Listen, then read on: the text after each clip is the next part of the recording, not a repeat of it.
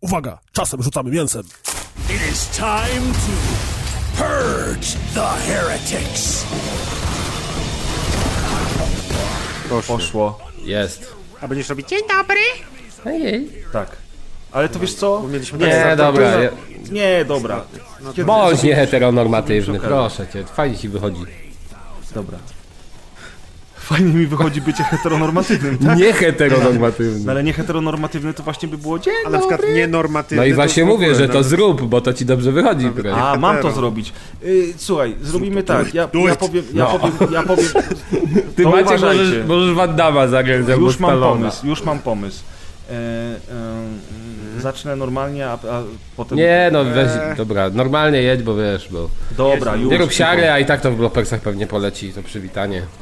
Nie poleci. Dobra, 3-4. Mecenasami sztuki. A no, no kurwa. Ale kurwa, co ty sam sobie No. musisz mówić 3-4? Nie, No, no, ale- chcę, żebyście wiedzieli, że 3-4 zaczynam i jak mówić. cisza, no to Dobra, mówię... 3-4. No, no, no poczekaj, bo muszę zrobić Jak z dziewczynami powietrza. gasi światło, to też tak mówisz? Dobra, to 3-4. Cztery. Ale I wiesz, tam i ty, ale i jaki tam w opóźniony ciemnej- strzał ma, bo 3-4 i I jeszcze cisza, czeka. nie? Nie, ale Maciek, Maciek 3-4 z tą Ona, wiesz, dziewczyną, ona już twarz odsuwa, nie? On dopiero po chwili. 3-4 z tą dziewczyną gaszę światło i nagle słyszę po ciemku pod kołdrą głos kaza. No, Ale to było dobre, tak z głośnika. I jeszcze mówiący, no nie, bądź nie heteronormatywny, dobrze ci to wychodzi. Dobrze, z głośnika spod kołdry, no.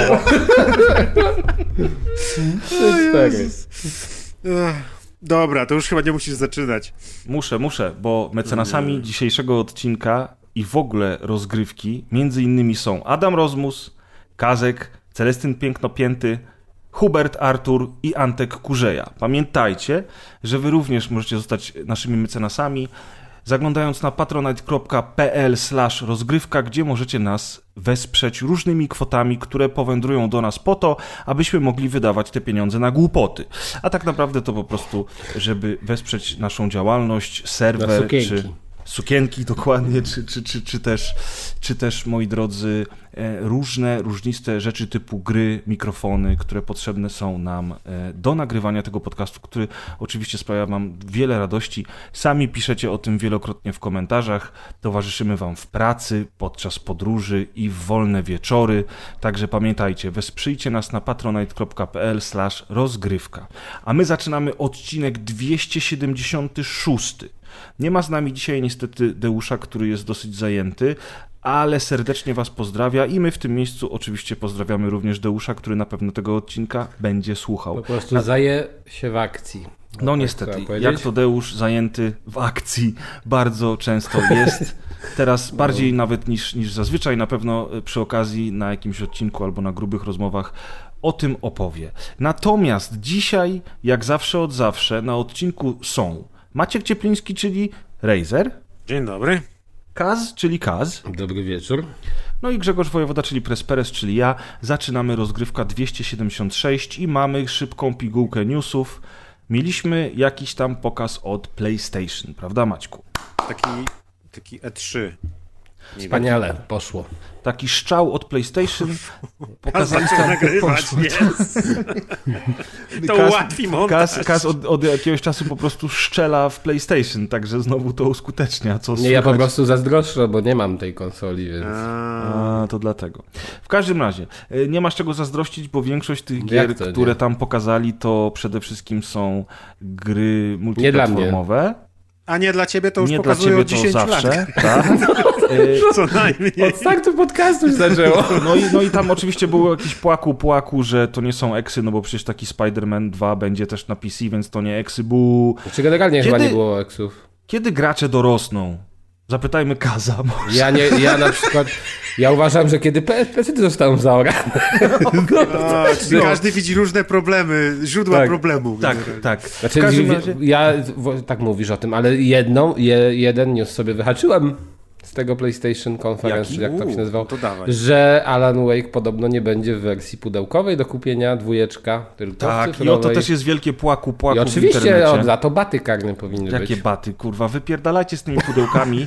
Podobno będzie taniej o planetę. 10. czegoś. No będzie dużo taniej, misiaczku, No bo... mega dużo taniej, No naprawdę. stary, premierowa wersja PC będzie kosztowała poniżej 200 zł, a wersja konsolowa będzie E, o kosztowała 10 220 dolarów bodaj zeszli z ceną standardową, więc naprawdę. Ceny, Kaz, ceny są podane od ogłoszenia gry. I jeżeli ci mówię, że premierowa wersja gry będzie na konsoli kosztowała 220 zł, to nie jest 350 zł, to sobie policz. No ale czekaj, jest, czekaj, no tam to nie jest było, 10%. chwila, chwila, ale tam nie było tak, że zamiast 69,99 będzie 59,99?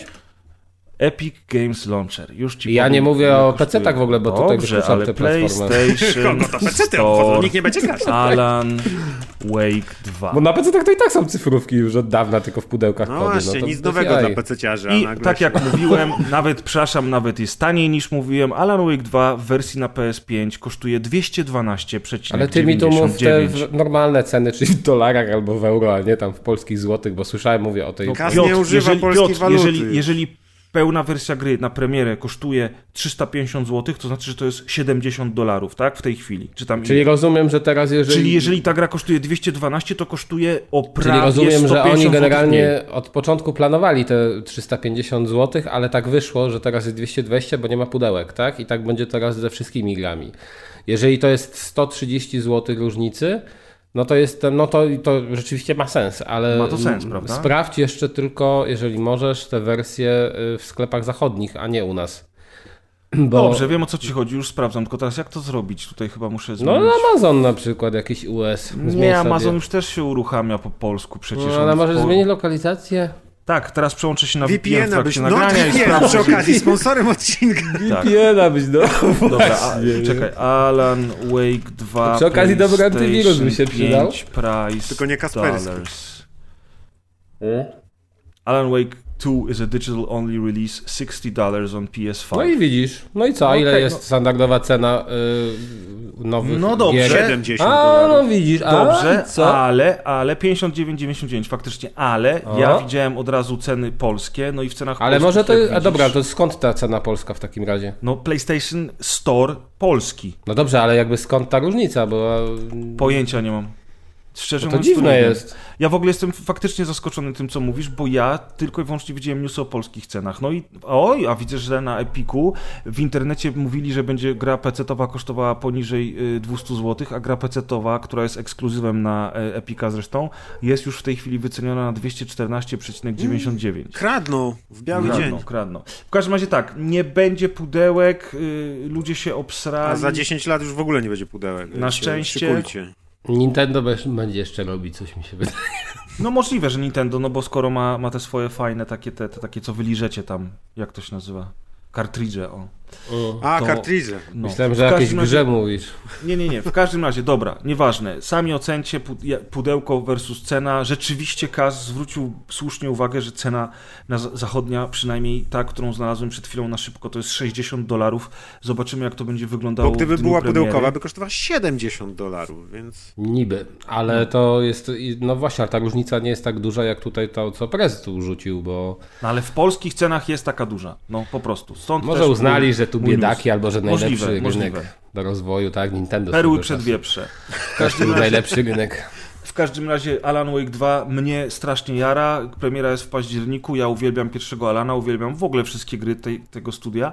E, zwłaszcza od momentu, kiedy okazało się, że wszystkie te gry są połączone w jednym uniwersum. Tak więc, zarówno Alan Wake, jak i Control, jak i Quantum Break dzieją się w tym samym świecie. Co więcej, Max Payne jest bohaterem książek pisanych przez Alana Wake'a, ale ponieważ nie chcieli już iść totalnie w nazywanie go Maxem Payne'em, to nazywa się on inaczej, teraz nie pamiętam, nie będę wyszukiwał, żeby już czasu nie zabierać, natomiast pojawia się on już w opisach w pierwszym e, Alanie Wake'u, pojawia się on fizycznie już e, w easter eggu, który jest w Quantum Breaku, a teraz pojawia się on także w, mm, w, w zapowiedzi Alana Wake'a 2, agent FBI, który, uwaga, uwaga, ma twarz założyciela studia Remedy, te, tego, tego gościa, który po, był Sam modelem, modelem Sam e, Lake, w pierwszym tak? Max Dobrze? Payne. Dziękuję, Sam Lake.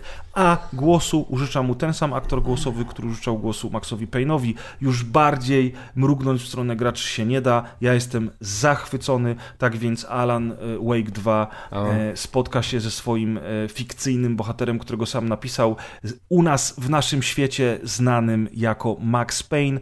Trailer zapowiada się bardzo fajnie. E, Trailer powracają zapowiada wszyscy- się fajnie? Tak, znaczy gra zapowiada się fajnie. Ojej. No. Dobrze, ale generalnie Już jedna nie chcę sprawa. nagrywać. Y, Jedna sprawa, bo ja też bardzo lubię Alana Wake'a. To jest O, w ogóle jedna z super. moi, moich ulubionych gier na Xboxa 360 i w sumie to jedna z tych niewielu, dla których te konsole kupiłem. Więc y, też się cieszę, ale Piąteczka. mam problem z takimi grami pod tym względem, że nie grałem w nią 13 lat i nic nie pamiętam. Skończyłem te dodatki, przecież Co tam... na YouTubie obejrzysz? No właśnie, czy to.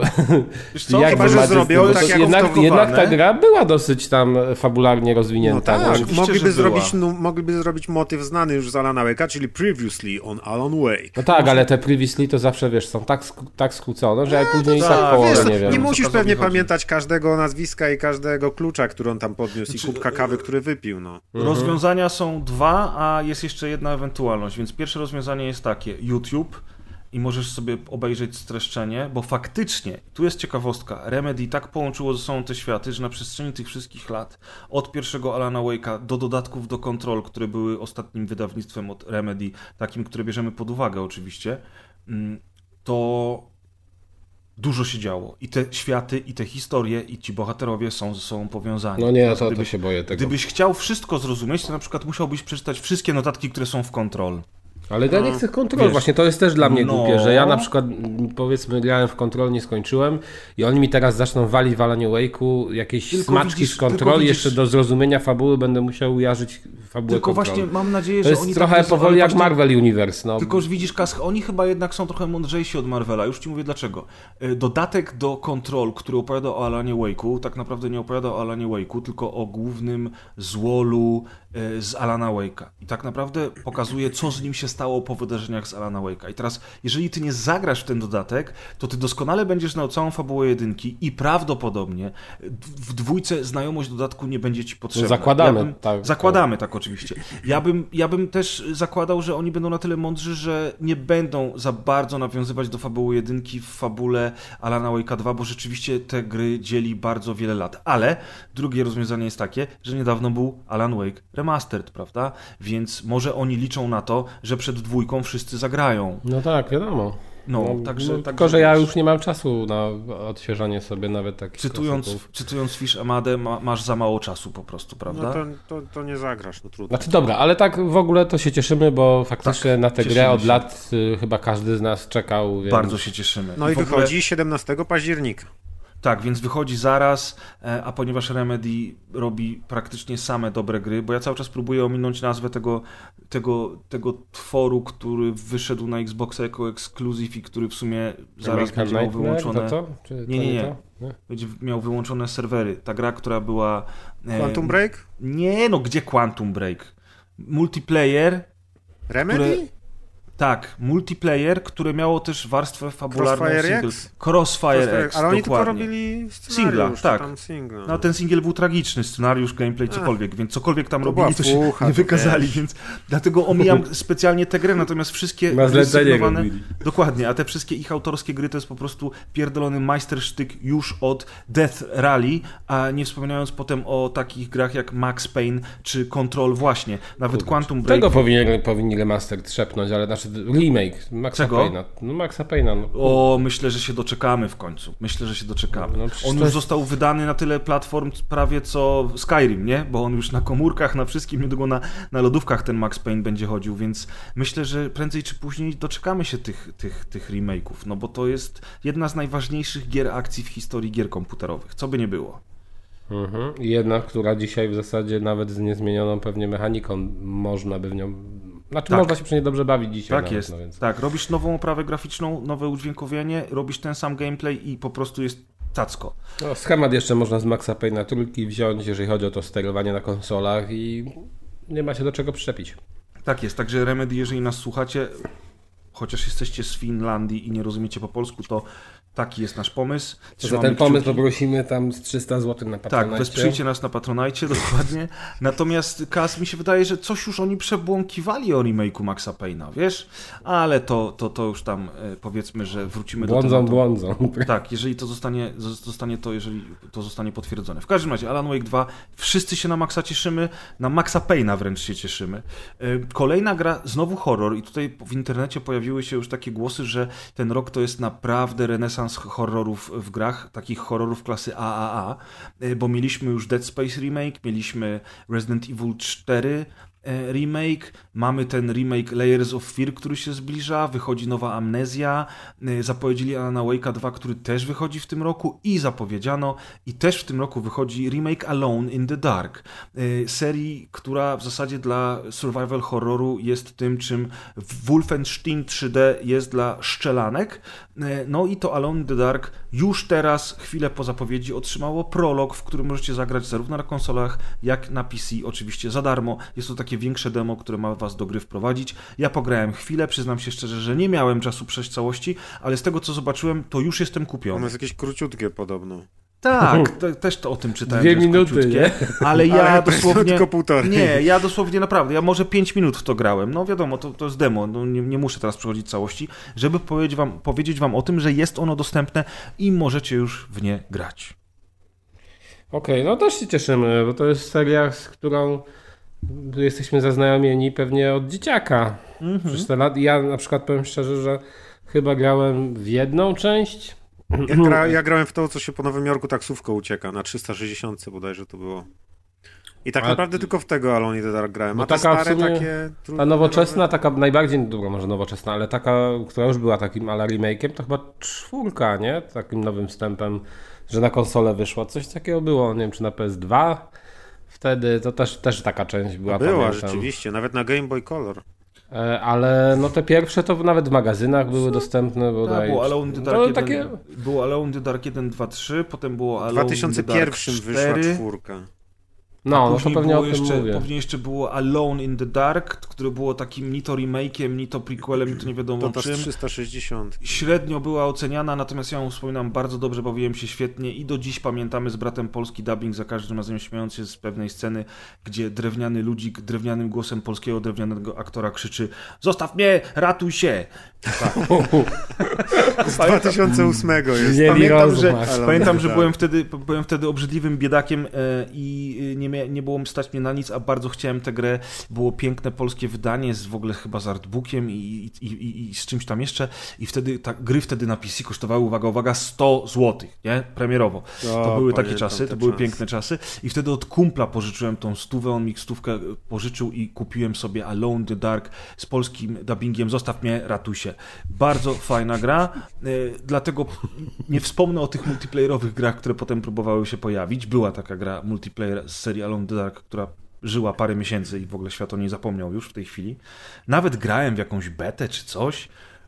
To ja No nawet i nie wiem, że takie coś było. Było, było. I nawet Tak nie wiem, czy tam nie było dwóch właśnie. części. No wiadomo, Maćku, ty nie jesteś tu od gier, tylko od opowiadania o, o Hobbicie. Nie, o Willowie. O. O nie, Willow zdejmują z Właśnie. Maciek, ludzie pisali, żebyś się wypowiedział, bo to oni chcą straszne. wiedzieć, co ty sądzisz o tym, że zdjęli Willowa z Disneya. Znaczy, akurat mój stosunek do tego serialu y, nie ma znaczenia. To jest w ogóle śmieszne, że Disney y, zrobił sobie ekskluzywny serial, który był No tylko u właśnie, siebie, to- chwalił się nim plakatami na wszystkich polskich przystankach, po czym go zdjął z własnej Ale platformy. to jest jakieś dziwaczne zachowanie. Czy, czy to mieli, nie wiem, wykupioną licencję na to, żeby to pokazywać przez jakiś czas i to dosłownie ile? 4 miesiące? No, ale od kogo mieli wykupić licencję, jak to ich było? To w ogóle No, jest jakaś a to czy to paranoja. jest ich, tak? To jest ich Tak, produkcja. To jest ich produkcja, No to ekskluzywna. jaki był? A gdzieś to było napisane jaki powód, czy nie ma? Nie wiem. Wiem, że nie dostał y, przedłużenia oficjalnego i podobno zbierał słabe oceny, chociaż ja widziałem, że one były średnie, a nawet nie najgorsze. Więc... No dobrze, ale wiele, wiele, Ale, wiesz, wiele rzeczy no tak, nawet słabe rzeczy wiszą latami na tych, tych. Nie mam pojęcia. Jest to jakieś absurdalne dla mnie.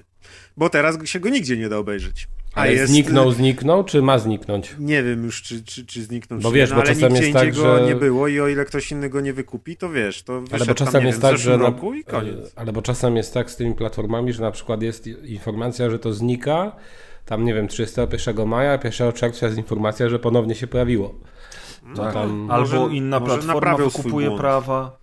W każdym razie, jak jesteśmy już przy znikających rzeczach, to legendarny serwis torrentowy rarbg.to również Nie zniknął. znam gościa. Mówimy, no właśnie o to chodzi, że mało ludzi o tym zna, wszyscy znają Pirate Bay, tymczasem było coś takiego jak rarbg.to. Były jeszcze mówimy- polskie serwisy. Również, ale mówimy o tym dlatego, że komunikat jest dosyć ciekawy, a mianowicie y, twórcy, i tutaj już abstrahujemy od tego, czy legalne, czy nielegalne, czy potępiamy, czy nie, natomiast twórcy e, piszą, że zdecydowali się, żeby zamknąć serwis, ponieważ no niestety stracili kilku członków swojego zespołu, którzy zmarli na covid -a. Następnie kilku innych członków do dzisiaj boryka się z problemami po przebytym COVID-zie, a jeszcze kilku innych członków bierze udział w wojnie w Europie, jak oni to nazwali, i napisali wręcz, że biorą udział e, w tej wojnie po obu stronach barykady. Czyli część załogi ukraińska walczy teraz ze swoimi byłymi kolegami z Rosji. Bardzo smutna wiadomość. Y, ogólnie. To taka, aż powiem Ci szczerze, nie, nie wiem, czy jestem w stanie w tak 100% uwierzyć. No uwierz, życie pisze najdziwniejsze scenariusze. Tam jeszcze oni piszą oczywiście o tym, że inflacja, że ceny energii ich dojebały mm. i że generalnie pieniądze się skończyły, no, żeby mnie dojebują też ceny energii. No. Wszystkich, wszystkich. E, no, w każdym razie... Czym z nagrywaniem Maciek będziesz no, miał tych Dlatego, dlatego, dlatego, kochani, pamiętajcie o patronite.pl, myślcie, że Maćka dojebują ceny energii. pamiętajcie o tym za każdym razem, jak chcecie spać. I jeszcze... Pomyślcie, że Maciek tam musi zapłacić za prąd. Tak, nie zostaliście mecenasami sami naszymi, to zanim zaczniecie, myślcie sobie, kurwa Maciek, wstańcie na chwilę, Maciek odpalcie tę komórkę. w Krakowie taki drogi tak. ten prąd. Odpalcie tę komórkę tego tableta. Odcinków, co, co, co odcinek o 10 minut.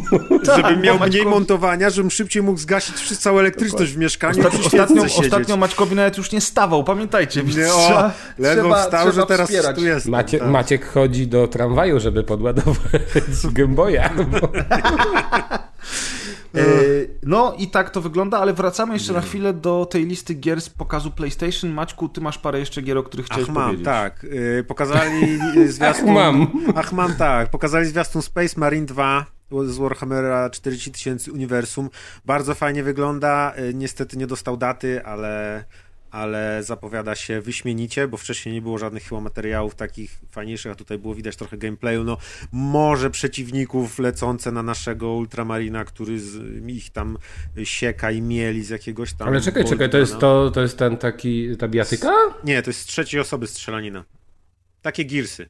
Taka gra akcji, A... Gearsy połączone z walką wręcz, chociaż Gearsy też miały taką jakby... No właśnie, ale to czekaj, no bo ten Space Marine to jest to, co wyszło na... na... Też na 360. 360 i na, PS, na tak. PS3 i na PC. No, no to taka sieczka. No tak. Super tak, gra tak. to była. O, to no, nawet jakoś robiłem. No. No, no tutaj oczywiście jest problem y, taki moralny, ponieważ ta, ta gra powstaje w Rosji, czy też jest y, tworzona przez studio uh -huh. z Rosji, no i, no i ludzie, ludzie trochę To jest to samo, co jedynkę robi, robili? Ten Nie, no gdzie? Jedynkę robiło Aha. przecież y, studio, które robiło Dawn of War. Creative Assembly robiło jedynkę. A to robi Saber Interactive. Saber Interactive to wydaje. To jest różnica. Producent też mam, wydawca tak? Focus producent Saber. Okej, okay, okay. Ale no to tam, Wikipedia to może kłamać. Ja już się nie zagłębiałem w szczegóły, ale bardzo dużo komentarzy się pojawiło na ten temat, Saber że... Interactive Producent. Że Saber właśnie... to bardziej z Serbii. Jakby to było Russian Interactive. Przepraszam, czekaj, czekaj. nie Creative Assembly, no właśnie, Creative Relic Assembly robi Total War, to Relic właśnie. robił Space Marine, Relic czyli ludzie od Down of War i Company of Heroes i Homeworlda oczywiście. Jak już jesteśmy przy Homewardach, yes. to przesunęli Homeworlda 3 na nie. przyszły rok. Niestety. tak już, skoro newsy, to newsy. No ale dobrze, Dzisiaj wszyscy mamy ADHD. Wychodzą, przynajmniej to będzie w co grać, zanim przyjdzie Homeworld 3 i potem już może się świat kończyć. Dobra. Y, kolejna gra, y, niestety, która jest online shooterem PvP, mm. to jest Maraton od Bungie. I tu warto, jeśli ktoś nawet się nie interesuje marką, zobaczyć zwiastun, bo moim zdaniem jest najlepszy ze wszystkich, jakie były pokazane, jeśli chodzi o aspekt wizualno-projektowo, designersko, taki arcy jest naprawdę stylowo zrobiony, wygląda jak jakaś awangardowa reklama, nie wiem czego, butów sportowych Nike albo coś i oglądało się to wspaniale, na końcu, znaczy nie wiadomo w sumie, bo ten zwiastun też dużo nie zdradza, to, to co też jest fajne i działa na jego korzyść, co to w ogóle jest zagra, poza tym, że biegają ludziki z karabinami, no ale później się okazało w internecie, że ludzie znaleźli informację, że to będzie online PvP shooter, coś tam, extraction, mhm. coś tam, więc... I to zawsze jest taki wtedy, wiesz, Masz, masz szczękę otwartą, nie? Znaczy masz buzię otwartą, a później się zamyka, nie? Hmm, no niestety. To, czym to ta gra będzie? Co ciekawe, Maraton to jest też nazwa jednej z pierwszych gier Bungie, które były takie dumopodobną strzelaninką. No właśnie, dlatego ludzie myśleli, że to jest jakiś remake albo sequel. Może to chodzi. jest, wiesz, duchowy reboot następca. PvE. Mhm. No, no, więc, no więc tym maratonem to niestety trochę mnie też zawiedli. Liczyłem na jakiś single player, no ale oni już po sukcesie Destiny teraz będą tylko trzymać się Mhm. tego rodzaju rozgrywki. Niestety.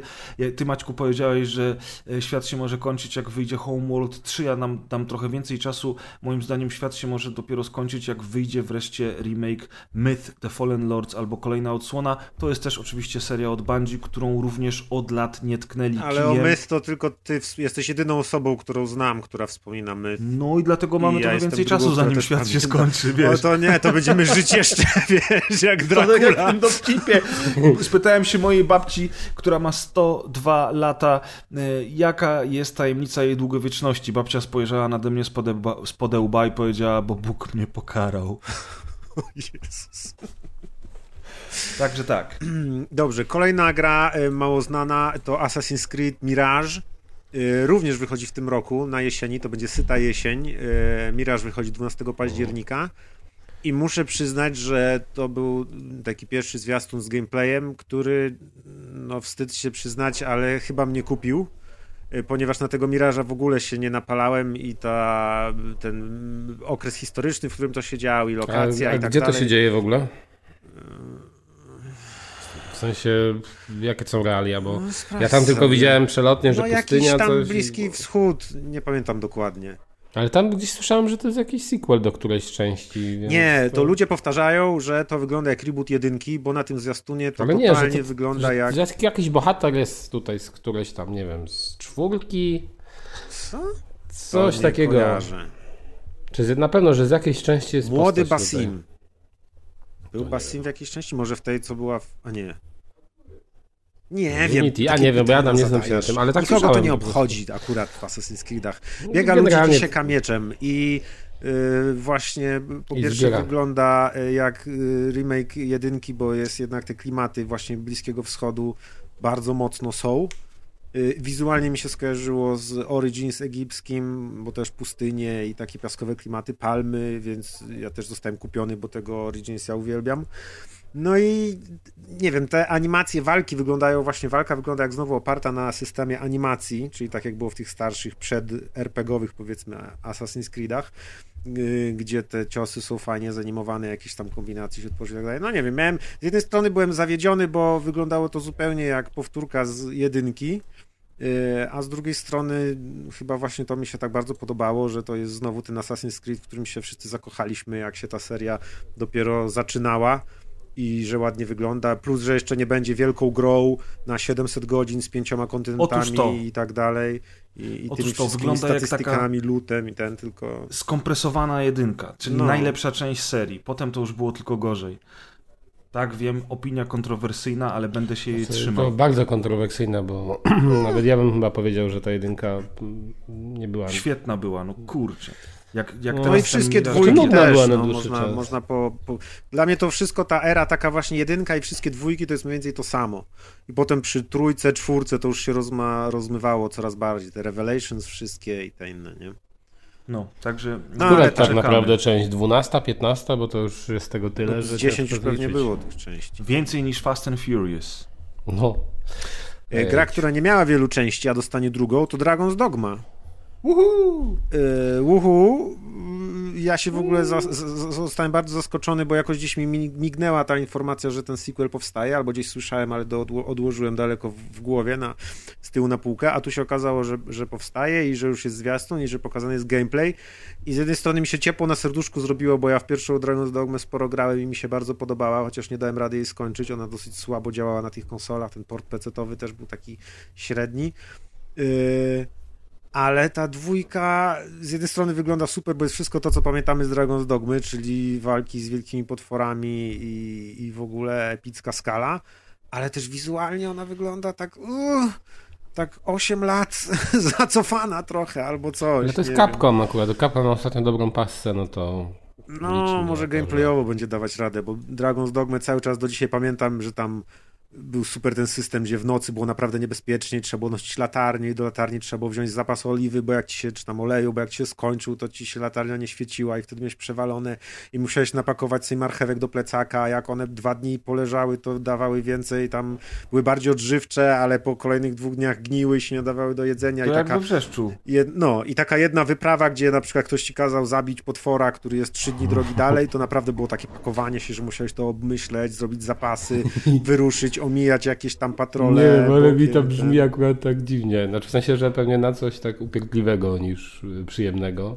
A, no bardziej, wiem, ale- znaczy to było z jednej strony upierdliwe, ale miałeś taki, wiesz, czułeś taką wielką przygodę z tym, że to nie tak tylko, że a pobiegnę, zabiję i wrócę, tylko że mogło cię coś napaść po drodze i Czyli, że i to ma cię sens. dobiło i cię zabiło i tak, a poza tym jak naprawdę, no do dzisiaj pamiętam, jak noc mnie zastała w lesie i tam były potwory i ja po prostu się autentycznie bałem, w żadnej innej grze tego typu bym się nie bał, a tam się bałem, bo wiedziałem, że jest noc, że jest ciemno, że nic nie widzę, że mnie coś napadnie i że mnie złupi i tak dalej.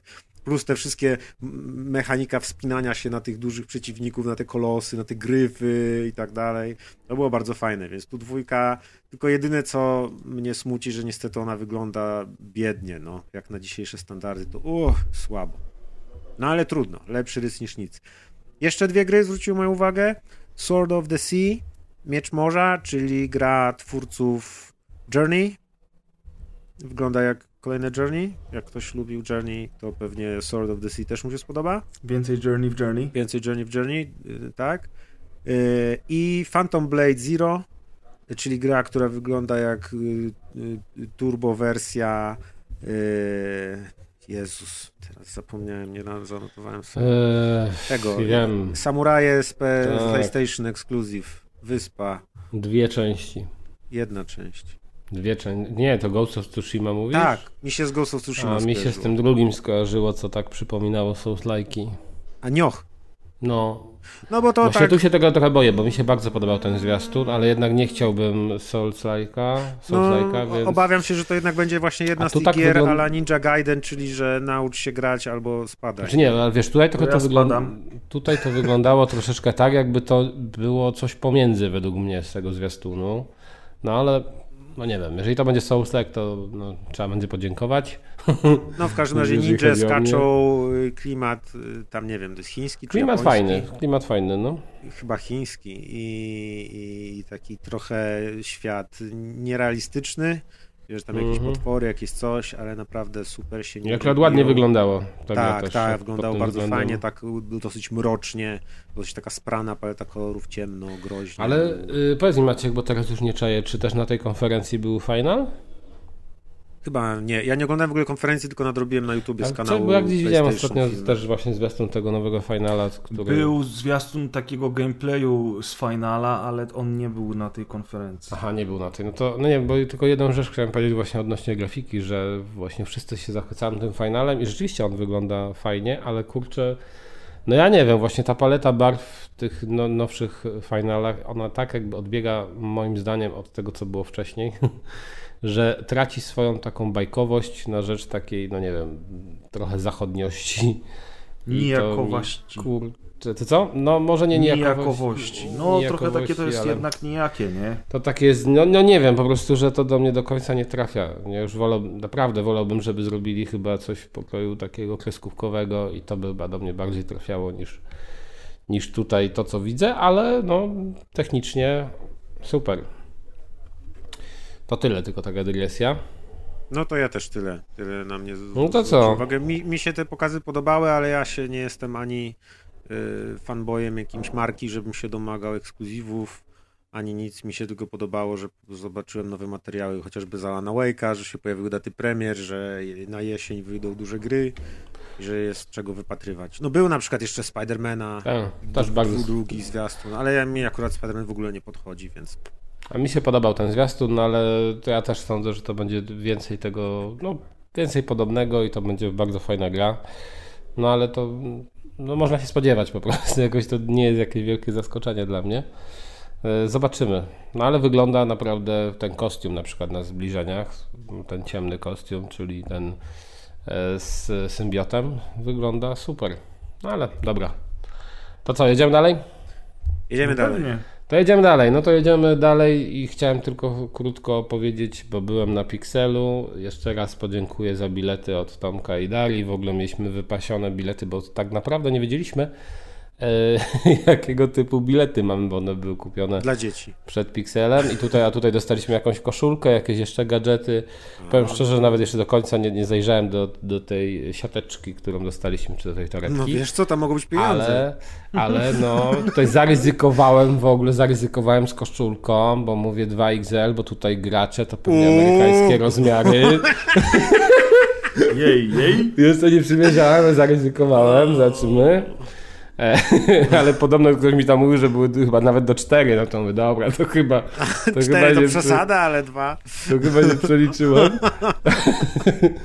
Natomiast y, tak, dużo potu, dużo Twojego czy obcego? Y, No, każdego.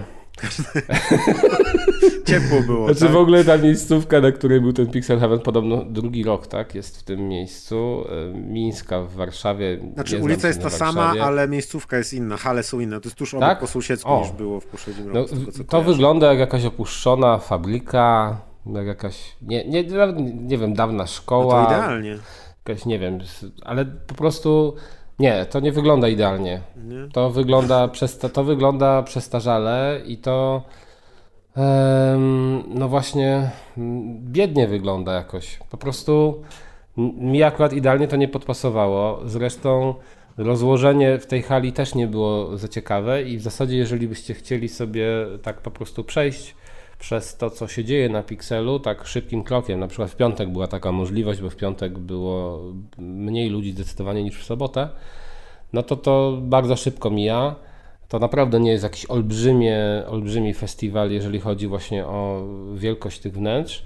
Natomiast no, dużo się tam działo przede wszystkim dla ludzi, którzy chcieli sobie pograć na czymś starym. Rzeczywiście tych konsol, tych komputerów była wystawiona cała masa.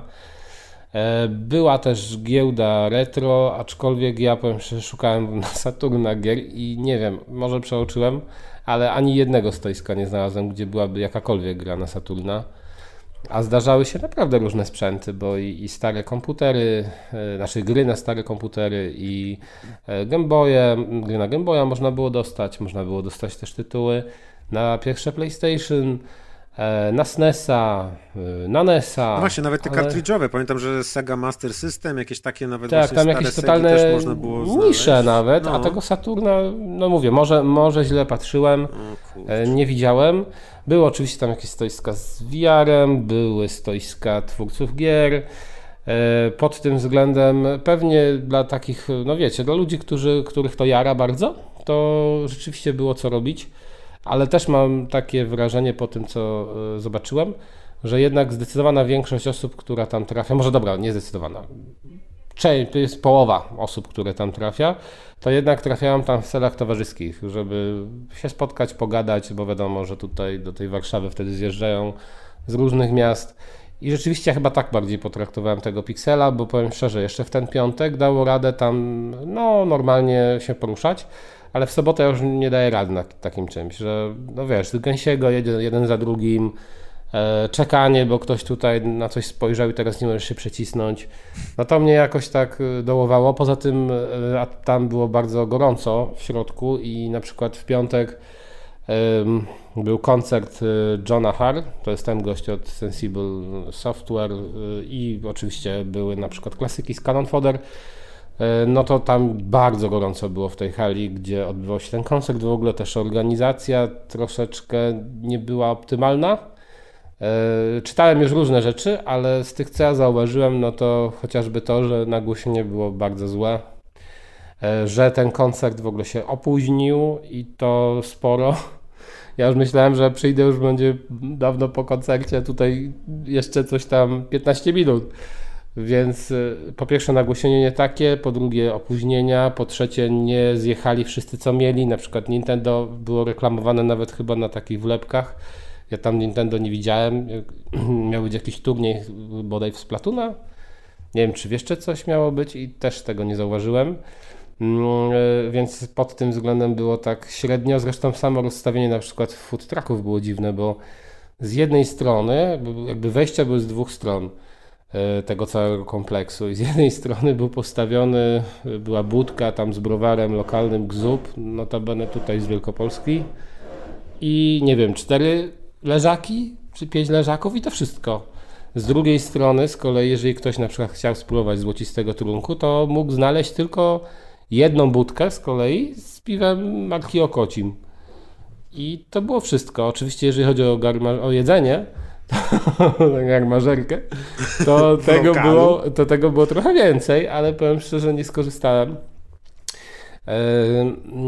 Ale no mówię, to rozstawienie zresztą bardzo było mało miejsc do siedzenia. To też w sobotę się objawiło tym, że no, zdarzało mi się usiąść na chwilę, ale też większość czasu stałem, bo po prostu, no, no nie wiem, dla mnie było bardzo brakowało takiego dużego miejsca, żeby sobie wyjść, tym bardziej, że pogoda dopisała i a w tej hali było bardzo duszno, czy w tych halach, więc y, często się wychodziło na dwór, żeby chociażby zaczerpnąć powietrza. E, no i co? No i generalnie podobało mi się, ale czy to jest rzecz, na którą ja bardzo chętnie bym co roku wracał? To wydaje mi się, że nie. Zależy pewnie od danych twórców, to też mm, można odnieść wrażenie takie troszeczkę, że to jest bardziej pod impreza pod właśnie komputerowców niż e, pod konsolowców. Przynajmniej tak, tak mi się wydawało, że jednak przeważały te tematy bardziej komputerowe niż konsolowe. O, ale na, na, wykładach, czy, czy gdzie? Bo tam ze sprzętów to przecież dużo konsoli jest. No tak, tak, ale jakoś, no, no, nie wiem, no mm, i wydawało mi się, że magazyny, bo też można było kupić magazyny, że to komputerowe, że no nie wiem, takie odnoszę wrażenie, też właśnie na przykład zaproszeni ludzie, jeżeli chodzi o tę scenę, właśnie chociażby te koncerty, nie? To był tam John R. jeszcze jeden taki gość, E, od muzyki retro, nie wiem jak to nazwać, ale też mi się to kojarzyło bardzo. Może się mylę komputerowo. Ale może tak, bo jednak jeśli chodzi o stare sprzęty, to bardziej właśnie niż tak, NESy, to, SNESy, to sumie... są Atari, Amigi, Commodore, nie? Tak, ale w sumie to nawet chyba logiczne byłoby, bo przecież to się wzięło od Pixela, prawda? A jednak Pixel jako ten magazyn też, nie wiem, może też źle kojarzę, ale mi się bardzo tam bardziej kojarzył pecetowo niż konsolowo, a kilka numerów przeczytałem. No więc, no nie wiem, okej, okay E, warto się raz przejechać, bo chyba nie ma takiej imprezy, drugiej, nie wiem, może się mylę, e, przynajmniej tak dużej, no ale jednak dużo rzeczy tam no nie zagrało. E, I sądzę, że ta miejscówka też nie jest idealna. I z tego, co słyszałem, co mówili mi, mówiły mi osoby, które były też w innej miejscówce, wcześniejszej, to było lepiej tam. Że tutaj jest jednak gorzej i no i to też w ogóle dziwna była ta organizacja pod tym względem, że no nie wiem, mam wrażenie, że na przykład, by, że był, e, był jakiś tam after, właśnie to ten na przykład koncert i nie zauważyłem w ogóle, żeby ktokolwiek sprawdzał, czy ty możesz tam wejść, czy ty tam nie możesz wejść. No, no bo ja sobie tak chodziłem. To co? Co roku tak jest. Tym Aha, co, no właśnie, że tak wiesz, no, dziwne było, nie? Bo myślałem, że tu będą wszyscy o tutaj patrzą, czy masz jakąś wlepkę, czy masz na przykład, nie wiem, na ręce odpowiednią opaskę kompletnie jakby. Nawet powiem ci, powiem ci szczerze, to może akurat złe, jeżeli chodzi o taką organizację festiwalu dla organizatorów, ale nie wiem, jak to odbiorą słuchacze, ale mam wrażenie, że tam można by wejść i po prostu sobie pochodzić bez tych biletów. Nie, no na bramce A... tej głównej to chyba jest. No ale jakiej bramce głównej? Aha, może to nie było teraz. No to nie było żadnej bramki głównej. Tam było tak jakby pierwsze, to były dwa wejścia. Przynajmniej, no może od początku było inaczej, na samym początku, nie wiem, na starcie każdego dnia ale później to mhm. ja tam, no wiesz, no wchodziłeś sobie na ten kompleks, akurat ja z kumplem Pawłem, pozdrawiam, byłem i weszliśmy od drugiej strony, czy jakby od tyłu. E, na, Jak zawsze. Tak, na ten kompleks. Najlepiej. No, no i e, to nie wiem, weszliśmy sobie, chyba nawet przyszliśmy to ca, te całość. że bez, bez, niepotrzebnie tak, te bilety chyba, dostaliście. Tak wydaje mi, się na, wydaje mi się nawet, że weszliśmy sobie właśnie tak, żeby zobaczyć, no bo szukaliśmy tego miejsca do odbicia powiedzmy biletu i tego nie było i coś tam zobaczyliśmy, cofnęliśmy się, dobra, bo mówimy, aha, nie mamy biletu, no, ale nikt i tak nie sprawdzał. No ale mówimy dobrze, no ale to ktoś nam powiedział, że niby tam z drugiej strony to jest. No to przeszliśmy na drugą stronę, rzeczywiście było, ale gdybyśmy się tam nie odbili, to też byśmy sobie pochodzili Ja bym teraz bardzo chciał zobaczyć taką wiralową y, kampanię y, filmików, na przykład na TikToku krótkich, gdzie ty z kolegą na różnego rodzaju imprezy wchodzicie bez biletu. I na przykład jest jakiś, wiesz, festiwal muzyczny wchodzicie i patrzcie, tu w ogóle nic nie sprawdza, nie ma biletu. Potem wiesz, kolejny filmik wchodzisz na jakiś teren wojskowy, tu nikt nie sprawdza biletu, myśmy sobie weszli normalnie. Poznaniak na No jak wszędzie wydarzeniach. wejdzie. Od tyłu, bez biletu. Ale y, no właśnie no, super się gadało z ludźmi, z którymi miałem przyjemność się ponownie spotkać, bo w zasadzie chyba to było najlepsze. No Y, właśnie. To się To zawsze jest najlepsze, no. Oczywiście, no właśnie Nie wiem, czy Atka spotkaliśmy byli w też. zeszłym roku, nie? Powiedz, co tam łatka. Ale wszystko dobrze, poczęstował nas wypiekiem. Było bardzo miło, więc pozdrawiamy Adka. Ale, No, ale pamięt, ale stwierdził miałeś. Adek, że no niestety tutaj pres, y, on może się pojawić na nagraniu, ale musi ciebie nie być. Taki żarcik mówiłeś, mówiłeś, że to powiesz, jak rozmawialiśmy przez telefon. A, i teraz, i teraz znowu będzie trzy miesiące komentarzy w necie. Ale jak to? Wojna, Nie, no, wojna w oczywiście. rozgrywce. Oczywiście to były Nie żarty. no, oczywiście Po prostu oczywiście to były żarty, a tak się po prostu nie pojawi już nigdy. Nie, właśnie chciałem powiedzieć, oczywiście to były żarty, Atka, nie pozdrawiamy. Nie znamy tego człowieka. No, także to, też by, było, widziałem sporo ludzi tak z y, YouTube'a, więc też y, sobie O, można było poznajesz ludzi z YouTube'a nawet? No widzisz, takie czasy. Tak już to działa. E, Ale jednak też przeważała chyba publika rzeczywiście, która no była taka starsza, nie? Oczywiście też było dużo ym, młodszych, tylko że takie odnosiłem wrażenie, że jednak ci młodsi to raczej z rodzicami No tak. przychodzili po prostu, żeby tu tata pokaże ci, jak się kiedyś grało. A, więc to też miejsce takie jedyne w swoim rodzaju, nie? żeby sobie spotkać ludzi takich za, zajaranych tematyką retro. Y, Przynajmniej w, no, w pewnym stopniu, bo Maciek nie wiem, czy tego gra. No w sumie Maciek też retro pecety to, to No. też pewnie go jarał, ale też z tego co pamiętam, sam mówiłeś, że tam y, no głównie po to, żeby pogadać. No tak, no bo ileż kontakty. można, wiesz, zachwycać się, że o, Pegasus, z, tam Dizim, zagrajmy tutaj przez trzy godziny w Diziego. No, tak. No, to bardziej, że Bez za tobą jeszcze to możesz w domu zrobić, osób. nie? No, to tak samo jak myśmy w zeszłym roku właśnie z Maćkiem e, rozmawiali o tym, też zresztą spotkaliśmy wtedy Atka i na PlayStation pamiętam... Też że- prezowi powiedział, Nie, że też, będzie na też, rozgrywce. też, nie, te, też nie pozdrawiamy. W każdym, w każdym razie, w każdym razie ja zapamiętałem najbardziej wtedy y, to stoisko, na którym e, była konsola PSX z myszką dedykowaną dla PSX i można było grać w wersję Command and Conquer Red Alert z PSX-a. To był dla mnie ciężki Hmm. szok, bo ja nie wiedziałem wcześniej, że ta gra Mhm. kiedykolwiek wyszła na konsolę. No, bo ogólnie to też jest ciasno. taka, taka Tak. fajna faza, że możesz sobie po pierwsze zobaczyć te komputery, o których mogłeś nawet, czy konsole, o których mogłeś nie wiedzieć, że istniały. No tak, ich jest Zobaczyć- mnóstwo w jednym miejscu Tak. zgromadzonych. Zobaczyć jest, gadżety z nimi związane, na przykład super fajnie dla mnie po, zobaczyć po latach y, Skorpiona do Amigi. Mm. No bo tam no joysticki to chyba w ogóle fenomen polski był ten Skorpion, nie wiem czy nie, chyba przez polską firmę nawet robiony. E, Więc no takie fajne w ogóle, on ma design moim zdaniem świetny Skorpion. cały czas. No pooglądanie sobie tych, tych pudełek gier też. W ogóle można było sobie kupić stare czasopisma, nowe czasopisma o tematyce retro. Także było co robić. Można było sobie pograć chyba też w planszówki. Więc... Wąchać ten cały pot, który się wydziela w tych pomieszczeniach. No tak, wąchać pod, ale mm, no, no tak, tak, taki standard. No jednak ja wolałbym mimo wszystko, żeby ta hala była większa. E, Czy mogła być nawet, nie wiem, dwie, ale bo tutaj było trochę więcej tych miejsc, ale jednak znacznie większe i bez tego przeciskania i z lepszą wentylacją. No to jest niestety problem. Pixel Heaven chyba od zawsze się męczy z tym. Nawet te pierwsze edycje, na których ja jeszcze nie byłem, to tam gdzieś tam w piwnicach, w jakichś małych klubach się odbywały. To też może być problem piwniczaków, Maćku.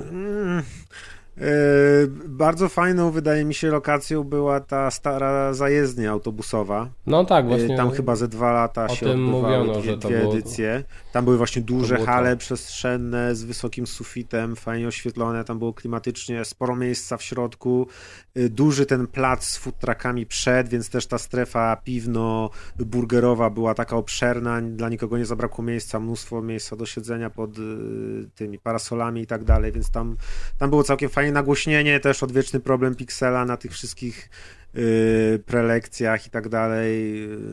Raz było lepiej, raz gorzej, ale nigdy nie było tak porządnie i zawsze gdzieś tam hałas przeszkadzał z innych sal, albo było za cicho, albo coś, ale to tam by się dało dopracować. No ostatnio y, nie było tam, y, ta, ta zajezdnia była zajęta przez y, uchodźców z Ukrainy i dlatego właśnie zeszłoroczny bodajże Pixel już był w innym miejscu.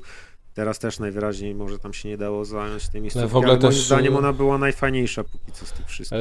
E, chyba była w tym roku jeszcze konkurencja mm, ze strony jakiegoś festiwalu komiksu. Aha. Więc to też, o, no właśnie, były też komiksy, ale szukałem akurat mang, mang nie znalazłem niestety. Więc no, o, to też te- coś, czego szukałem akurat, mówię, a sobie kupię jakiś nowy tam Berserka, wyszedł może ma. To trzeba sobie był to tak- komiks amerykański kupić.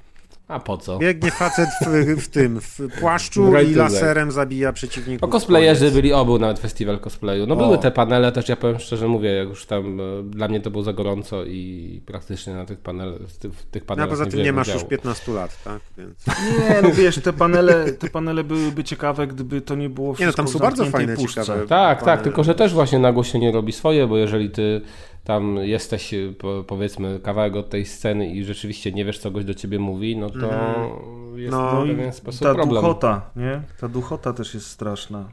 No tak, tak.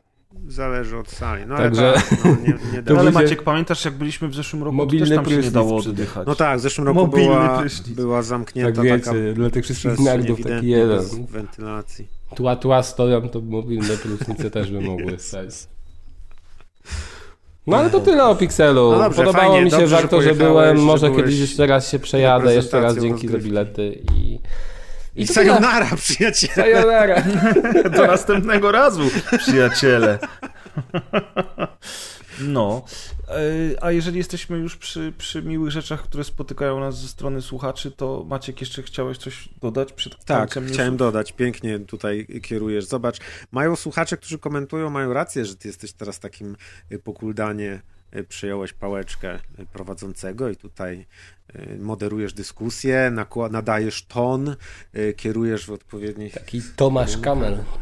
Taki nasz Tomasz Kamel. Tomasz Tomasz Kamel 50 pączków później. o, o, o, o. Tak cię chciałem pochwalić, ale ci dojebie. to rozgrywka w końcu. Ale czekaj, to Tomasz Kamel to jest pochwalenie, tak? Aha. No w sumie, No właśnie. dobra, samo zaoranie, no okej. Y, Ja chciałem bardzo pozdrowić Łukasza, y, który postanowił wesprzeć naszą redakcję y, prezentem. Mianowicie chciał się pozbyć swojego zestawu Hotas y, firmy Trustmaster, czyli y, joysticka i przepustnicy i nam y, je podarować. No i ja bardzo, y, jak to się mówi, nie hojnie przyjąłem, tylko wdzięcznie. Hojnie przyjął. Nie, nie, pomagaj, a nie psujesz Z gracją. Maciek z gracją to przyjął. O, Maciek, Maciek pomógł naszemu słuchaczowi. Pomogłem mu pozbyć się problemu. Przyjąłem, przyjąłem ten hotas, y, za co bardzo dziękuję. Sprawdza się bardzo fajnie. Ja oczywiście, jak wiecie, jestem fanem wirtualnego latania w Microsoft Flight Simulator i spędzania godzin na bezsensownym krążeniu nad miastami i oglądaniu ich y, urbanistyki i architektury. Więc y, muszę przyznać, że na tym hotasie y, nie jest to wielka różnica, jak się y, lata względem jakiegoś pada. Jeszcze go nie sprawdzałem w takich dynamicznych grach jak Ace Combat. Y, Ale, ale jest jednak to uczucie imersji y, całkiem spore, no szczególnie, że ja gram w Flight Simulator na VR-ze, na goglach, więc jakby to, Ale że... poczekaj tylko chwilkę, No, bo chwilkę poczekać. ostatnio rozmawialiśmy z Deuszem, wydaje mi się, nie wiem czy na odcinku, czy poza, że tego typu urządzenia to jednak się nie sprawdzają w takich grach, y, no nawet Ace Combat, że to są, one są zbyt czułe właśnie na takie bardziej arcade'owe latanie i to ma tylko sens w przypadku symulatorów. No bardzo możliwe. No, tak jak mówię, jeszcze jest kombata nie sprawdzałem. Wydaje mi się, że rzeczywiście, znaczy może odwrotnie bym powiedział, że są za mało czułe albo za mało dynamiczne i jakby jak robisz jakieś, wiesz, szybkie Aha, beczki i obroty w mhm. której kombacie, to szybciej ci pójdzie to zrobić na gałkach pada niż tutaj na tym tym. Ale może to jest też kwestia wprawy, a może też jest kwestia tego, że rzeczywiście arcade'owe gry są zrobione, wiesz, tak jakbyś myszką nawet grał, celowniczkiem pod taki prosty system lotu i wtedy rzeczywiście Mhm. na, na padzie czy, czy, czy na klawiaturze i myszce jest to szybsze, a, a symulatory już, kiedy naprawdę ta, wiesz, siły działające na te samoloty są odpowiednio liczone i zgodnie z, z fizyką, to może wtedy na takim Joyu jest lepiej. Nie wiem właśnie, nie jestem, nie jestem pewien. Bo też się zastanawiałem, że Przecież te, te arcade'owe strzelanki samolotowe są tak dynamiczne, że ja ten joystick połamię, nie? Albo ta przepustnica, zanim ja dam pełen gaz i hamulec i coś tam, to też urwę i, i tyle będzie z tego wspaniałego prezentu. Więc no następnym razem jak będziemy nagrywać, to może już będę po jakichś właśnie próbach w Ace Combacie, to też dam znać. A póki co y, w czasie latania, no to na pewno jest fajniej oprzeć sobie ręce na, na joysticku, na przepustnicy i sobie tam powoli to przechylać. Ten wczuwka w VR już jest wtedy stuprocentowa, bo to jednak też jest ogromna różnica, czy wiesz, siedzisz z tym joystickiem przed ekranem i tak niby tu masz joystick, ale dalej patrzysz się w monitor, gdzie masz ten obraz, nie? I jest takie y, dysonans ludonarracyjny w symulatorze lotu. A kiedy masz na sobie gogle i co prawda wtedy no nie widzisz tego joysticka, trzeba go wymacać na, na, na oko, a raczej na rękę, bo oczy masz w goglach. Yy, ale jak właśnie siedzisz w goglach, rozglądasz się na boki, a czujesz w dłoni ten joystick i też tak naprawdę widzisz tam, bo w, Flight Simulatorze tak to działa, że jak yy, jakby nie widać ciała pilota, czyli gracza, ale te wszystkie inne instrumenty się poruszają zgodnie z tym, jak są wychylone, więc jak przypustnicę ruszasz, to ona się też rusza w grze. I no, wczówka jest rewelacyjna wtedy. Ale wiesz, no nawet jeżeli odpalisz tego Ice Combat, Maciek, połamiesz ten joystick, to wtedy ty naj, najwyżej, wiesz, hojnie jakiemuś bezdomnemu wręczysz. Połamany Kotasa. joystick. Tak. no Albo, albo go zwrócę Łukaszowi, bo Łukasz, dzięki! Reklamacja. Wiesz co, po, połamało, nie masz drugiego, połamał się. Albo to zmontujesz, albo już nigdy nic od ciebie nie wezmę.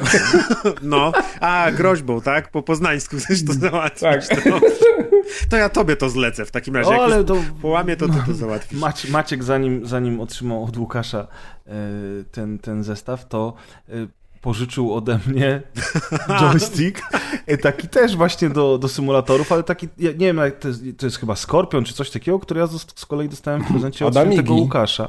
Nie, nie, nie, taki, taki joystick właśnie do stateczków, ale też już nie- też bardziej arcade'owych, y, nie taki zaawansowany system obsługi. No i wysłałem Maćkowi to mm, paczkomatem. Ciekawostka, że w paczkomacie to było przed majówką E, i w paczkomacie Wysłał to w ta czwartek paczka, chyba, tak, ta paczka czekała tydzień, aż ją odbiorą. Naprawdę, ona tam stała, wtedy jeszcze nie było za ciepło i myśmy się zastanawiali w ogóle, czy tam nie zamarznie ten biedny joystick. I ten paczkomat u mnie y, pod balkonem sobie y, stoi i tak ten, kurczę, joystick przez tydzień stał u mnie pod domem w No za cztery dni, tak, bo to był długi, początek dłużej, weekendu. dłużej. I no może To, to może jeszcze, pięć jeszcze przed początkiem drugiego weekendu w ogóle już było I wsadzone. po trzech to... dniach press mi na przykład mówi, no i co, doszedł już joystick? Mówię, on cały czas siedział u ciebie pod blokiem w paczkomacie. Właśnie, cały czas u mnie pod blokiem był.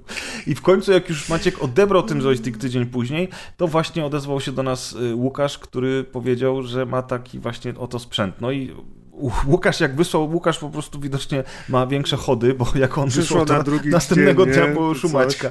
Ja tak Maciek- naprawdę ten od Preza joystick go odpakowałem, sprawdziłem w jednej grze, było wiele gorszy niż ten od Łukasza, więc y, Prezowi go odesłałem. Płynąłeś tak. i I słuchaj, ale słuchaj, mówi, i mówi, odsyłam ci, tylko jak już będziesz chciał na nim coś grać, to musisz sobie go naoliwić, bo on tak średnio chodzi, nie? Masakra po prostu, wiesz. Więc Maciek jest taki psuje- zatarty i ten musisz go rozkręcić, wyczyścić, nasmarować i wtedy. Psuje sprzęty jednym słowem. Ja teraz jeszcze przy okazji, jak już kończymy, kończymy y, ten motyw, to chciałem również y, pozdrowić żonę Łukasza.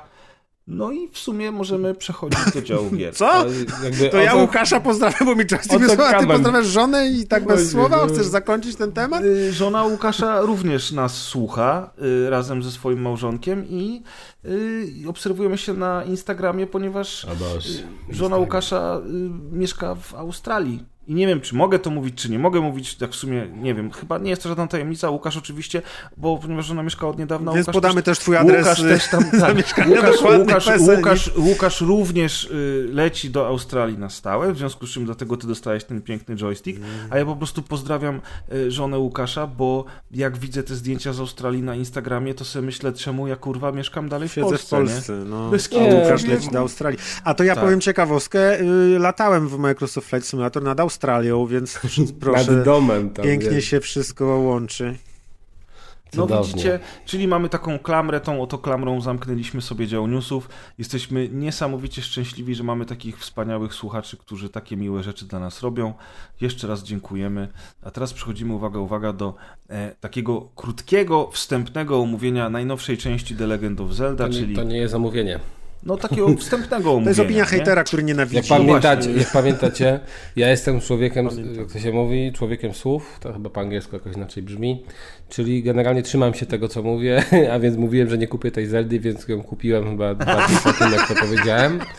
Tak, Kazał mi miałem, zaufać. miałem troszeczkę czasu.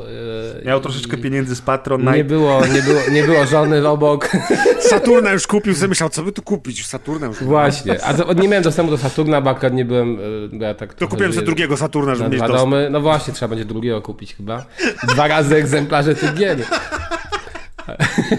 A jeszcze tutaj teraz, gdzie jestem właśnie w tym momencie, zabroni, no. to jeszcze jest telewizor W każdym pokoju CRT, Saturn. Więc... Tak, czemu nie? W każdym razie, e, no nabyłem tę Zeldę i powiem szczerze, tak z 10 godzin zrobiłem w niej i muszę przyznać, że o ile właśnie Breath of the Wild y, kompletnie mną pozamiatał, jeżeli chodzi o to, czym on był, na zasadzie, że kompletnie mi się to nie spodobało. Po prostu zamiatła mną gra. negatywnie, Nie miałem, negatywnie oczywiście, nie miałem ochoty, ochoty w nią grać. Jakbym dostał strzał w ryja po prostu po, pierwszych, y, po pierwszej godzinie i no nie wiem, z trzy razy podchodziłem do tej pierwszej godziny i nie, po prostu, nie wiem, być może Totalnie, te wszystkie nowości mnie nie rozwaliły. rozumiem. Nie rozumiem E, tego. No widzisz, no gra. być może właśnie ty więcej w takie gry grasz, a Zelda tym nigdy nie była i to łamanie patyczków na dwóch przeciwnikach, śmierć co chwila przy każdej walce, później pójście w górę i umieranie od mrozu, po prostu mnie to rozwaliło, a teraz przy tej dwójce yy, wiedziałem czego się spodziewać. Czyli wiedziałem, że patyki się będą łamać. Może inaczej trochę podszedłem do tej walki. A ty jakiś się łamie. Ale absolutnie Patyki na te pierwsze łamią. 10 godzin nie miałem problemów tego typu, bo wcześniej- chomikowałem sobie jakby te bronie i widziałem, że jakaś dobra mi się rozwala, to, to się wkurzałem, a teraz po prostu brałem tymi patykami tych przeciwników i mówię, dobra, to się rozwali, tam to się rozwali, jeden hu, to jakoś to będzie. Więc też mi dużo więcej satysfakcji sprawiła ta walka, y, przynajmniej na początku. W ogóle wydaje mi się, że du- dużym plusem jest wstęp do tej gry. Nie wiem, czy to spoiler, czy nie, ale zaspoiluję, bo to jest pierwsze 5 minut, że zaczynamy jakby w zupełnie innym miejscu niż zaczynaliśmy y, oryginał. To znaczy nie w ogóle, w ogóle nie na tej mapie, tylko Dobrze, w ale takiej to jest, osobnej ale czemu, czemu, a czemu to by był spoiler? A co? Czemu mielibyśmy zaczynać No w tym samym miejscu? no nie, no bo To jest ta sama gra? Zawsze o tym była mowa, że to jest y, gra, która się dzieje w tym samym uniwersum, w tym samym świecie. E, Często ja na przykład słyszałem, że po prostu ten świat uległ modyfikacjom, ale on jest ten sam, z jakimiś tam wyspami gdzieś na, w Czyli, powietrzu. czyli co, fabuła, bossowie też są tacy sami? Dobra, pres, no nieistotne. W każdym razie ten zaczyna się jakby w Istotne, mikro... nie wiesz. No nie, no nie. Znaczy, bo, ja, bo, bo, bo nie wiem, do czego ty pijesz. Chodzi No o bo to... jestem ciekawy, no bo mówisz, no bo, bo tak, mieliśmy, mieliśmy Ja sądziłem, że ja wyląduję na początku gry po prostu w, na tej mapie, Ach, o którą to grałem y, w jedynkę. Ale to jest Dobra. dwójka. No to jest dwójka, ale ten sam świat. Miała być ta mapa, ten sam świat. Tak, tak, dodatki. Maciek. Tam, tam była też awantura o to, że ludzie mówili, że to jest jeszcze, jeszcze gorsze DLC niż nowy God of Że War. to jest, no O, właśnie, że to jest jakby sequel, ale tak naprawdę to jest po prostu, można by to... Wiesz, że to jest ta sama mapa, tylko dodali DLC. Tak, nowe miejsca, tak, Cry'em latające góry czy coś tam, nie? Tak, tak. A tutaj właśnie zaczynasz powiedzmy na tej latającej górze. Nie wiem, tam jest ich znacznie więcej, ale ten wstępny świat, on jest taki mikro. On jest po prostu mikroskala tego dużego. To nie znaczy, że on jest mały. On jest duży i pewnie nie jedną grę by obdzielił. I w niejednej grze po prostu to byłaby całość y, świata gry. Tutaj jest to tylko wstęp, ale ten wstęp jest dosyć długi i w tym wstępie mamy też no, różnego typu krainy, między innymi właśnie krainę mroźną. I powiem szczerze, że i od razu widzisz tę mapę całą, nie masz jej zakrytej. Mi się to bardzo spodobało, że ten wstęp kompletnie, znaczy bardzo mnie kupił i te wady, które wcześniej widziałem, tutaj praktycznie one zniknęły. Zresztą mam do czynienia też z innymi przeciwnikami. E, Są świątynie, ale one są e, rozłożone, no jest, jest ich niewiele na tym początkowym e, etapie. Też wiedziałem właśnie, jak się zabrać za tę grę, bo ona ma sterowanie skomplikowane, ale jeżeli ktoś coś pamięta nawet z tej Zeldy, ja powiem szczerze, aż się zdziwiłem, że tyle rzeczy e, jest podobnych i ja pamiętałem te rzeczy, bo z reguły mam tak w grach, że zapominam e, sterowanie, schemat sterowania czasem po tygodniu, jeżeli nie odpalałem tytułu, a tutaj coś tam kojarzyłem, więc mi było łatwiej. Też już byłem przyzwyczajony, że jest ten pasek, gdzie się wspinasz w górę i i spadasz, no to non-stop mi to przeszkadzało w e, Breath of the Wild. Nie wiem, czy te ściany były wyższe, czy, czy co, czy ja po prostu źle, w złe miejsca chciałem wejść na początku gry. Tutaj e, nie miałem nawet takiego problemu, że w ogóle nie odczułem tego, że to mi przeszkadza, że tutaj spadam ze ścian, że nie wiem gdzie iść, ale też e, są, może akurat udało mi się, bo na przykład był ten świat zimowy, więc wiedziałem, dobra, to idę od razu ugotować sobie to wszystko, te wszystkie składniki, żeby mógł przetrwać tę zimę, a nie będę biegł od ogniska do ogniska i liczył na to, że się uda. Czyli sobie to wszystko y, upichciłem, y, szedłem więc na pełnym luzie. Jeszcze okazało się, że mm, no, gdzieś tam była jakby taka przestrzeń, że nie można się dostać wyżej tam, gdzie planowałem, ale dosłownie minutka i znalazłem już obejście tego problemu.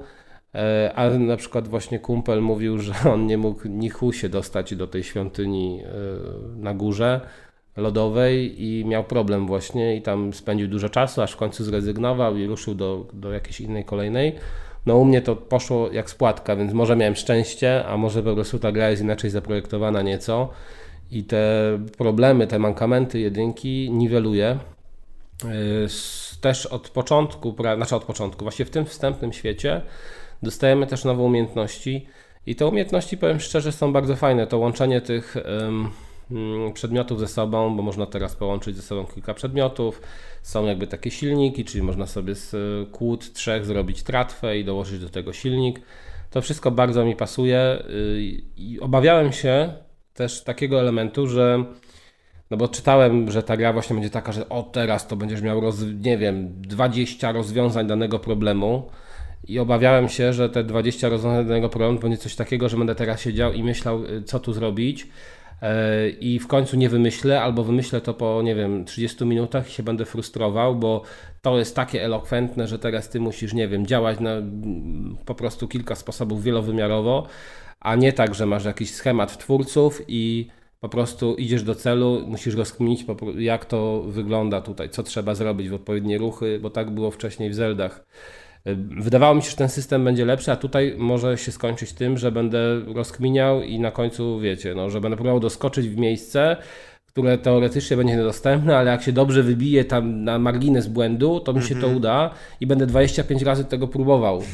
I na wstępie tego nie ma, że mhm. wszystkie te zagadki, które były, oczywiście jest ich niewiele, niestety tu brakuje mi do tej pory dungeonów, e, pewnie będą dalej, ale tu we wstępie ich praktycznie nie było.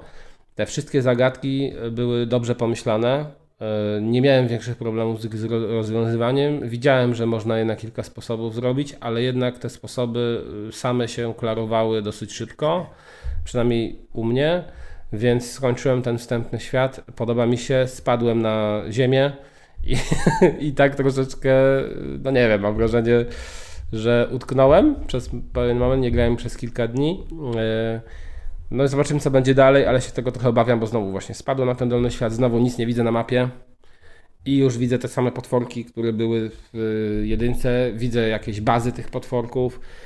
Mm, boję się tego, ale wstęp jest dobry i muszę powiedzieć, że ta gra naprawdę robi robotę, ale to chyba nawet w komentarzach ostatnio Simplex u nas pisał, też spotkaliśmy się zresztą na Pixelu, pozdrawiamy. Pozdrawiamy. Yy, że wcale ona tak źle nie działa ja wiecie, że kompletnie nie jestem purystą, jeżeli chodzi o klatkarz i grając na Nintendo nie można być, ale ta gra mm, nawet w tym wstępnym, w tej wstępnej miejscówce, przede wszystkim gdzieś tam, jeżeli sobie krążycie w okolicy, gdzie są drzewa i pełno liści, to naprawdę jak ruszasz z tym kamerą i się wspinasz na te drzewa, to ta gra tnie. Po prostu ona tnie i to mocno tnie. Może podczas walki tego tak nie widać, czy podczas rozwiązywania zagadek, gdzie te przestrzenie są jednak nie tak bogate w detale, ale no właśnie przy tych drzewach to bardzo mocno widać. Więc mm, no nie jest ta gra idealnie zoptymalizowana. Zobaczymy, bo te patche się jednak pojawiają, widzę, co jakiś czas, e, dosyć regularnie, więc być może ten framerate będzie poprawiony. E, no i też to jest też ciekawe, że to sterowanie w tej grze, biorąc pod uwagę, że właśnie zyskujemy te nowe umiejętności na początku, to są umiejętności, których nie mieliśmy wcześniej, ono przez, i jeszcze oczywiście będą dochodzić zapewne nowe, ale już w tym momencie ta klawiszologia jest olbrzymia. I też miałem taką jedną sytuację, że nie wiedziałem do końca, jak coś zrobić, i też kupel właśnie mówi, że go wkurzyło to, że na przykład jak łączył te przedmioty, to on nie mógł ich rozłączyć. Ale można je rozłączyć, tylko że y, jakby to jest pokazane, co ty możesz zrobić. Jak robisz dan daną czynność, to jakby jest schemat sterowania, który wskazuje na to, co ty możesz zrobić w tym momencie, ale tam opis tego był taki dziwny, że też na początku nie strzaiłem, jak rozłączać te przedmioty. E, na szczęście gdzieś tam doczytałem i patrzę, aha, dobra, no, trzeba gałeczką prawo, lewo, prawo, lewo i wtedy one jakby rozłączałem się, czyli mogą być problemy, jeżeli ludzie na przykład no, nie lubią skomplikowanej klawiszologii, to mogą mieć z tym problem, bo tutaj widać, że będzie grubo pod tym względem, bo tu jest naprawdę masa, masa rzeczy, jeżeli chodzi o sterowanie i masa możliwości i, i właśnie to łączenie przedmiotów chyba będzie taką mechaniką, która, która no wymagała tego, e, ale nie każdemu to podejdzie. Fajna jest opcja przeskakiwania, czyli że jesteś na ziemi, na przykład widzisz sufit, możesz sobie przez ten sufit przelecieć. Ona też już była wykorzystywana kreatywnie, e, teraz też będzie. E, ta opcja tych silniczków, że sobie budujesz silniczki też wygląda bardzo spoko. Oczywiście już nawet na tej wstępnej mapie było masę sekretów do odkrycia. E, I to też troszeczkę, no mniej więcej widzę kamień, no i chcę go podnieść i gdybym pewnie nie grał w pierwszą część, to bym go nie podnosił, olał, a tu domyślam się, że dobra, pod tym kamieniem to może być stworek, który później tam coś mi da i to mi się przyda i rzeczywiście tak jest. Czyli na pewno dla kogoś, kto grał w jedynkę, e, będzie łatwiej wejść w dwójkę. Zobaczymy, jak będzie dalej. Niestety te wszystkie schematy właśnie, że ten pasek energii on jest, mimo że do tej pory mi nie przeszkadza, mam nadzieję, że dalej też tak będzie, to trzeba będzie go rozwijać. E, serduszka też trzeba będzie rozwijać. Na ten moment na szczęście nie zginąłem, nie miałem tego problemu. Z brońmi też nie miałem problemu. Mam wrażenie, że może to tylko wrażenie, że jednak one są wytrzymalsze. O, ten schemat taki, że łączysz sobie te bronie, czyli że masz patyk i łączysz go z kamieniem i masz e, nagle e, olbrzymią broń, która potrafi kruszyć skały, jest też świetny i też jakby wala się tych przedmiotów bardzo dużo więc nie miałem takiego problemu, że nagle mi się kończy jedna broń i nie mam czym y, nawalać przeciwnika, a takie coś miałem w Breath of the Wild. Więc może ten balans rzeczywiście troszeczkę tam y, ulepszyli. Y, podoba mi się. Cały czas to nie jest stara Zelda, a chyba wolałbym jednak starą. Za czym jak będzie dalej? Na ten moment jestem na tak. Więc warto spróbować, nawet jeżeli komuś nie podeszło Breath of the Wild.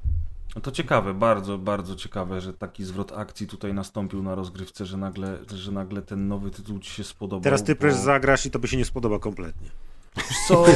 Musi być równowaga w naturze. no tak, równowaga w naturze to jedno, ale myślę, że jednak mimo wszystko ma szansę mi się spodobać, dlatego że ja ostatnio wróciłem do, do Breath of the Wild i znowu bawiłem się fantastycznie, chociaż tylko trochę pograłem, wiecie, po prostu natchniony. Boże, natchniony jedyny, ja tam premierą. tak pędziłem, ja po prostu w żadnej Zeldzie tak nie pędziłem jak Breath of the Wild, już na ostatni zamek, to tam było na, no po prostu na hama byle tylko w ogóle już się nie bawić w te żadne walki, byle tylko dobiec do tego bossa i go ukatrupić, bo już miałem dosyć. No, a ja nie, wręcz nie. przeciwnie, więc, więc, no ale cieszę się, że tobie się ta część spodobała, ja myślę, że nie No zobaczymy, co będzie dalej, bo to mogło mi się spodobać ten prolog, a później...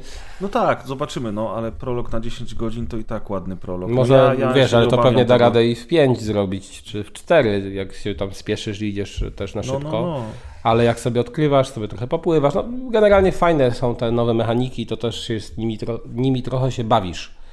I no więc dlatego ja się nie obawiam zupełnie e, tego, czy mi się spodoba, czy nie, no bo jednak e, jeżeli nawet potem ta gra będzie taka, jak była jedynka, to to mi się po prostu to będzie podobać, ale no zobaczymy. Przez poza tym ja nie mam szans w to zagrać w żadnej najbliższej przyszłości, więc pozostaje nam e, jedynie twoja opinia, mis misiaczku. Sprzedaj No, kompa, Tak, kup sobie Switcha. Nie wystarczy mu za tego komp. no właśnie. W każdym razie nie no co ty z tą przecież tak moja te- te 1070 to już jest to już jest wiesz. e, W tej chwili dalej. Zresztą odwal siódmego kompa macie. Yy, Ale cieszę się, naprawdę się cieszę, że tobie się to spodobało, no bo ja te nowe Zeldy uwielbiam. I Nową nadzieję- Zeldę. Nową Zeldę uwielbiam, tak, dziękuję za poprawienie mnie. Nie miałem za bardzo okazji pograć w inne, chociaż przez chwilę próbowałem Mm. zagrać na Switchu w tego chyba remaster Zagrać Skyward Zeldę. Sword. Tak, w pierwszą zagrać. Skyward Sword, no bardzo dobra część. No, tylko mnie tam, mi tam na, na Switchu bardzo przeszkadzało sterowanie i przez to tak naprawdę się od tej gry odbiłem. Natomiast kiedyś może te wszystkie gry sobie ogram, bo tam jest jeszcze i Ocarina of Time i Wi- Wind Waker, to są takie tytuły, Ale właśnie Wind Waker to sprawdzić. najgorzej chyba ograć w tym momencie. Zresztą to jest moim zdaniem chyba najlepsza Zelda dla mnie, ale... Czemu najgorzej? No bo jej nie ma. Obecnie ona jest tylko na Wii U. No a co za problem, żeby No i na? GameCube. No jak to za problem? Musisz kupić Wii U, jeżeli chcesz być legalny. No i co za taki problem? problem. Że, czyli, czyli można zagrać, tylko No. dlatego mówię, że kiedyś może, kiedyś może mi się uda te wszystkie Tylko gry wiesz, akurat to jest y, słabe, że, nie, że to zrobili remake HD, no a tutaj nie dali możliwości y, na Switchu w niego pograć. To podobna, podobny kazus był na przykład dla mnie kompletnie niezrozumiały. Super Mario Galaxy 2, że Galaxy 1 pojawiło się w kolekcji Marianów, a o Galaxy 2 cisza. I jakby, kurczę, dlaczego? Skoro te gry są bardzo podobne, yy, żaden problem byłby pewnie przenieść ją. I nawet wiesz, nie w kolekcji tych poprzednich Marianów, tylko po prostu jako osobny tytuł nawet. No, no nie ma. Nie rozumiem tego. Więc tutaj też się dziwię z Wind Wakerem, że do tej pory jeszcze nic takiego nie ogłosili. No być może na nowy sprzęt dopiero. Bo czasami takie mam wrażenie, że Nintendo tak robi, że część przenosimy na ten, a część y, tytułów dopiero na kolejny. No zobaczymy. No właśnie, zobaczymy. Niestety, niestety nie odpowiem panu na to zagadnienie, ale, ale będziemy, Ale będziemy będziesz pewno odpo- wracać. opowiadał o innym y, klasyku. Tak, inny klasyk, y, a mianowicie System Shock, który ukazał się w roku 1994, a więc prawie 30 lat temu. Mm. Po bardzo długim czasie doczekał się wreszcie premiery remake'u remake'u stworzonego przez e, Night Dive Studios, czyli przez ekipę, która od dawien dawna e, raczy nas wszelkimi e, wznowieniami, portami, remasterami klasycznych gier. Zrobili tego całą masę, nie chcę mi się nawet teraz wymieniać, bo za co zresztą za co oni się nie zabiorą, to, to zazwyczaj, zazwyczaj zmieniają e, w złoto, chociażby był e, Shadowman, ostatnio e, wznowiony w formie takiego portu remasteru, który był bardzo chwalony. Wydaje mi się, że oni zrobili też e, Turoki w nowej odsłonie, te działające na współczesnych systemach, na pewno wydali Doom 64 na PC, zrobili remaster Forsaken. tak, czekaj, czekaj, również. Shadow Man był jako remaster tak chwalony? Tak, tak mi się coś w kojarzy, że swoich, w swoich kręgach nie. oczywiście. Nie, nie, oni, on, on, on, był, on był chwalony. Zresztą oni zrobili też, Hmm. macali par, palce i pomagali Bethesdzie przy tym Quake'u, który ukazał się dwa lata temu, takim zremasterowanym. Także no, Blood, Fresh Supply to jest też ich remaster, bardzo dobry zresztą. I oni jakiś czas temu zrobili sobie e, system Shock w wersji Enhanced, czyli w takiej wersji właśnie troszeczkę usprawnionej, e, przystosowanej do komputerów współczesnych, ale jakbyście na to spojrzeli, to nadal jest to archaiczny twór. A ponieważ System Shock jest jednym z najbardziej chwalonych tytułów tamtych czasów, jest to zresztą e, gra produkcji Looking Glass Studios, czyli tych samych ludzi, którzy stworzyli serię Thief, no to, no to on obrósł, obrósł legendą już jakiś czas temu. I generalnie rzecz biorąc, e, długo czekaliśmy na tego System Shocka remake, e, do tego, do tego stopnia, że Maciek aż się obraził i powiedział, że on już nie chce w to No grać. ja już grałem prawda? ze dwa razy, jak było demo, jak był Early Access. Tak, bo był, to, był, to I demo teraz też się to już dla pojawiało. mnie żadna atrakcja, że on wyszedł, bo ja już się czuję, jakbym w niego zagrał. Tylko właśnie wiesz, no ty zagrałeś w demo, tak? To No jakby, tak, no, nie ale mówmy, wiesz, nie, nie człowiek mówmy, się nie tak mówmy jarał, że w niego tak- zagrałeś. No tak, ale, ale wiesz, to jest Ale dobry wystarczyło przykład mu. z y, grą, którą ja teraz będę omawiać i właśnie ta różnica jednak w tym, że wychodzi jakaś gra, o której nie słyszałeś i w nią możesz zagrać i od razu w nią grasz, versus gra, którą ci zapowiadają przez 6 lat i 3 lata temu było demo, 2 lata temu był early access, teraz wychodzi i wiesz, masz zupełnie inny mm, poziom napalenia na ten tytuł. No rozumiem, czyli po prostu się obraziłeś. długo Tak, tak, czekać. foch. No, foch. Natomiast ja focha nie miałem, e, zagrałem, e, zagrałem przed premierą e, dzięki, dzięki wersji udostępnionej przez Playon i, i bawiłem się bardzo dobrze. To jest w ogóle ciekawostka, bo to jest gra naprawdę w starym stylu. To jest oczywiście remake, wszystko jest zrobione od nowa. Jeżeli porównacie sobie gameplaye na YouTube z tej starej wersji z tą współczesną wersją, to rzeczywiście widać, że to jest ta sama gra po planszach, po których y, sobie chodzimy. Natomiast cała reszta już jest zupełnie nowa i oczywiście, mimo tego, że mówię, że widać to po planszach, to chodzi mi oczywiście o konstrukcję tych plansz, o mapy, a nie o to, że, że one w jakikolwiek sposób wizualnie są do siebie podobne, bo nie są. Ten remake jest bardzo szczegółowy, bardzo ładny, ciekawie zaprojektowany, z całą masą e, dodatkowych e, bajerów, e, detali, i, i, i całą, całą masą różnych pikających i świecących rzeczy. Gra oczywiście jest cyberpunkiem, dzieje się na stacji kosmicznej, na której władzę przejęła sztuczna inteligencja, która prowadzi różnorodne eksperymenty nie tylko na ludziach, e, którym to serwuje biowszczepy, ale również na, na maszynach, więc naszymi przeciwnikami będą oczywiście całe masy potworów, zarówno takich ludzkich, jak i tych, jak i tych bardziej robotycznych oraz mieszanek obóż. Obu. Obóż. Co to jest za słowo obóż? Właśnie Chyba nie wymyśliłem. nie ma. Nie ma, właśnie oburzowa. powstało. Tak, właśnie powstało. Y, Uderz w stół, uderz w stół, obórz się, nie wiem. w każdym razie, w każdym razie tak. E, System Shock jest powrotem do, do grania z lat 90. Do tego stopnia, że mamy minimapę, do której, którą będziemy musieli często otwierać, żeby się na, na, na niej połapać. To jest akurat bardzo duży minus tej gry. Ona jest bardzo nieczytelna, ta minimapa. I legenda, i znaczniki są nieczytelne, więc będziemy często stawiać sobie waypointy, jeżeli chcemy gdzieś tam się przedostać, a w grze będziemy bardzo często wchodzić w tej nazad, a nawet, a nawet wracać się czasami do niektórych lokacji e, na tej, na tej stacji kosmicznej. Tych, tych lokacji łącznie jest dziewięć bodajże. Zaczynamy, zaczynamy w, w takich kwaterach leczniczych, gdzie dochodziliśmy do siebie, a potem będziemy chodzić przez, przez kwatery naukowe, trafimy do, do reaktora statku i tak dalej, i tak dalej. E, Cały czas walcząc z tą sztuczną inteligencją, która po prostu postanowiła zostać Bogiem i chce zniszczyć ludzkość, a my tutaj jako, jako jeden z niewielu ludzi pozostałych przy życiu, który obudził się na statku, e, będziemy próbowali jej w tym przeszkodzić.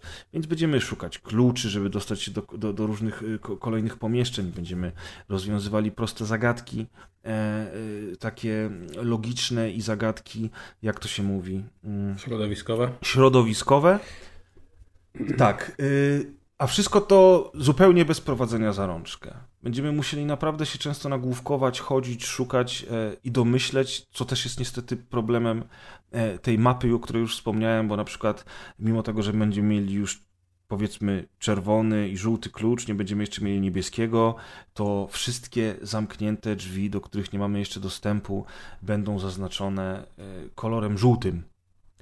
I na początku będzie nam się wydawało, że aha, czyli te drzwi, do nich potrzebny jest żółty klucz, a potem się okaże, że nie, one po prostu są tym kolorem zaznaczone i teraz jak do, do tych drzwi dojdziemy, to dopiero wtedy patrząc na nie zo- zorientujemy się, e, jaki tam klucz nam jest potrzebny, jeżeli w ogóle jesteśmy w stanie się tam dostać.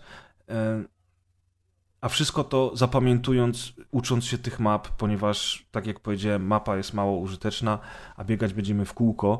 I tutaj e, robi się pewien problem, bo na przykład jak już dostałem się do drugiej lokacji i zapamiętałem, że w pierwszej lokacji był sklep z możliwością upgrade'u pistoletu i do niego potrzebne mi było 20 kredytów. Te kredyty uzbierałem między innymi e, nie, nieużywany przeze mnie sprzęt i, i, i różny junk wrzucając do takiej maszyny, która jakby mieli te, te, te rzeczy, a wypluwa za to kredyty.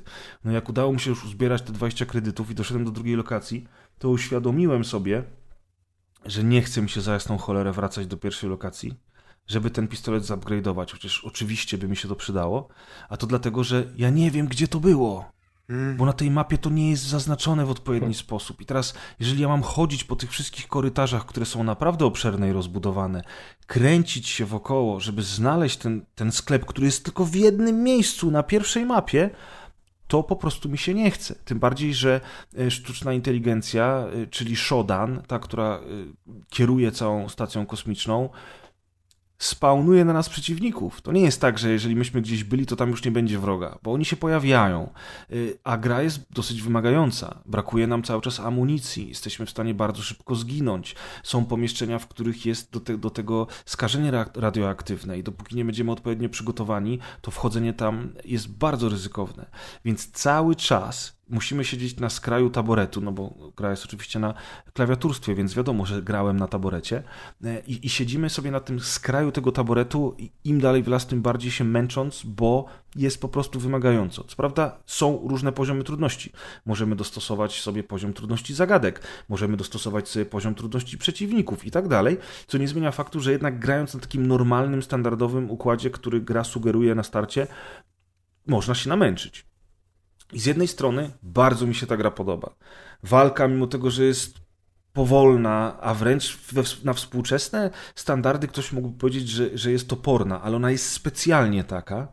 E, ta walka mi się bardzo podoba, ta eksploracja mi się podoba, bo ona ode mnie wymaga, żebym ja się orientował. Ona mnie nie ciągnie za rączkę, ona nie pokazuje mi wielkich wykrzykników nad drzwiami, że tam muszę pójść, więc ja muszę się orientować tu, gdzie jestem, muszę się nauczyć tego pomieszczenia, muszę rozkminić, co zrobić dalej.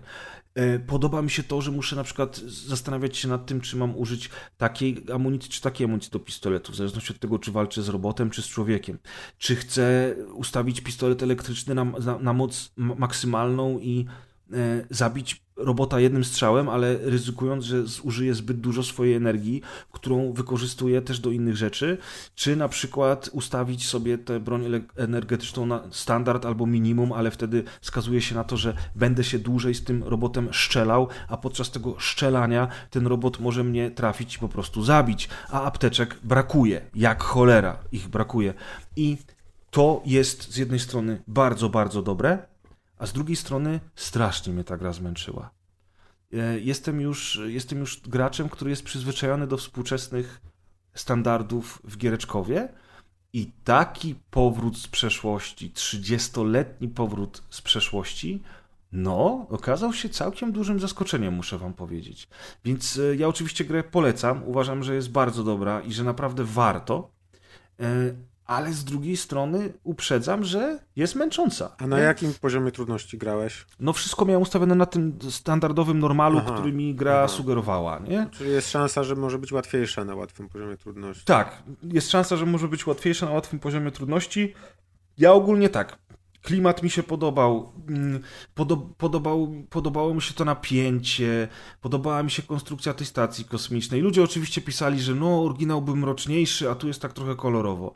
Nie jest to w ogóle prawdą. Specjalnie porównałem sobie obie wersje, odpaliłem wersję Enhanced Edition na YouTube, y, obejrzałem jakiś długi gameplay z pierwszych dwóch lokacji. I widać, że to są te same lokacje, że nawet kolorystycznie jest bardzo, bardzo podobnie, tylko że oczywiście twórcy remake'u musieli stworzyć coś, co będzie odpowiadało współczesnym standardom. Uważam, że udało im się to zrobić bardzo dobrze. Nie mam pojęcia, jak nazwać rodzaj tej grafiki. Hmm. Kaz by powiedział, że to jest pixel art, to nie jest. Mm, e, chodzi mi o to, że ta gra jest zrobiona tak jak Graven. Maciek, czy ty kojarzysz Graven? Mhm tę grę w Early Access o tym czarodzieju, który chodzi, strzela i walczy z, ze szkieletorami. Że ona jest w pełnym 3D, ona ma wszystkie modele zrobione, ale jest pociągnięta jakby takim sznytem, jakby ktoś wziął i pędzelkiem y, na tych obiektach namalował trochę tak, taką pikselozę. No bo te tekstury nie są pofiltrowane na przykład pewnie, tylko właśnie są takie poząbkowane. Coś Chociaż ta gra i tak wygląda całkiem nieźle. To nie jest taki bardzo rozpikselowany. Nie, nie. E, jak te boomer shootery niektóre, które się stylizują, nie? Ona jest całkiem ładna i wcale nie Tak. pikselowa, bym nawet powiedział. Tak, ona ma, ona ma po prostu specyficzny, specyficzny styl graficzny, y, który właśnie gdzieś tam troszeczkę mi się z tym Gravenem skojarzył. Ale ona ma bardzo taki swój styl, swój klimat e, i ogólnie naprawdę może się podobać. Jedyne, co mi się nie podoba w tej grze, ale to jest wzięte żywcem z oryginału e, i już wiemy, e, którą grę albo je- jedną z tych gier, które to zapoczątkowały, możemy obarczać za sposób narracji, którymi gry nas męczą do dzisiaj, a mianowicie fabułę tej gry poznajemy poprzez audiologii. Oczywiście, że poprzez audiologii. Audiologii i notatki. A wiemy, że Press uwielbia audiologii, echa. Uwielbiam, uwielbiam. Wszystko Mm, a, mm, mm, Najlepsze. mm. A tu jeszcze musisz, słuchaj, podnieść tego audiologa centralnie, fizycznie, tak jak podnosisz inne przedmioty, klikając odpowiedni przycisk, a następnie przytrzymać inny przycisk, żeby zobaczyć animację, jak twoja postać do swojej rękawicy tego audiologa podpina. I dopiero wtedy możesz odsłuchać audiologa. Ale mam nadzieję, że też nie możesz się ruszać nigdzie, tylko musisz Nie, nie, możesz, akurat możesz. Nie, nie, Eee, akurat już słabo. możesz. Ale, ale wiecie, y, fajne jest to, jak Shodan się do nas odzywa, chociaż zazwyczaj ona też y, komentuje sprawy właśnie przez audiologii, które znajdujemy na mapie. Ogólnie fabuła nie jest jakimś super, hiper zaskoczeniem, ale pamiętajcie o tym, że w 94 roku to był całkiem gruby klimat, nie? Wzięty żywcem oczywiście z Odysei Kosmicznej 2001, ale, ale podlany takim autorskim cyberpunkowym sosem, bo przecież my w tej grze jesteśmy yy, hakierem. A i właśnie, najlepsza część No Właśnie, tej gry. hakowanie. Wiecie, jak się hakuje w tej grze? Klawiszem. Minigierka jest. Jak... Jest minigierka. Gra przełącza się w descent i latasz stateczkiem. Przenosisz się do cyberprzestrzeni, można Tak, powiedzieć. przenosisz się do cyberprzestrzeni, która wygląda po prostu jak misję z Descent, gdzie latasz stateczkiem e, w takich tunelach, gdzie są inne stateczki, z którymi robisz piu, piu, I to jest piu, piu. piękna cyberprzestrzeń godna Johnego Mnemonika, e, Otóż tego, to. kosiarza umysłów i tych wszystkich Otóż innych filmów z lat to. 90. To jest ten klimat. Bardzo, bardzo fajny pomysł na, na to hakowanie, bo uważam, że takie hakowanie, gdyby to było w stylu, kurczę, nie wiem, Watch Dogs, to by było nudne, a to jest taki właśnie klasyczny, fajny, Że fajny jesteś w środku myk. komputera i tam latają wirusy, lata- programy Tak, i coś pięknego, coś pięknego. Za każdym, oczywiście to Jak też jest tron. w chuj trudne, im dalej w las, tym jest trudniej, ale po prostu jak ci się uda, to jest taki fan. Więc ja ogólnie powiem tak, bardzo dobra gra, bardzo dobry remake, ale też na współczesne standardy mnie osobiście zmęczyła. Właśnie ciekawe, czy ta mapa to jest, że oni chcieli zachować wierność oryginałowi i ona jest taka niefunkcjonalna, czy, czy o co chodzi? No bo to jest coś, co można by jednak polepszyć i co było takim Ta mapa to jest tragedia. Tragedia to jest.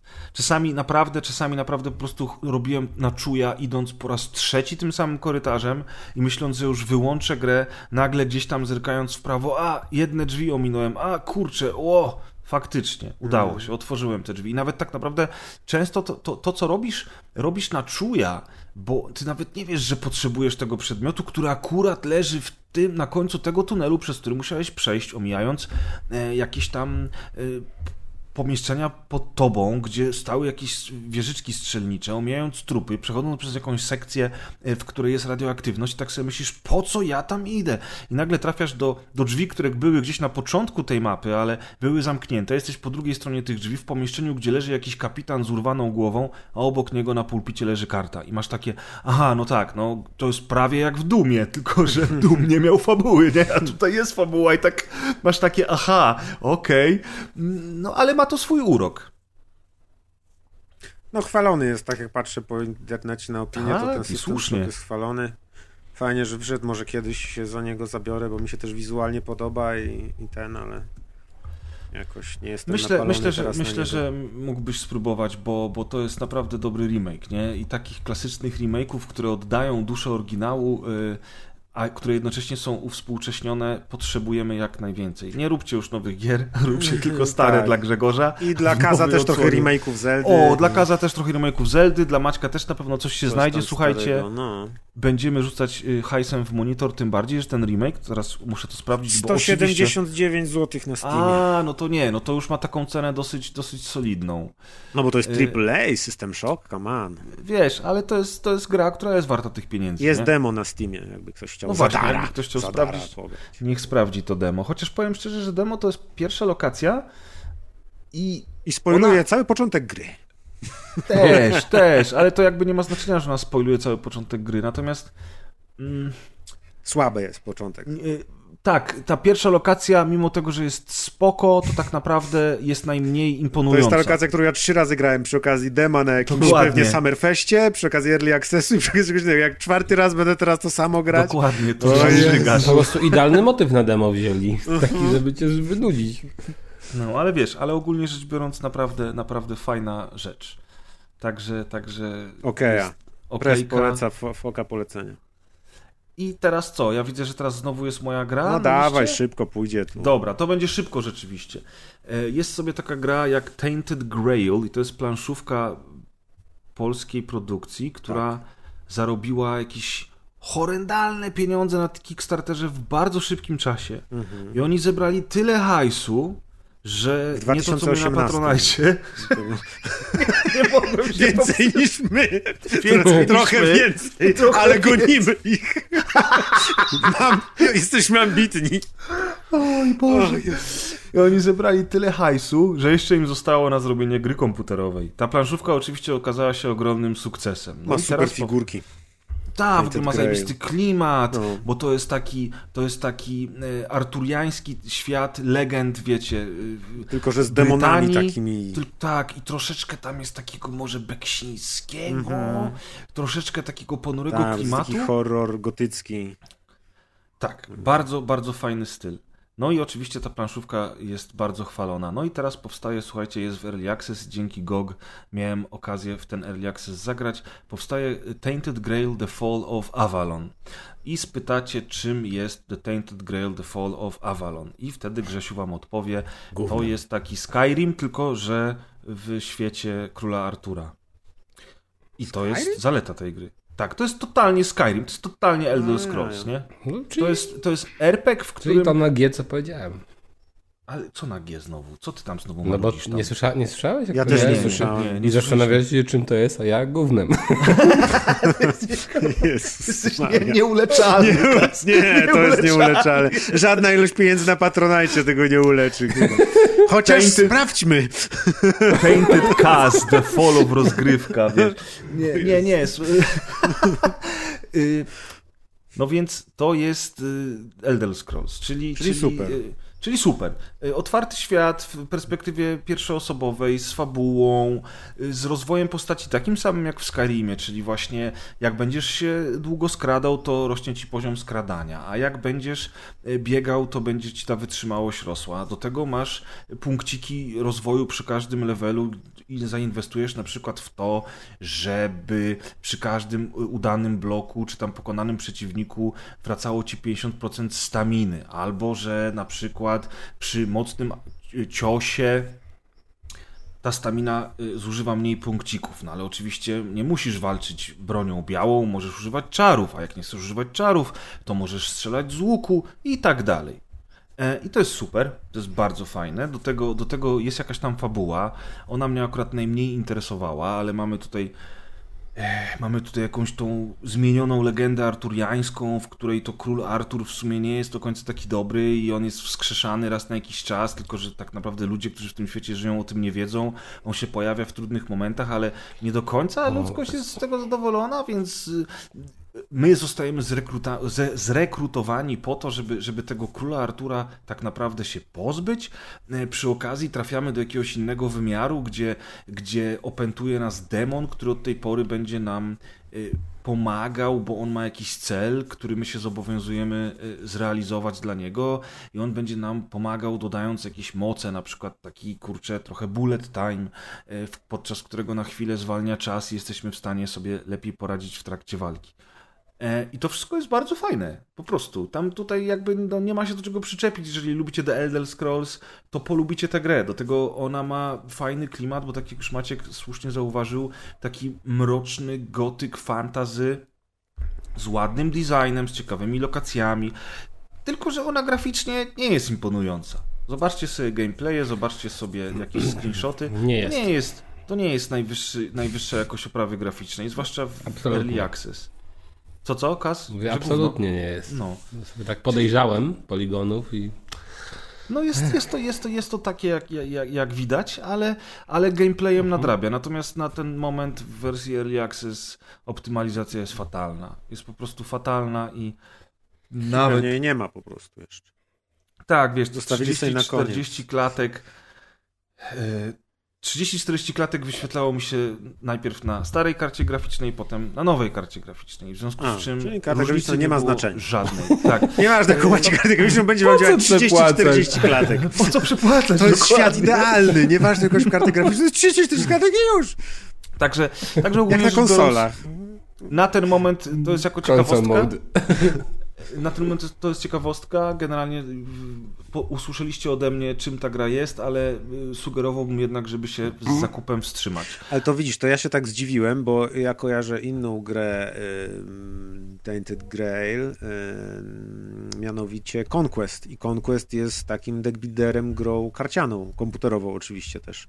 I właśnie A, teraz faktycznie. zauważyłem na Steamowej stronie, że deweloperem tych gier jest Questline.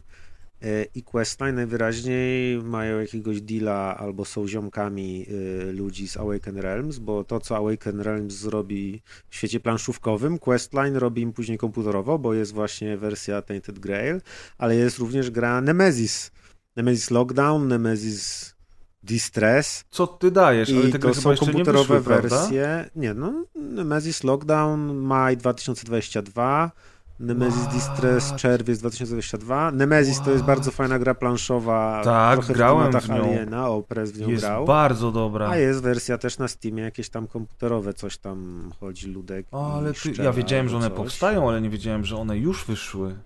No to słuchaj, no to piękny, piękny układ. Ale Nemesis też jest polską grą? Tak, tak, to też robiło Awaken Realms. A, i dlatego już wiemy, czemu ten, ten, ten Tainted Grail tak szybko zarobił takie pieniądze, bo oni wcześniej zrobili Nemesis i wszyscy wiedzieli, że to będzie dobre gówno.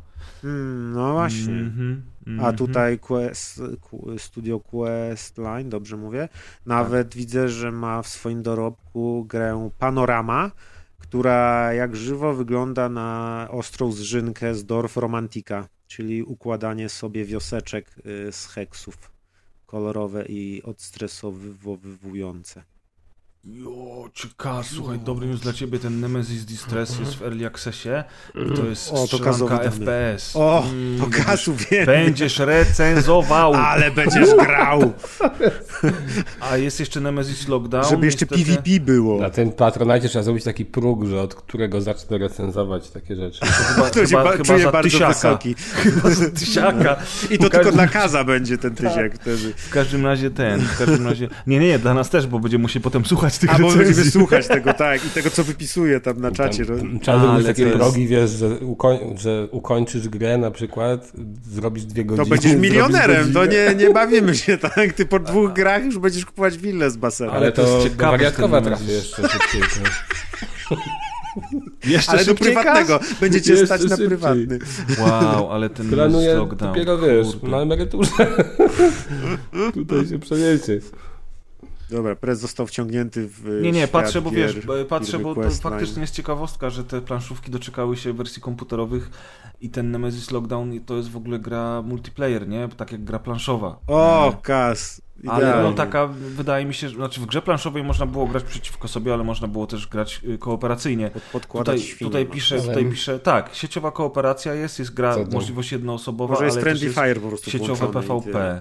Co do Nie, smut- no kurczę, Tak musimy, musimy w to zagrać. Jak miał, jakbym tylko o, miał słyszysz, kolegów. Kas, musicie w to E, zagrać. Co do, co do smutnych wiadomości, to jeszcze mam taką kolejną prywatę tutaj poznańską. Zamykają, kurde, Chichi for You, czyli jednego z lepszych burgerów. O nie. Moi drodzy, można jeszcze się udać na Titanica, podobno do końca czerwca Chichi będzie. for you? Chichi for You. for you. To słuchaj, no to ja Sieciówka proszę, taka poznańska, wybrał, no, tragedia. Nie. zamówił i zrobił dla nas jakąś fotę, bo Titanic brzmi całkiem nieźle. Nawet nie fotę, tylko w ogóle wiesz. Jak to się- Recenzję wideo. Recenzję wideo, właśnie. Już nie pamiętam. Ze jak to się śliniaczkiem Na pewno się ten format jakoś nazywa. Już się wlazłem tu na Street View, ale nie widzę nigdzie Titanica. Chichi for you. E, To na Facebooku, no ale generalnie polecam. A jak od niedaleko mnie, ładna. czyli na Piątkowie już zamknęli. Oj, oj, oj. Miesiąc temu chyba. Teraz zamykam się O, kozioł cała całą. dzielnica płakała.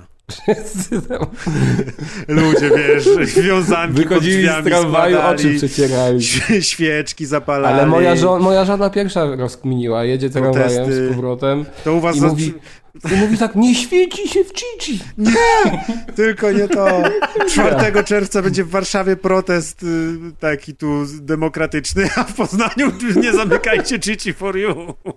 To, to tak samo jak u nas z paradą, wiesz, 11 listopada, nie? Wszędzie tam się pizgają, a u nas po prostu wszyscy poprzebierani jest wesoło, no. Poznań jest to, dobre wie jak miasto. imprezować. Ty, Maciaś, ty mówisz, że ten protest jest teraz czwartego, nie? No, To jest ten dzień, jak ja będę jechał w Warszawie i będę próbował dostać się do ciebie do Krakowa. no to może cię orzucają kamieniami wtedy, albo nie wiem, jak się dowiedzą, że ty jesteś Niemcem, to wiesz, ja nie wiem, No jakie to tam jak będą jestem reakcje. Niemcem, to, A nie, to dobrze, będą to po mojej przyjmą- stronie. Chłopaku, Ale, nie, tra- ale może będą pociągu. takie ekipy, wiesz, które będą też gonić. Przeciwne. Niemców. No, nie wiadomo, Napluje im w ryj. No, tylko... Okej. pewnie- Jako, jakoś trochę ci powiem, ale teraz takie To twoje umiejętności w walce oceniam nisko, to lepiej nie pluj nikogo. Koniec prywatny. Tutaj się nie gra jak na komputerkach, to wiesz. O, pres, zapo- pres zapomniał, że nie jest w necie, tak? Nie jest we wrzeszczu. Prez rzuci taką, wiesz, chusteczkę, że pojedynek, kurde, kompa wyciągnie. Jest. Ja już nie wiem, o czym Kas mówi. Zgubiłem się już. W protestach. Jedziemy dalej. Jedziemy dalej, słuchajcie. Protesty, Król Artur, System Shock, a nawet Zelda już za nami. A teraz Miasma Chronicles, w które pograł Maciek i którego jestem bardzo ciekawy. Miasma Chronicles. Ma Jasma. No, mówimy... Wygląda jak wiesz, gorki. No właśnie, wygląda jak gorki. To jest właśnie, to jest właśnie przykład gry, która jest odwrotnością System Shocka, czyli gra, o której nikt prawie nie wiedział, a ja na pewno. I nagle press mówi, że kto chce kod recenzencki na Miasma, a ja patrzę, co to jest Miasma? I patrzę, a to jest nowa gra. A to y, nie jest Miasma, tylko Ma Jasma. a to jest tak? Majasma, to po pierwsze, a poza tym to jest nowa gra studia The Bearded Ladies, czyli twórców Mutant Year Zero, czyli taktycznego RPG, w którym się biegało panem kaczką i panem świnią i się szczelało do robotów. Ale ja. No i jak tylko to zobaczyłem, to myślę, ja chcę zagrać w Miasma Chronicles. Yy, No i dostałem No kod, spełniłeś zainstalowałem, tak, na GOG, na platformie GOG.com. No i, yy, i właśnie, to jest to, co różni tę grę od System Shocka, że w ogóle o niej nie wiedziałem, a jak się dowiedziałem, że istnieje, to się bardzo ucieszyłem i od razu mogłem w nią zagrać i poziom szczęścia był 10 na 10. A nie tak jak przy System Shocku, ty że po teraz prostu newsów nie czytaj, jest 6 na Maciek, 10. będziesz szczęśliwy. To by było no. najlepsze. No tak, nie grać w newsy, tfu, nie czytać newsów, nie grać w early accessy, nic nie wiedzieć i tylko jak już będzie premiera, to wtedy dopiero, żeby mi ktoś mówił. To jest naprawdę najlepsza opcja. Więc tak, to było pierwsze. Efekt zaskoczenia jest superowski. Druga sprawa, to jest też to, co chciałem y, tutaj na początku recenzji powiedzieć i co jest taką ciekawostką i trochę wrócić do tematu studia Remedy, że są mm, takie przypadki, gdzie studio umie robić jeden gatunek gier i tylko trochę go zmienia, ale generalnie gramy cały czas w tą samą grę. I można by powiedzieć, że gry Remedy są też w sumie takie same, bo biega się hipkiem i szczela, nie? I czy to jest policjant, który się rzuca w slow-mo, czy to jest babka, która ma psioniczne moce, czy coś, to te wszystkie gry to są takie szczelanki TPP, no tylko, że ta ich warstwa narracyjna jest taka fajna, że każda jest inna, ale jakby to, wiecie, ogołocić do wszystkiego, do prototypu gry, no to biega hipek i szczela. I, I praktycznie każda gra jest taka sama. I w przypadku The Bearded Ladies, nowej produkcji, oni najwyraźniej pomyśleli, że rzeczywiście umieją robić e, taktyczne y, RPG z taką taktyczną walką. Y, wyszedł im ten Mutant Year Zero, był chwalony, był całkiem fajną grą. No i co robią? Mogli zrobić Mutant Year y, 1 albo 2, albo Mutant Year Zero 2, albo cokolwiek, jaki inny y, sequel czy prequel, a oni postanowili zrobić grę w zupełnie innym świecie, ale jest to praktycznie dokładnie taka sama gra, czyli jest to dokładnie taki sam RPG z taktyczną walką i w dodatku jakby cała struktura tej gry, mechaniki są praktycznie żywcem przejęte, czyli można powiedzieć, że wzięli to, co im się sprawdziło, system, który już znają, rozgrywki i zrobili tylko do niego zupełnie inny świat, inną fabułę, innych bohaterów, inną historię. Ale cała reszta jest taka sama. I już od pierwszych chwil, jak się w tą grę zagra, to widać, że to jest dokładnie to samo. Czyli sterujemy sobie bohaterem w rzucie izometrycznym z góry. E, Kamerą. Niestety nie możemy za dużo operować, możemy nią tylko orbitować wokół postaci, ale już do góry, do dołu nie możemy się y, poruszać, co trochę w sumie mi, nie wiem dlaczego, miałem różne skojarzenia grając w tą grę i właśnie ta kamera plus ten świat trochę mi się kojarzyły z Final Fantasy VII, że taki tam, nie wiem, mały ludek biegający po jakimś takim dystopijnym, no tak, ale tam były statyczne lokacje, nie? No, tam były Fantasy statyczne, VII. ale wciąż jednak miałem jakieś takie przebłyski, jak pamiętam, y, jak kiedyś grałem w Final 7 i tam ten mały taki ludek biegał po tych, tych lokacjach, to tutaj też trochę tak miałem skojarzenia. Miałem skojarzenia bardzo duże z The Ascent, bo ta gra jest y, w sensie y, majazma, jest bardzo podobna wizualnie, y, widok kamery jest bardzo podobny i świat też jest bardzo podobny i ilość detali jest bardzo podobna. Więc Ale do czego? Do The Ascent, No, czyli tej, tego dual stick shootera, shootera cyberpunkowego. Bo to też jest taki posta, bardziej postapokaliptyczny niż cyberpunkowy klimat, ale są tam bardzo podobne To jest taki, to jest taki budynki czy, czy coś. futurystyczne post-apo, nie? Czyli tak jakby Tak. właśnie w świecie Blade Runnera nagle st- stał się Fallout trochę, Mhm, tak to Właśnie, z, wygląda. Fa- z Fallout trochę z Rage'a od id Software też miałem skojarzenia, bo jest taki klimat lekko y, westernowy, kowbojski, są takie y, miasta od siebie oddalone, bo całość generalnie dzieje się właśnie w przyszłości po apokalipsie w Stanach Zjednoczonych.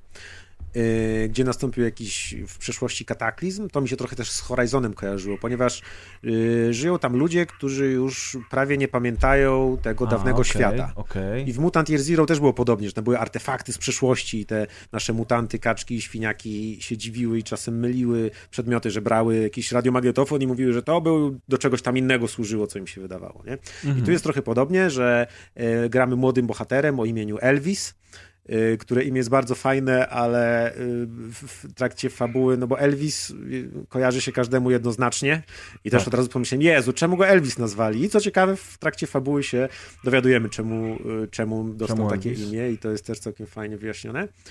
E, No i ten młodziak mieszka sobie w y, małym miasteczku, w którym jest kopalnia.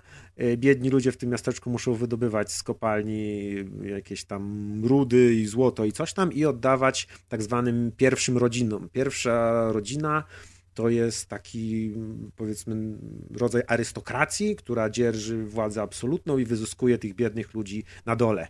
To też się kojarzy na przykład, nie wiem, z Mad Max pod kopułą gromu. Tam też byli ci na dole, umorusani brudni i ci na górze, co sobie tam cieszyli się wszystkimi dobrami i bogactwem. E, No i e, cały świat jest też skąpany w tytułowej majazmie, czyli tak zwanym wyziewie.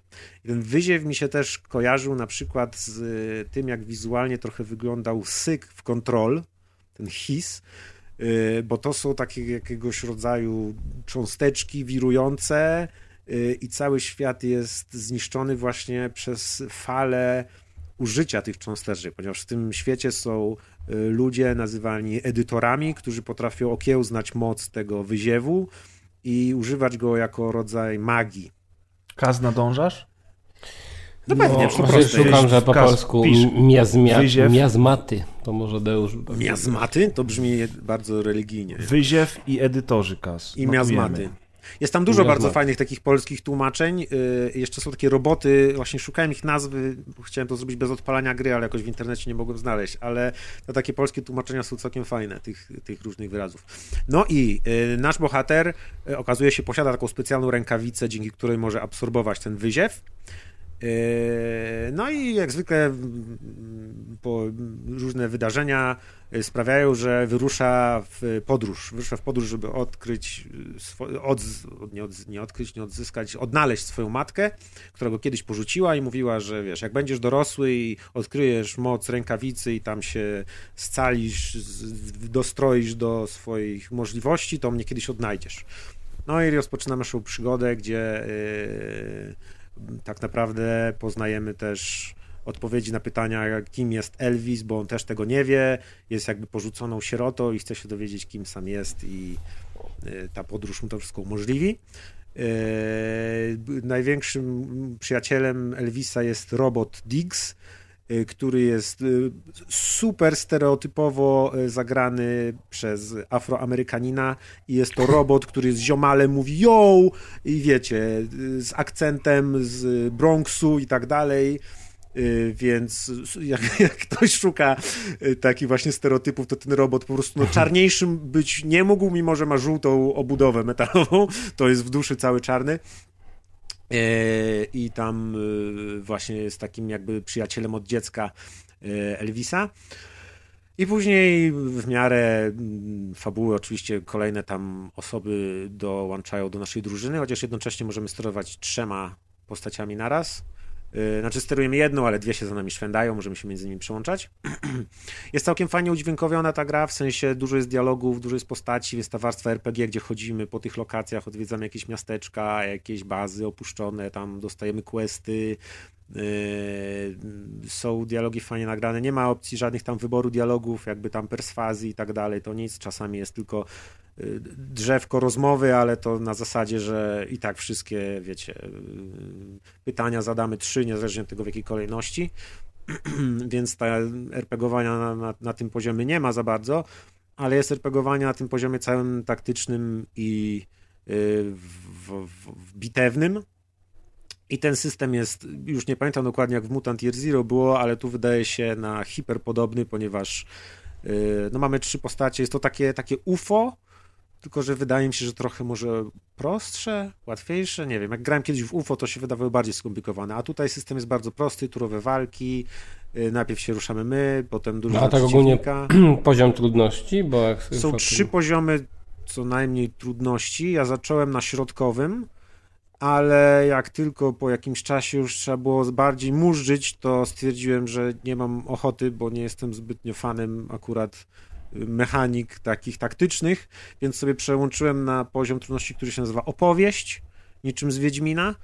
Y, I jest bardzo łatwo, w sensie powiedzmy, my zadajemy przeciwnikom 80 uszkodzeń na strzał, a oni nam 20 więc tak naprawdę to idę jak przecinak i jeśli nam jakaś postać umrze nawet, w sensie do zera jej spadną punkty życia, to można ją rzucić Ale to jej czekaj, to, to, to, to jest jakby taka i... różnica między jednym a drugim poziomem, że ten jeden to był taki, że już się zaczął wkurzać, a drugi to tak prosty, że... A czy zaczął wkurzać? Ja się szybko poddałem. Nie będę oszukiwać, że wiesz, jak tylko, jak tylko wyszło na to, że już musiałbym, wiesz, nie, nie da się po prostu podejść do przeciwnika rozpocząć walki i go wystrzelać, tylko musiałbym naprawdę y, bo, bo tutaj tych jakby mechanik do walki taktycznej jest sporo i rzeczy do ogarnięcia jest sporo, więc jeśli ktoś lubi to, to będzie kombinować, żeby sobie odpowiednio broń zmodyfikować, odpowiednio postacie wyszkolić, że ten będzie tankiem, a ta będzie snajperem. I teraz tanka podprowadzisz od przodu, y, skupisz na sobie uwagę, rzucisz skille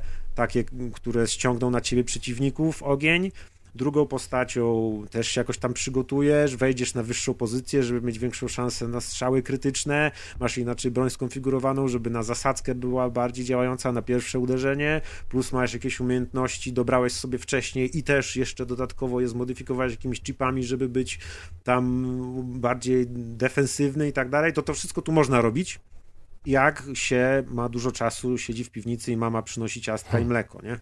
A jak ja sobie chcę po prostu przejść fabułę, to nie chce mi się tym wszystkim zajmować, tylko chcę to w miarę zrobić jak najłatwiej. I dlatego na tym najprostszym poziomie trudności be, bez problemu mi idzie. Już widzę teraz, nie wiem, jestem gdzieś tak z 10, 12 godzin może w, w głąb gry i już widzę, że są tacy przeciwnicy, którzy na przykład mają tarczę ze sobą, albo potrafią się teleportować, albo potrafią przyzywać dodatkowe jednostki, albo potrafią się dzielić, albo potrafią zmieniać się w klony naszych postaci, że gdybym grał w to na wyższym poziomie trudności, to po prostu już bym tego nie przeszedł, bo bym się prędzej poddał, niż wykminił, jak tutaj zoptymalizować postacie i tak dalej, i tak dalej. Więc y, no, y, da się przejść łatwo, bez wysilania się, ale jeśli ktoś zechce, to na pewno te trudne, wysokie poziomy trudności yy, zapewnią odpowiednią ilość mużdżenia i kombinowania i taktyki.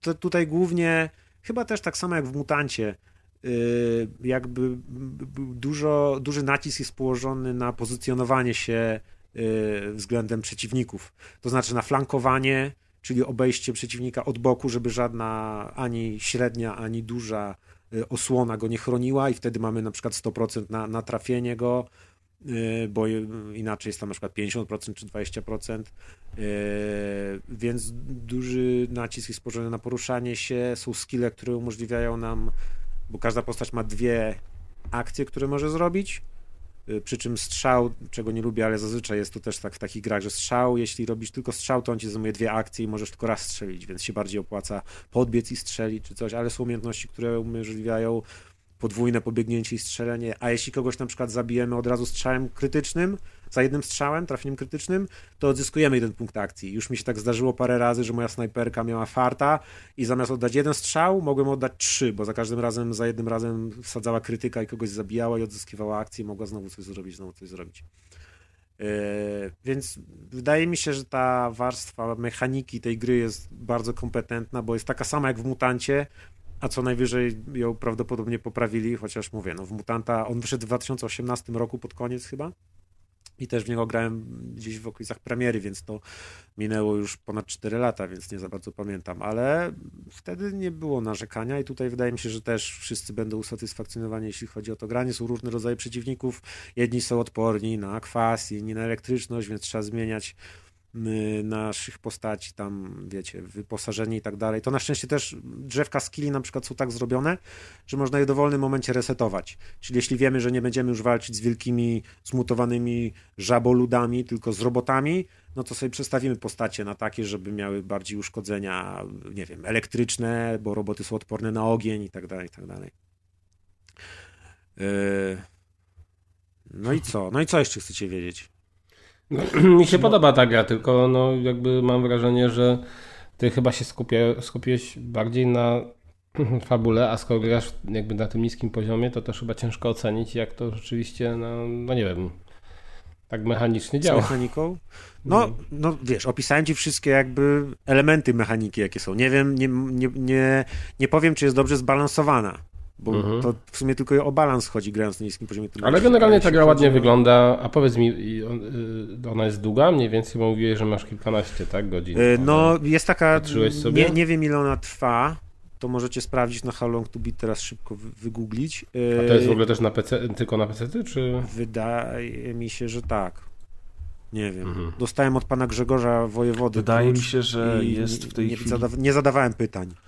E, Wydaje mi się, że jest na, e, tylko i wyłącznie Nie, na PS5 PC. i Xbox Tak? Series też. Przynajmniej Mhm. według. Tak, nie, jest, tak. No.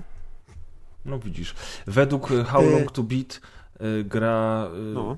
Główny, że tak powiem, wątek, Wątek. plus Mhm. poboczne to jest 19 godzin, czyli jesteś O, no Bardziej to niż bliżej za końca. połową gry, tak. Rzeczywiście. Y, No jest taka, y, a propos grania na konsolach, no to ja też gram na padzie, bo jest świetnie jakby zrobiona podpada i wydaje mi się nawet, że trochę mogłoby być niewygodnie granie myszką, a obłożenie przycisków na padzie jest super wygodne, poruszanie się, te wszystkie, wiecie, znaczniki typu że jak się poruszę tutaj, to mi gra pokazuje, że wtedy będę w zasięgu strzału tego przeciwnika, albo będę mógł strzelić w tego i w tego, albo coś. To wszystko jest fajnie przemyślane, więc y, nie ma takich upierdliwości, że tam, że, że, że, że nie wiem, co robię, czy coś. Y, Na padzie superancko się gra. Y, Wygląda świetnie w ogóle. no wizualnie jest naprawdę ładna. Bardzo mi się ten świat podoba, bo on jest taki właśnie trochę jak z Horizon, w, sensie Forbidden West, ta Mhm. PlayStationowy Horizon, nie Xboxowy, samochodowy.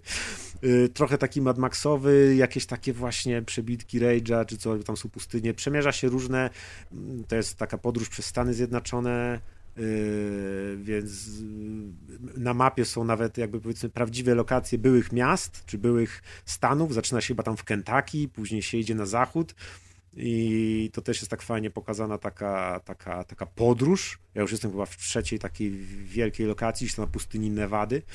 Yy, Fabuła jest naprawdę fajna, chociaż jest bardzo przewidywalna. W sensie, jak tylko ktoś coś mówił, że wiesz, o, kim on może być, to ja sobie myślałem, pewnie jest, wiecie, tam wujkiem ojca szwagra i on to wymyślił. I za godzinę się okazywało, że no tak, on jest wujkiem ojca szwagra, o Boże, czy on to wymyślił. Aha, i, i później to idzie dalej. Więc z jednej strony jest przewidywalna, ale jest, jest fajna. Też mi się właśnie kojarzyła trochę z tym Horizonem, bo y, bardzo czuć ten motyw, że mm, żyjemy w cywilizacji, która żyje na szczątkach dawnej cywilizacji, ale ta cywilizacja, która teraz jest stworzona, jest stworzona z jakąś tam tajemnicą. I my właśnie i poznajemy trochę na czym polegała stara cywilizacja i dlaczego teraz te, kim są te pierwsze rodziny, dlaczego to wykorzystują i skąd się wziął ten wyziew, ta majazma i że czy on jest zły, czy nie jest zły, czy jest tylko jakimś tam naturalnym fenomenem, o co chodzi, że możemy go kontrolować i że nie tylko my go możemy kontrolować, tylko byli też inni, którzy go kontrolowali, ale teraz ich nie ma, więc co się z nimi stało i czy był jakiś konflikt i to jest takie, powolutku się przed nami to otwiera i nie jest może jakiś super, wiecie, że o, nie widziałem czegoś takiej historii jeszcze nigdy w życiu, bo chociażby w Horizonie była dosyć podobna, ale to jest fajny motyw. Ten świat jest fajnie wymyślony, design robotów jest świetny, tych, tych postaci, tych lokacji. Roboty mi się bardzo kojarzyły z filmami Blomkampa, czyli z Dystryktem 9, z Chapim, bo to są takie, wiecie, super użytkowe, dosyć mhm. ludzkie, ale też bardzo mechaniczne, industrialne y, takie, takie maszyny. No i tak obserwuję sobie gameplay, widzę tam kilka lokacji, które jest podczas tego gameplayu pokazanych. Jest na przykład taki świat Luna Park e, z gadami, z dizonaurami widzę, że na przykład poznaje się tutaj pana, który nazywa się Stary Rusty, który wygląda jak krokodyl Dandy. Nawet ma taki kapelusz. Tak. krokodyl Dandy. Jest, jest parę nawiązań. Jest na przykład lokacja z lotniskiem. Jest to lotnisko Johna McClane'a, czyli o. bohatera zabójczej broni. Yy, ja mam... Die Hard, Szklanej Pułapki. Szklanej Pułapki. Ja mam pytanie, bo widziałem właśnie też na filmiku, że jak bohaterowie byli w mieście, to to jedna pani na stoisku y, oferowała kanapkę ze smażoną kiełbasą. Bardzo mnie to zaciekawiło. Chciałem zapytać, czy tą kanapkę ze smażoną kiełbasą udało ci się nabyć Chyba nie. Nie kojarzę w ogóle tej kiełbasy. Tutaj, jak się idzie przez te lokacje miejskie, to rzeczywiście też to jest fajne, że dużo postaci prowadzi taki dialog w tle i możemy sobie przystanąć i posłuchać, jak tam dwie czy trzy postaci o czymś dyskutują, i to nawet często nie jest takie jedno zdanie, tylko czasami nawet byłem zniecierpliwiony, że już kończcie ten dialog, bo chcę pójść dalej, a słucham tutaj, jak ojciec z synem rozmawia przez minutę i coś tam opowiadają. Ale to też jest takie pozytywne, bo wpływa na to, że ten świat właśnie jest taki żywy, że nie masz wrażenia, że te lokacje są martwe, tylko że jeśli masz miasteczko y, to górnicze, to że każdy tam ma jakieś swoje problemy, później w miarę fabuły, jak tam powiedzmy się coś dzieje w tym miasteczku, to też ci ludzie komentują wydarzenia z tego miasteczka, więc y, to wszystko wpływa na taką wiarygodność tego świata i na to, że się łatwo można w niego wczuć. W Dialogi klimat. są udźwiękowione? Tak, wszystkie dialogi są udźwiękowione. E, jest polska wersja językowa, przy czym zauważyłem, że czasami są e, braki tłumaczeń i wiesz, nagle jedno zdanie jest po angielsku. Mm -hmm. I parę razy mi się to już zdarzyło, więc to nie była jakaś tam pojedyncza mm, ominięcie, tylko ewidentnie ktoś tam się nie przyłożył, bo już kilka razy tak było. A tak poza tym wszystko jest po polsku opisane, wszystko jest z voiceoverem, fajne głosy postaci, fajnie zagrane. W sumie nie wiem, do czego mógłbym się przyczepić jakby. Dzięki Bogu jest ten łatwy poziom trudności, bo bardzo bym żałował, gdyby ta gra się okazała dla mnie za trudna, a chciałbym właśnie jeszcze więcej przy niej spędzić czasu, zobaczyć te lokacje kolejne, które tam są i ten, więc na szczęście tutaj dzięki łatwemu poziomowi trudności nie muszę korzystać z cheatów i trainerów, jak to zwykłem robić. No wygląda bardzo, bardzo dobrze. Jestem zaintrygowany. Ja też niewiele o tej grze słyszałem, natomiast faktycznie teraz jak mówisz, to skojarzyłem coś tam z tym e, Mutant Year, Year Zero, Zero. Mhm. I, i teraz oglądam sobie gameplaye i naprawdę ch chciałbym w to zagrać, bo ja lubię tego typu gry, ale one zazwyczaj są zbyt wymagające właśnie podczas walki turowej, a jak ty mówisz, że jest tutaj poziom trudności do wyboru i można sobie ustawić łatwy, to chyba mhm. pójdę za twoją poradą i spróbuję, no, bo no, wygląda to niesamowicie dobrze, nie? Mhm. Fajna, bardzo fajna gra. I w sumie nawet mm, jestem jakby za tym, żeby The Bearded Ladies kolejną swoją grę zrobiło też jakby na takim samym systemie, tego samego typu grę, ale znowu jeszcze w innym świecie. I trochę właśnie jak Remedy, nie? Robią jeden rodzaj gry, ale każda jest w innym świecie i dzięki temu mimo wszystko każda jest inna. No i pięknie. pięknie. Piotrek, jakieś pytania masz? Jeszcze Już miałem majazma? wcześniej. Majazma? It's me, Dobra. Majazma. Dobra, y, podkręćmy tematykę science fiction, bo też mam grę, która się dzieje w tej tematyce właśnie, w takich uniwersach. Y, I też post-apo, mm, ale troszeczkę z innej strony, nie wiem, czy to dobrze powiedzieć, ekologicznej strony. Gra się nazywa After Us. Y, Jest chyba na Xboxa i na PC i na PlayStation. Dostępna chyba na Switcha nie ma. To jest gra, która jest taką ciekawą dosyć platformówką. Yy, Platformówką właśnie, która, której akcja rozgrywa się w świecie, który został zniszczony. E, My sterujemy takim jakby duchem ziemi, powiedzmy on, taką dziewczyną, która ma na imię Gaja i która przez takiego przewodnika swojego, przez swoją matkę jest posłana do naprawienia tego świata. Musi znaleźć jakby zaginione dusze, które pozwolą ten świat e, no, ożywić. E, I mm, to jest platformówka, która wydaje się, że jest bardzo otwarta. To znaczy, masz wrażenie, jak sobie na nią spojrzysz, że ona jest w ogóle w takiej jakby dużej skali, czyli my widzimy tę naszą postać w dużym oddaleniu. Kamera często to ustawia się daleko od niej. No i masz wrażenie olbrzymich przestrzeni, po których się możesz poruszać. Rzeczywiście czasami y, trudno jest y, stwierdzić, w którą stronę powinniśmy iść, bo ta droga nie jest jasno zaznaczona, no ale przy metodzie prób i błędów w końcu okazuje się, że no, że idziemy po prostu w tym jednym kierunku, który jest dla nas wyznaczony. Czasami możemy odbić, żeby szukać znajdziek. E, To, co jest tutaj e, fajne, to jest właśnie moim zdaniem ten klimat, e, ten klimat post-apo i to jest taki taki klimat mocno niepokojący. Te wszystkie światy, które zwiedzamy, one są jakby odzwierciedleniem różnych problemów, które spotykają e, tutaj planetę naszą obecnie. E, I też super wyglądają właśnie te lokacje pod względem designu. Na przykład mamy coś ala ocean, gdzie pływają takie stare lodówki. E, Mamy ludzi, którzy mają zamiast głów telewizory takie jakby piaskowych ludzi. E, W ogóle mamy dużo takich piaskowych ludzi w postaci grubasów. Grubasy są zawsze niepokojące. Tak jakby tutaj. Bo w tej grze ja mam wrażenie, że ten klimat jest taki mega depresyjny właśnie. I dosłownie e, mm, miałem takie momenty grając w to wieczorem, e, że no tak, taki lekki stresik się pojawiał. Tutaj może nie było nic strasznego, ale właśnie ten nastrój taki, takiego zdołowania i te postacie powykręcanych ludzi zatopionych w piasku y, robiły wrażenie. E, Zresztą muzyka też moim zdaniem akurat jest kapitalna. W tej grze jest to, nie wiem jak to nazwać, taki ambient, ale taki metaliczny ambient. Troszeczkę czasami wydaje mi się, że słyszałem nawiązania do tego głównego motywu z Terminatora. Ym, Jest to wszystko polane właśnie takim sosem post-apo, e, e, takiej beznadziei tego, No że już nic nie istnieje.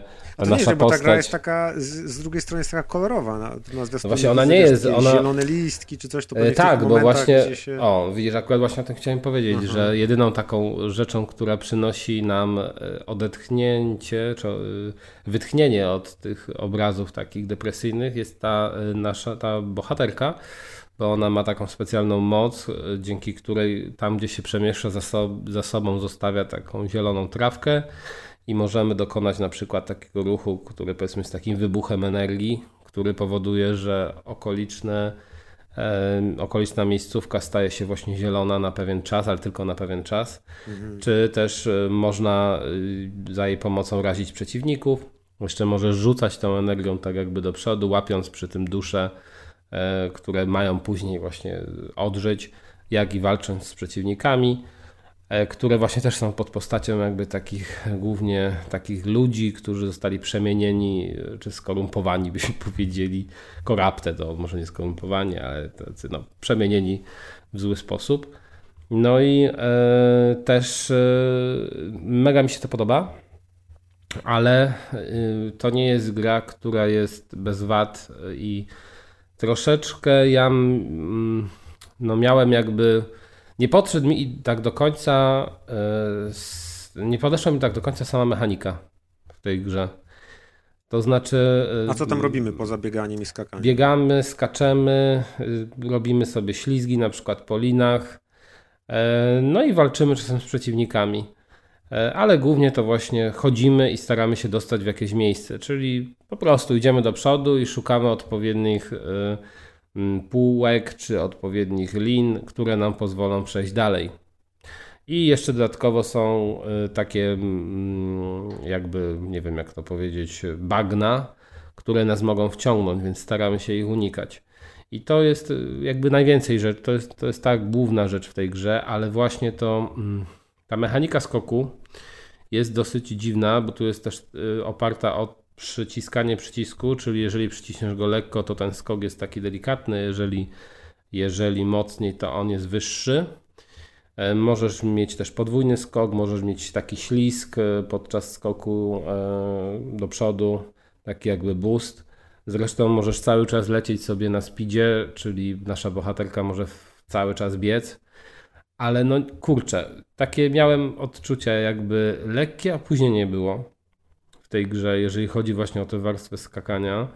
Czasami mi było ciężko wyczuć, czy dana półka, którą widzę, jest za wysoko, czy jest w moim zasięgu, bo tu bardzo często właśnie są tego typu, mm, tego typu lokacje, gdzie widzisz niby kilka miejsc, w które możesz się udać, a tu się okazuje, że no dobra, ta jest tak minimalnie za, y, za wysoko. I to mi często przeszkadzało, e, bo byłem pewien, że tu się uda gdzieś doskoczyć, a tu jednak okazywało się, że te parę centymetrów y, to za mało, było za mało i mówię, dobra, no to jeszcze raz spróbuję. I jeszcze raz spróbuję, i trzeci raz, i piąty. I nagle mówię, kurczę, dobra, to chyba nie tu. I dopiero po tych kilku próbach okazywało się, że no dobrze, no to jednak chyba tutaj nie da rady, więc szukałem jakiejś innej e, lokacji. I w ogóle też właśnie nasza postać ma taką manierę, że jak ona skacze, to ona tak przez moment jakby wisi w tym powietrzu. Zresztą nawet jest taka tutaj mechanika, że takie powolne opadanie, które jeszcze wydłuża ten czas lotu, E, ale mi to przeszkadzało tak w wyczuciu do końca tej gry. Też fajnym motywem, akurat, który poprawia e, ten mankament, jest to, że możemy się wspinać po niektórych ścianach, czyli biec po nich, i dzięki temu też unikamy e, no, nadmiernego skakania. Ale tak jak mówię, mi akurat to najbardziej chyba przeszkadzało w tej grze. Poza tym, w ogóle jest warstwa taka fabularna, jest bardzo symboliczna i akurat w takim dobrym tego słowa znaczeniu, czyli jest jej niewiele. W zasadzie nasza postać nie mówi, ale ta jej przewodniczka, czyli ta jej matka, tak zwana, coś tam e, potrafi do niej powiedzieć, jakby nam e, mówi w ogóle o co tutaj chodzi, co się dzieje. Ja jeszcze tej gry nie ukończyłem, ale ona nie jest długa. To jest raptem, nie wiem, pewnie około, trzeba by sprawdzić, ale pewnie około kilku godzin, o kilkanaście się nie będzie ocierać bo tam, jak widziałem, będzie prawdopodobnie 8 etapów i może jakiś etap końcowy, ale no, warstwa wizualna moim zdaniem jest super, chociaż też czasami framerate nie był taki stabilny, ale większych problemów poza tym nie uświadczyłem. No i warstwa muzyczna jest super. No w ogóle designersko ta gra mi się bardzo podoba. E, gdybym ją widział i tak na obrazku e, z daleka, to mógłbym nawet nie wyczuć, że to jest platformówka. E, no jednak jesteśmy przyzwyczajeni chyba do takich teraz platformówek 3D bardziej kolorowych, a to jednak jest platformówka, która no właśnie akurat niestety do końca mnie tą mechaniką nie przekonuje, ale to też nie jest tak, że ona jest zepsuta, po prostu być może tak idealnie nie trafia w moje gusta, E, sądzę, że wielu innym to nie będzie sprawiało problemów. Bo tu też jest taki motyw właśnie, który chyba mi też przeszkadzał, że czasami nie miałem poczucia, że wiem, gdzie wyląduję. I wielokrotnie wydawało mi się, że aha, dobra, trafię na tę platformę, a jednak tam się ześlizgiwałem. Ale tam widzę I... podczas gameplayu, że jak skaczesz, to pod twoją postacią pojawia się takie kółko, które pokazuje, gdzie będziesz lądował, nie? E, tak, niby tak, ale czasami masz taką sytuację, że na przykład są bardzo wąskie półki, chociażby takie samochody zawieszone w powietrzu i wydaje ci się dopiero, znaczy wydaje się, że lecisz dobrą trajektorią, a to kółko się pojawia y, czasami zbyt późno, a czasami właśnie okay. tak jakby, że połowicznie zakrywa to miejsce, do, na które skaczesz i teraz teoretycznie niby wylądujesz, ale możesz się ześliznąć z tej półki, na którą, y, na którą trafiasz. No ale to tylko takie mankamenty, wydaje mi się, na akurat, których, y, które mnie dotknęły. Może ktoś w ogóle na to nie zwrócił uwagi, y, ale no moim zdaniem warto. Nie wiem, powiem szczerze, czy ta gra jest w pełnej cenie, ale na pewno warto ją zobaczyć i moim zdaniem to jest też potencjał, jeżeli chodzi o muzykę, taką do słuchania sobie po prostu y, poza grą. No moim zdaniem jest to super jest po prostu. Ten klimacik bardzo, tworzy bardzo kapitalny. Wygląda. 140 tak, zł na Steamie. Mhm, o, 130, naprawdę? A 134 zł na PS5. A, jak 40 zł na Steamie, 130 zł na PS5? 140. Na 140, 140 a, na Steamie, okay. 134 na PS5. Zakładamy więc, że na Xboxie jest podobna cena. Faktycznie audiowizualnie robi wrażenie. Nie jest to może jakaś e, bogata, szczegółowa grafika, ale ten design i klimat są specyficzne, no, ciekawe i w ogóle jest fajny. On, on, tak, ona, tak. No w ogóle ten motyw, że ratujesz patrzy... te zwierzęta, tam masz, wiesz, tu widzisz jakiegoś zagłodzonego psa i to masz jego duszę uratować. I można głaskać e, masz... duchy kotków. Masz, tak, masz świnię, która wisi z haka i też widzisz po prostu jej martwą już świnię jakby w postaci takiej piaskowej. Też ją widać tę wściekłość na, tych, na oczach bohaterki, właśnie jak niby nie uzdrawiasz tych zwierząt, ale jakby pozwalasz ich duchom tam e, dalej brnąć. I mhm. widzisz te, te dusze tych zwierząt, możesz właśnie je pogłaskać. Zresztą nasza postać ma taką mechanikę, że może nawoływać te duchy. To w zasadzie chodzi o to, że jest taka mgiełka, która wtedy lokalizuje, gdzie są ukryte dusze niektórych zwierząt, po prostu cię tam prowadzi. E, no nie wiem, mi się akurat to bardzo spodobało. Takie powiedziałbym zaskoczenie. No i to też nie jest gra z tych takich platformerów, które są strasznie wymagające. Nie? To jest raczej taki tytuł e, lightowy, właśnie do pooglądania, do, do pobawienia się troszeczkę mechaniką, bo rzeczywiście ten ślisk, czy to bieganie, to może wielu osobom się bardzo spodobać. No ale tak jak mówię, no u mnie akurat ta mechanika skakania troszeczkę nie zagrała. Poza tym bardzo fajna gra. Nawet nie wiem, jakie ona zbiera recenzje, bo nie patrzyłem, ale sądzę, że dobre. Ja tylko powiem, że poza piaskowymi grubasami są też piaskowe golasy. Tak, bo właśnie to takie, kurczę, troszeczkę, golasy? nie wiem, czy no to tak. siódmiak, mm. to, to, mi się dobrze kojarzy z tymi obrazami. Yy, trochę bardziej beksiński chyba. Beksiński, o właśnie, ja źle powiedziałem, mm. tak, no też, beksiński. E, że to troszeczkę ten klimat medium mi przypominało dziwo, bo tam też jakby nawiązania były do beksińskiego. E, no, fajna sprawa.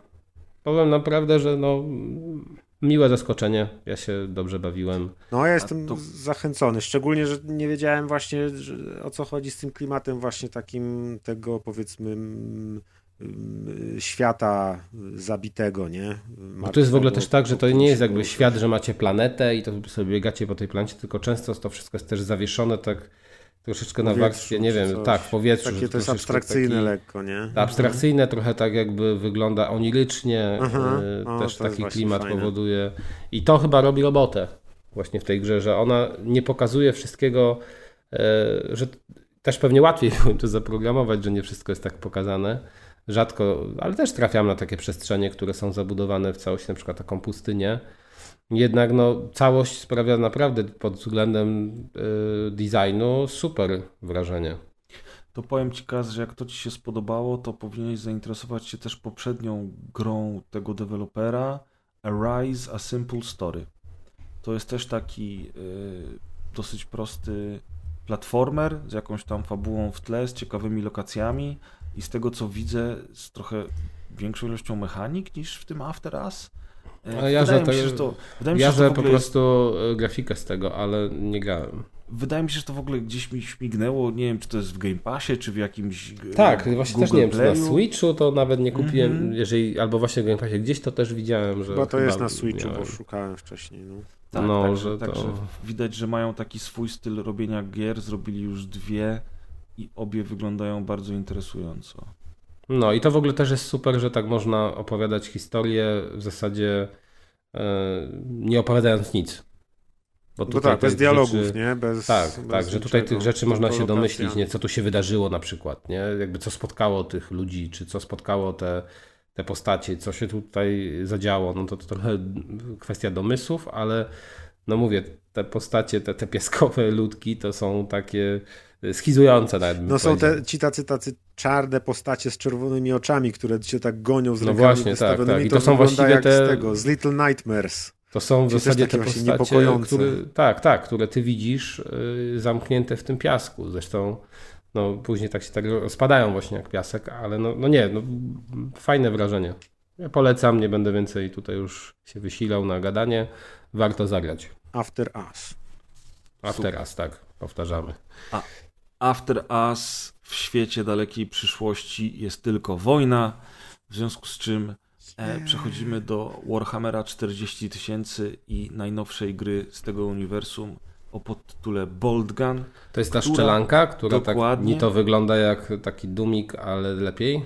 Tak, dokładnie, bardzo ładnie. Piękna recenzja, dziękujemy. Powiem szczerze, że ta gra, na, nawet sobie ją zrobiłem do wishlisty na Co Switchu. ty powiesz? Tak, No, to, jest, to, jest, to jest y, gra, o której się dużo mówiło, już pierwsze zapowiedzi ją chwaliły. ja w ogóle o tym- nie słyszałem, tylko akurat widzę gdzieś tam, że coś, co, co, co nowego się pojawiło na Switchu, i że to coś, no, nawet nieźle wygląda. No zadałem do wishlisty, Tak. nie wiem, nie wiem, czy jest dobre, czy nie.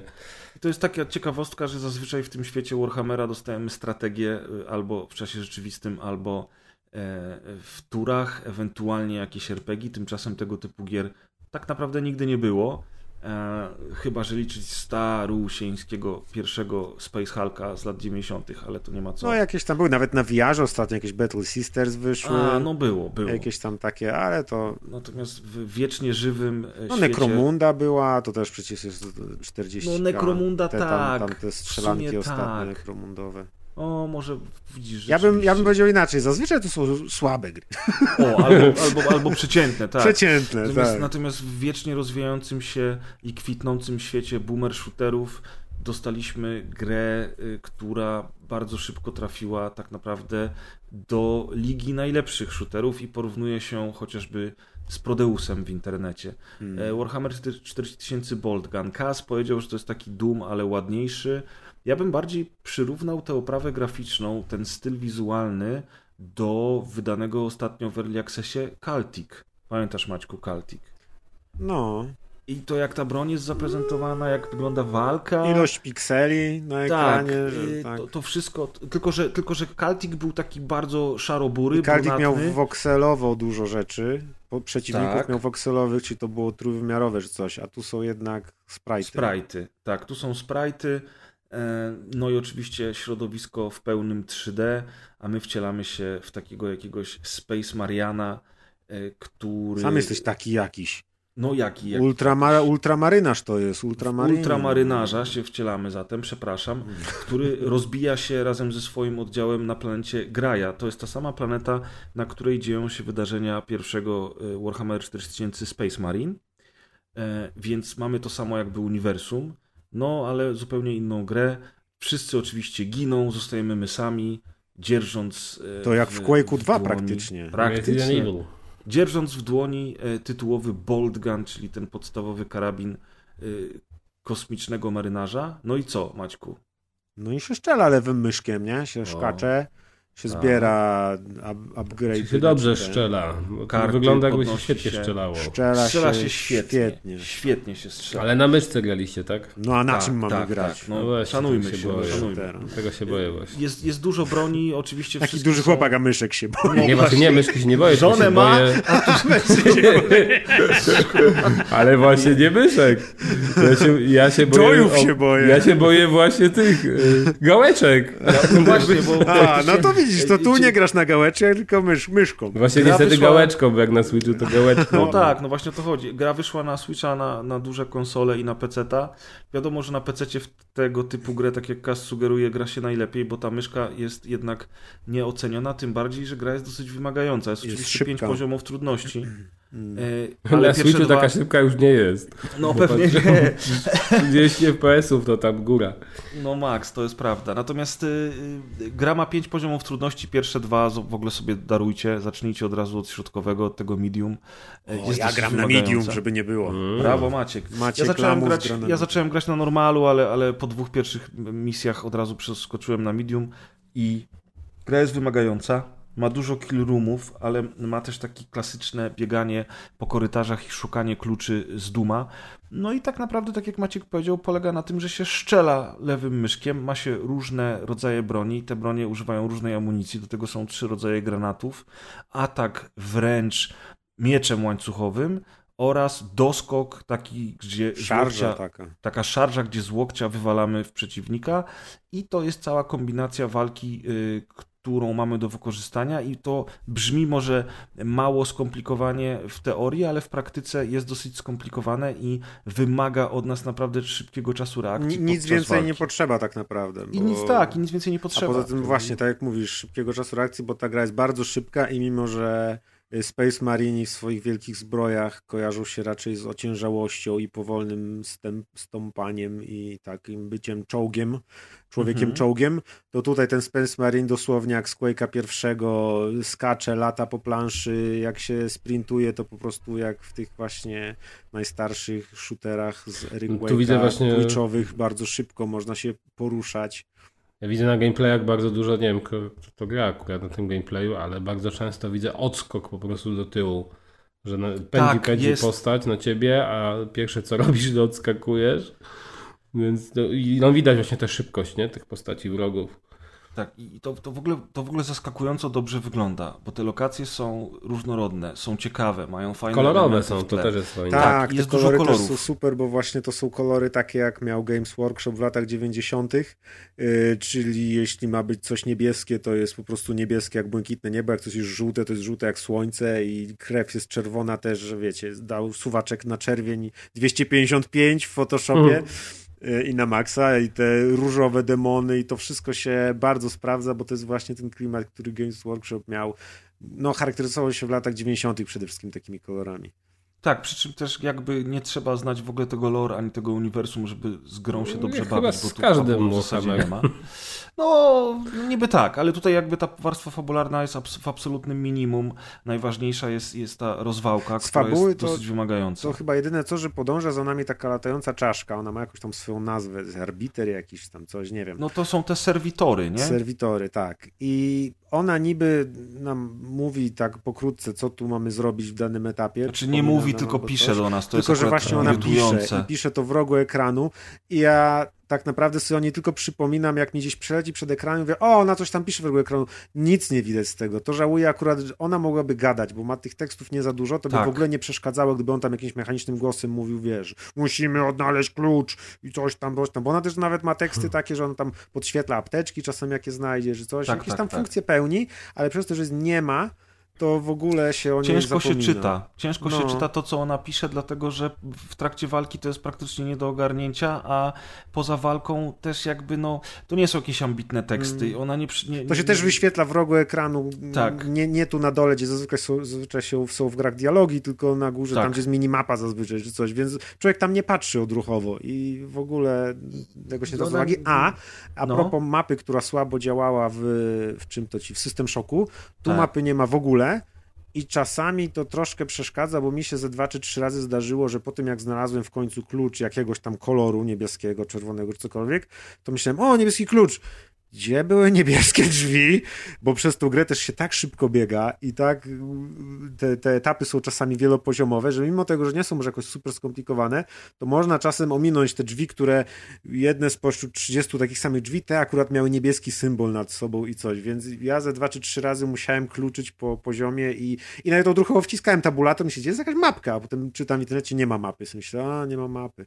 Tak, ten serwitor czasami pomaga w dojściu do celu, bo on się pojawia, jak zabijemy wszystkich przeciwników i wtedy zaczyna na przykład lecieć w jakimś kierunku. I on czasami leci w kierunku, w którym powinniśmy podążać. A widzisz, ale bardzo często leci na przykład w kierunku amunicji. No I właśnie, mówi, apteczki, Znalazłem amunicję do heavy boltera. tylko, tylko, tak, tylko na przykład, tylko wiesz, tylko on jest tak, tak bardzo nieprzydatny, bo na przykład po, po takiej sieczce na arenie leży 10 zestawów amunicji do ciężkiego boltera, tak. a on podlatuje do jednej z nich i mówi, panie, patrz tutaj, panie! To jest takie, wiesz, Czyli motyw z gumisiów. Dobry serwitor. dobry, dobry. Ale ogólnie y, Warhammer 4000 Boltgun jest naprawdę, naprawdę On dobrym jest, shooterem. ten gameplay jest bardzo dumowaty, taki jak był Doom 2016 roku.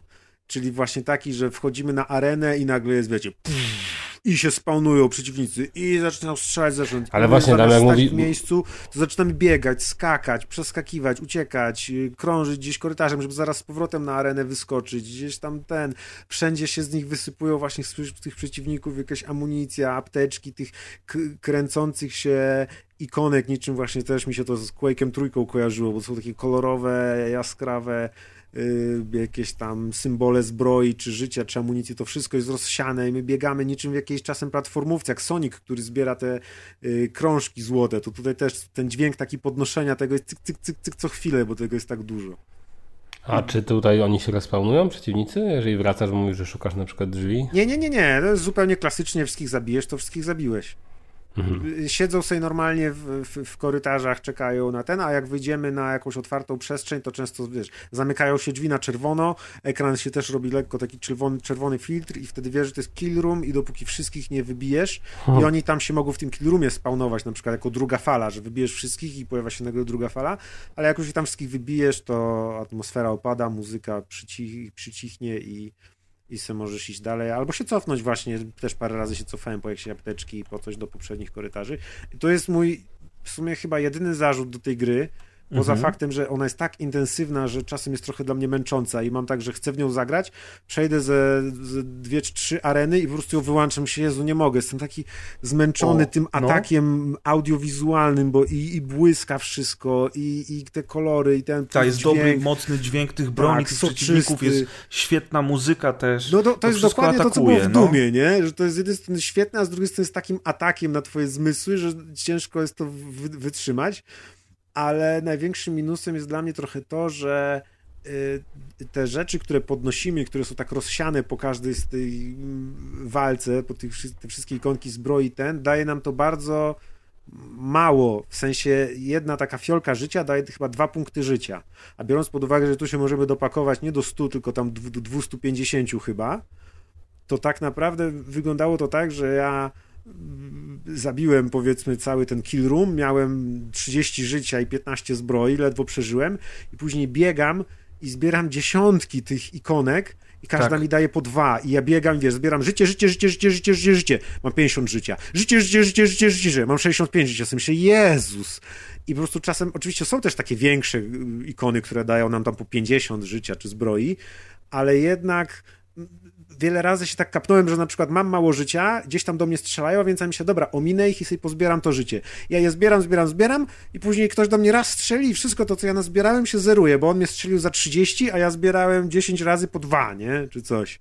No, no, no. I to jest takie mylące, że widzisz taką całą planszę i myślisz, ale życia sobie zbiorę i zbierasz dużo, a okazuje się, że nic nie zebrałeś. I ja często też tak się zdarzało, że ja miałem mało życia i myślę, o, życie sobie zbiorę i puk, puk, puk, puk pozbierałem, wracam do walki, a oni mnie dwoma strzałami zabili. Ja myślę, co jest? Myślę, a, bo miałem, bo, bo to mi mało zajęło. Więc to jest takie nieintuicyjne. Wolałbym, żeby tych ikon było mniej, tych, tych, tych do, do zbierania, ale żeby więcej tego dawały. Bo też jest później taki chaos, że rzeczywiście kończysz tą walkę, czy nawet w trakcie walki widzisz, że jest wszędzie mnóstwo tych ikonek, ale wiesz, że zebranie ich da ci pół procenta czegoś tam, nie? Więc to jest takie nie, nieintuicyjne moim zdaniem. Dało się to trochę lepiej zrobić. A poza tym tak naprawdę uwag żadnych nie mam. Wizualnie to wygląda świetnie. Też się cieszę, że to... Trochę byłem zaskoczony, że właśnie poszli w takiego retro shootera, ale w sumie rzeczywiście takich zwykłych strzelanek trochę tam było, czy Space Hulków, czy te takie ala Vermintidy, były Deathwing to się chyba nazywało. Czyli takich realistycznych, Tak. powiedzmy, podejść już było sporo i tu nie byłem pewien, jak się sprawdzi to takie boomer shooterowe podejście, ale sprawdza się świetnie i tą dynamiką, ale wizualnie też jest super, bo to są yy, to nie są modele 3D, tylko sprite'y, ale one są całkiem dobrej jakości, w sensie dużej rozdzielczości. To nie jest taka pikseloza sprite'owa, jak kojarzymy właśnie Znaczy, no nie, no to jest tam maksa roz, rozpikselizowane jednak. No ja nie? wiem. No jak Tyle patrzysz, tylko? Myślę, Nie że wiem, czy to przełączyłeś, jak ci mówiłem, że tam są opcje retro i w opcjach Tak. retro ja od razu polecam przede wszystkim kompletnie wyłączyć paletę retro, bo ona, ona powoduje, że ta takie gra ograniczenie wygląda... liczby kolorów. Tak, ale prawda jest taka, że ta gra dużo lepiej wygląda bez tej palety Tak, retro, tak, plus tak. wyłączyć na ile się da pikselozę. I w ta gra w, w tym takim, w tej takiej od, pozbawiona tej otoczki retro, mimo tego, że nadal jest tak naprawdę mocno retro wizualnie, wygląda dużo lepiej niż jak sobie tam no, tak. nawpychamy tych, tych, tych, tych, tych takich Tak, to jest niepotrzebne, dodatków. bo to ubrzydza to, bo ta gra jest na tyle tak. ładna, że aż szkoda ją rozpikselowywać, bo tak. właśnie traci się te, te detale, bo te postacie, mówię, dla mnie one są całkiem w wysokich rozdzielczościach porobione. Jak ci tam Space Marine chaosu bliżej nas podejdą, to widać te detale zbroi i tak dalej. To nie jest taki pixel art, gdzie ktoś, wiesz, gdzie jak robią oczy, to to jest po jednym pikselu na oko, nie? Tylko mm -hmm, tak mm -hmm. całkiem, całkiem to jest fajnie zrobione i nawet tak naprawdę one są tak fajnie animowane, że w czasie tej dynamicznej gry ja nie zwracam uwagi na to, że walczę z dwuwymiarowymi pikselami, bo są tak fajnie oświetlone, mają dużo klatek animacji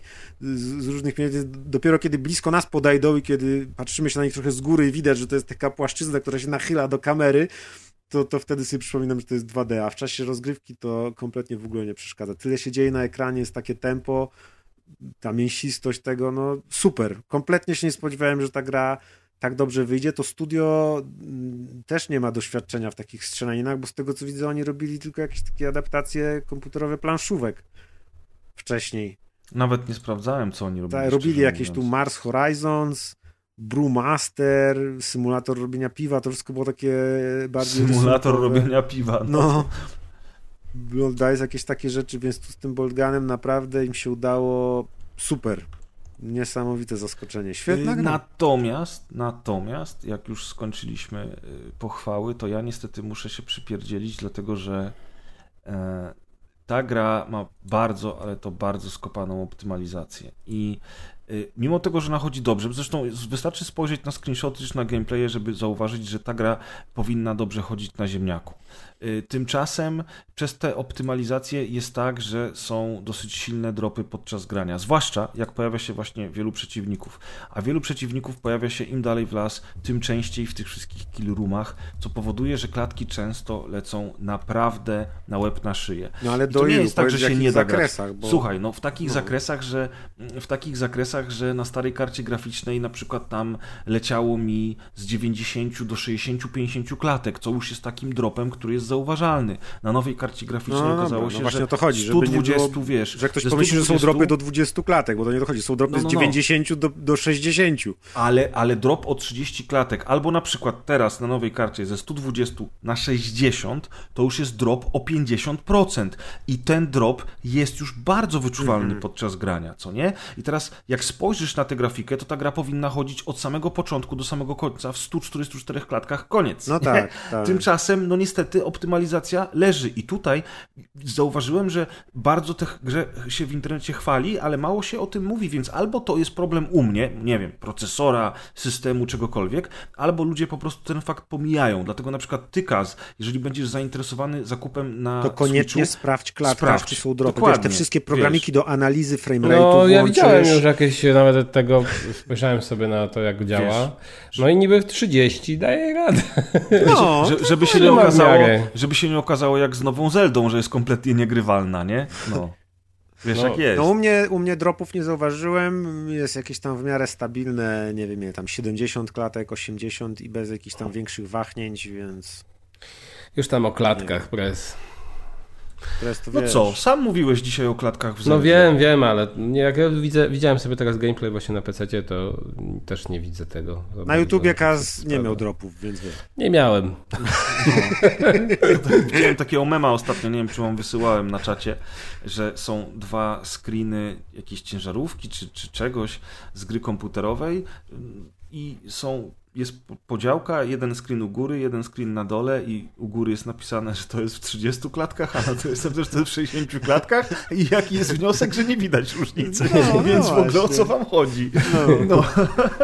W każdym razie, słuchajcie, przechodzimy do ostatniej gry dzisiejszego odcinka. Nazywa się ona Hyper Violent. Wyszła w kwietniu w Early Access i jest niesamowitym zaskoczeniem dla mnie, mm, ale jest też y, to jest chyba temat przewodni dzisiejszego odcinka. Mówiłem o tym, znaczy dzisiejszego odcinka, jeżeli chodzi o moje recenzje, ale też po Boldganie też takie Maciek miał wnioski grając w niego, a mianowicie to jest kolejna gra, która mnie zmęczyła. To znaczy System Shock, Boldgun i Hyper Violent mnie zmęczyły, bo to są wszystko w jakiś tam sposób wymagające gry, z czego Hyperviolent okazuje się być najbardziej wymagającą grą z tych wszystkich, jak dla mnie.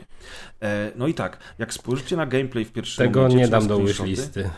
ale właśnie, ale właśnie. Jak spojrzysz na to, to to wygląda jak Doom, prawda? Taki jakiś tam mod Duma.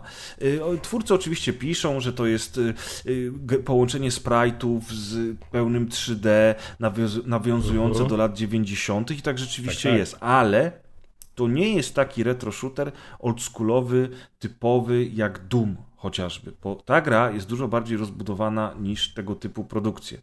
Całość dzieje się na asteroidzie, na której są jakieś tam kopalnie minerałów, co przypomina troszeczkę, y, nie wiem, chociażby klimat Red Faction, natomiast mamy tutaj ten, ten jakiś taki motyw nadnaturalny, bo oto budzimy się y, w, w bazie, w placówce, gdzie okazuje się, że wszyscy są zamienieni w zombie, potwory i inne tego typu e, szkaractwa, a my będziemy przez tę bazę przebijać się, szukając kluczy, żeby odnajdować kolejne przejścia, ale nie będzie to takie łatwe jak chociażby w Dumie, bo tutaj cały czas brakuje nam amunicji.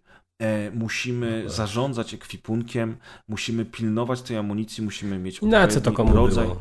No ale właśnie, słuchaj, musimy mieć odpowiedni rodzaj amunicji do odpowiedniej broni. Tych broni jest bardzo dużo. One mają różne, różne sposoby działania. Do tego my mamy dostęp do takiego małego ekwipunku pod tabulatorem, gdzie wybieramy sobie, że na przykład w lewej dłoni będziemy trzymali latarkę, która nam się przydaje w ciemnych pomieszczeniach, a w prawej pistolet, chyba że weźmiemy shotgun i wtedy mamy obie e, ręce zajęte, etc. Tylko, że nawet sposób przeładowania broni w tej grze jest inny niż normalnie, bo najpierw musimy wcisnąć R, a dopiero wtedy wcisnąć lewy lub prawy myszek, żeby broń z odpowiedniej ręki przeładować. To wygląda jak ten stary System Shock. Tak, to, Wizualnie, czy tak ten. i, I tak nawet klimatem, teraz. prawda? To Mhm. ma w ogóle gęsty klimat. Ja w życiu się nie spodziewałem tego, że gra z taką oprawą graficzną będzie w stanie mnie przestraszyć. A przestraszyła mnie na początku ze trzy razy, bo jak pierwsze zombie wyskakują na ciebie z za rogu, to tak okropnie krzyczą, że można się zesrać. Naprawdę. To jest pierwsze.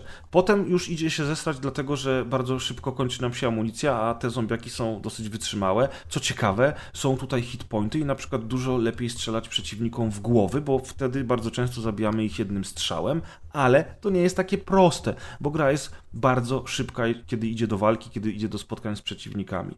Jest tutaj, jest tutaj dużo kluczenia po korytarzach, szukania kluczy rodem z Duma, szukania rozwiązań, jak włączyć reaktor, żeby przedostać się dalej.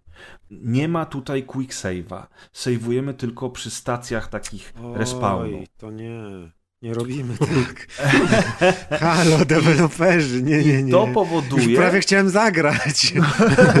to powoduje, to powoduje że, że ta gra jest stresująca i męcząca, ale w taki nagradzający sposób. To znaczy z każdym Jak kolejnym cię nagradza? sukcesem. No nagradza cię tym, że udało ci się graczu przejść dalej. Eee, I ja jestem bardzo miło zaskoczony tą produkcją. Ona jest dopiero w Early Accessie, y, nie jest jeszcze dokończona, ale, ale już widać, że to wszystko, co się w niej dzieje, to jest ciekawy pomysł, ciekawa mieszanka stylów. Do tego dochodzi na przykład latanie statkiem w kopalniach, jak, w, uwaga, uwaga, w Descent. I to jest zajebiste w ogóle, to fajnie wygląda, ma swój klimat y, i, i, i to też na pewno y, wprowadza jakieś urozmaicenie do całości, więc mamy taki science fiction, horror, który potrafi nas naprawdę zestresować samym straszeniem, naprawdę potrafi, ale przede wszystkim stresuje nas właśnie tym wyma- wymagającym gameplayem, tym takim siedzeniem na krawędzi taboretu, podobnie jak w System Shocku y, i z jednej strony, tak samo jak w System Shocku, to jest zaleta tej produkcji, a z drugiej strony to jest oczywiście wada, no bo, no bo ja się też trochę tą grą zmęczyłem. To znaczy, ona po prostu, ona po prostu jest wymagająca i też podchodziłem do niej na krótkie serie, bo na dłuższą metę y, człowiek jest zbyt zmęczony czy zestresowany, żeby w nią sobie e, dłużej grać. Ale totalnie dodajcie ją do wishlisty. Ty kas nie musisz, jak nie chcesz. Ona ma w sobie dużo ciekawych Dziękuję. pomysłów. Nie chcesz, tak? Dziękuję. No y, nie, no po prostu, no nie. No ja wiem, ona wygląda jak wygląda. To już jest naprawdę specyficzna oprawa dla specyficznego rodzaju gracza. Ale jeżeli interesuje To cię się early access, to tytułami- mnie nie interesuje to w ogóle. A no wiesz. tak, no ale wiesz, no kiedyś z tego early accessu wyjdzie. No i, i uważam, że wtedy powinniście się tą grą zainteresować. Hyper, Violent, naprawdę smakowity koncept. Ja mam pytanie, bo widzę, że tutaj jak się obracasz na bok, to, to się tak postać pochyla. Tak, bo jest taki head bobbing Czy też. to nie jest irytujące?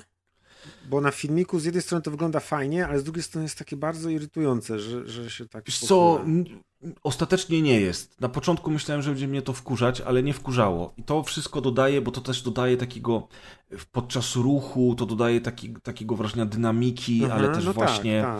wiesz, podczas tej walki, tego przeładowywania, tego unikania, jeszcze czasami musisz się zdążyć uleczyć i tak dalej, to wszystko powoduje, że mimo tego, że oprawa graficzna jest taka, jaka jest, to ma się wrażenie, że to jest bardzo współczesny, dynamiczny gameplay. Bardzo fajnie udało im się to wszystko połączyć ze sobą, Mhm. więc to nie przeszkadza, szczerze podobają mi się animacje broni i, i tego, co tam w rękach trzymamy, tej latarki, tych pistoletów, jak to jest narysowane, bo jest też tak nietypowo, ale całkiem fajnie. Może właśnie dlatego, że nietypowo. I to menu takie, które się pojawia, ten inwentory nasze.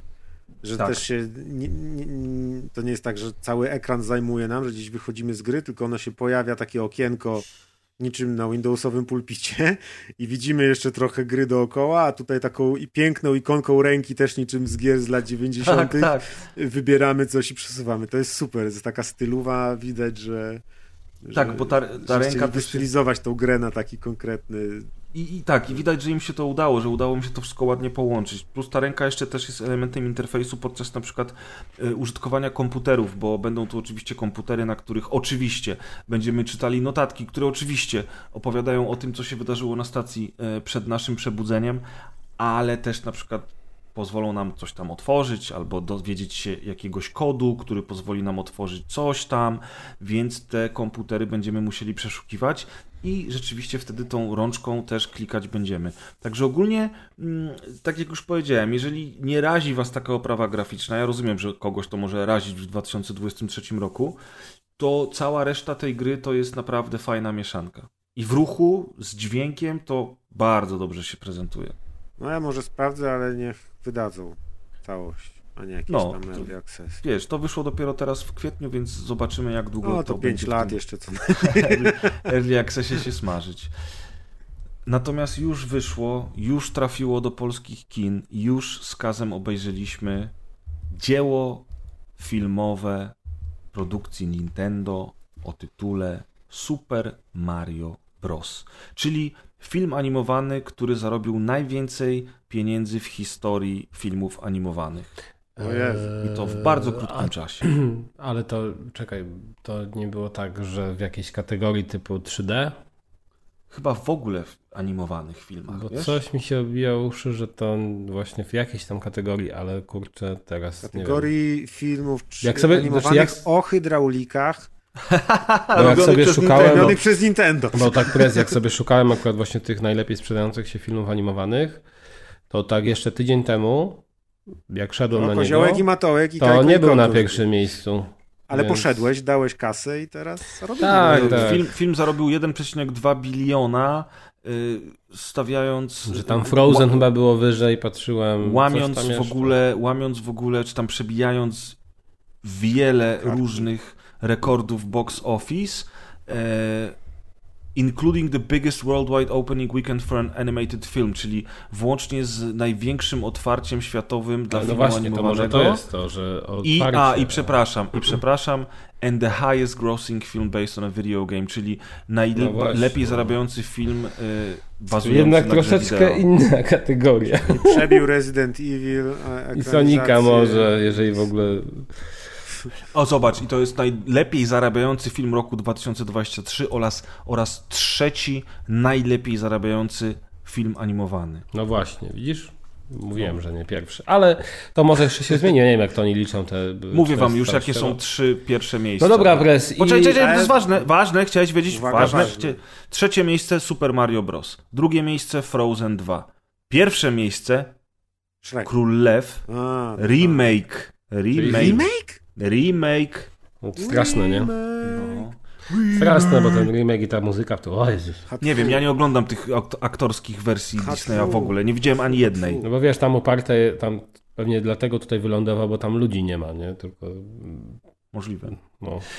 W każdym razie, Misiaczki, myśmy obejrzeli i teraz Piotruś, Czy wydaje jak się- tobie podobało? No, hmm. Czy- A nie, chciałeś coś zapytać, to pytaj. Czy Chciałem wydaje zapytać, się czy wydaje? rzeczywiście masz wrażenie, znaczy, czy jakość tego jest tak y, dobra, jak to miejsce, które zajmuje?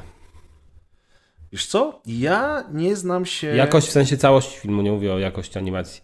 Okej, ja rozumiem. Ja się nie znam y, za bardzo na lore Mario Bros. ani na Nintendo. W sensie na tych grach tam, to Nintendo. nie, dobra, to nie ma tam lore, no bez jaj. No, no, no, coś tam jest jednak, nie? Tam się No. gdzieś w tle pojawił Yoshi, wiesz, tu są te, te grzybki. tak. E, Oj, to teraz żeś zaspoilował fajnie.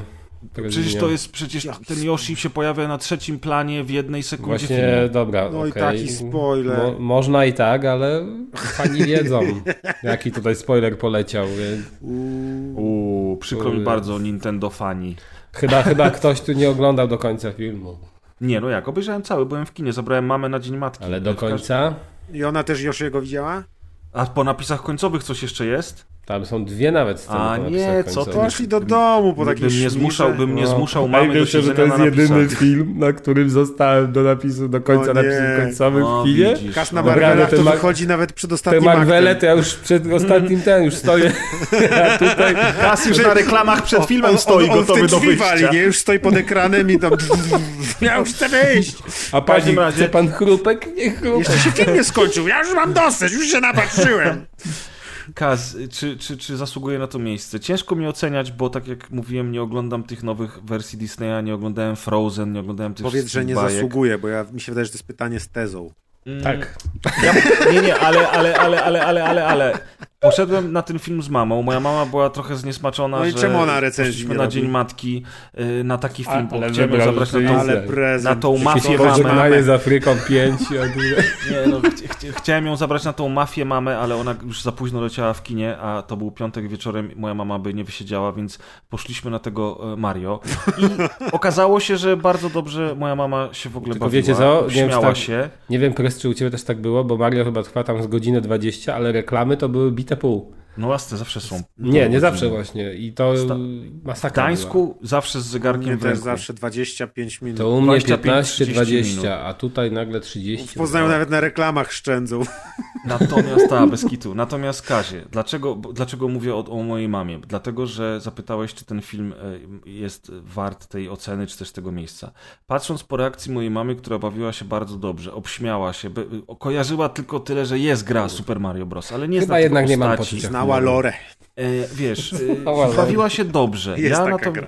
ja też bawiłem się dobrze. Zupełnie niespodziewanie, naprawdę dobrze się na tym filmie bawiłem. Poszliśmy na wersję z napisami i e, też dzięki temu O, to mogliśmy dobrze, że właśnie- jest, bo myślałem, tak, że nie mogliśmy do, Ale tego oryginalnego dużo dubbingu. zyskaliśmy? Bo ja wiem, Wiesz co, Jack, Jack Black jako Bowser był świetny. No, Uważam, Jack że Black był fajny, tak, że- spoko. Luigi właśnie przez Charlie'ego Day'a też był spoko, ale jak się Mario... nazywa ten aktor? Właśnie Charlie Day u nas w Filadelfii też jako postać jest Charlie, więc a to samo A jak imię. się nazywał ten aktor, który, e, Który? podkładał głos e, Chris Pratt. Mario? od Mario. I Chris on Pratt. mi nie pasował do końca. A mi uważam właśnie, że on pasował. W ogóle niczego mu nie brakuje. pasował. Niczego mu nie brakowało w tym filmie. Znaczy w ogóle, w ogóle powiedzmy sobie szczerze, że tak y, akurat y, właśnie Blacka i Prata, tak można powiedzieć, że trudno rozpoznać Mhm. tak, miejscami. i to jest zaleta właśnie, ale tak u Blacka to przede wszystkim w piosenkach to od razu słychać. To słychać, tak, że to- Tenacious D. No to totalnie. U na przykład tego Charlie'ego Day'a to właśnie pierwszy mówię, kurczę, przecież to jest ten. I myślę, myślę kto. I, I rzeczywiście sprawdziłem, a no przecież to Charlie. I to tak jechał tym Charliem, w- sensie z Filadelfii, że to było wyczuwalne. E, Natomiast właśnie Pratt nie, e, jak nie on, ale mimo wszystko, no nie wiem, mi średnio podeszła. ta A ja byłem zadowolony, tym bardziej, że słyszałem ostrą krytykę przed premierą, bo ludzie A? oczywiście O. się, tak, bo ludzie się oczywiście zesrali, że na pewno Chris Pratt będzie do dupy. A właśnie a ja ja byłem zadowolony, że właśnie Chris Pratt. Mi się wydawało, że będzie pasował, a jakoś mi tak No widzisz, a, a na przykład Anna Taylor-Joy jako księżniczka Peacha też wypadła spoko, ale to od razu słuchać, że to jest ona i to ona ma taką manierę grania, że, że jakby troszeczkę właśnie wypadła gorzej na tle innych aktorów.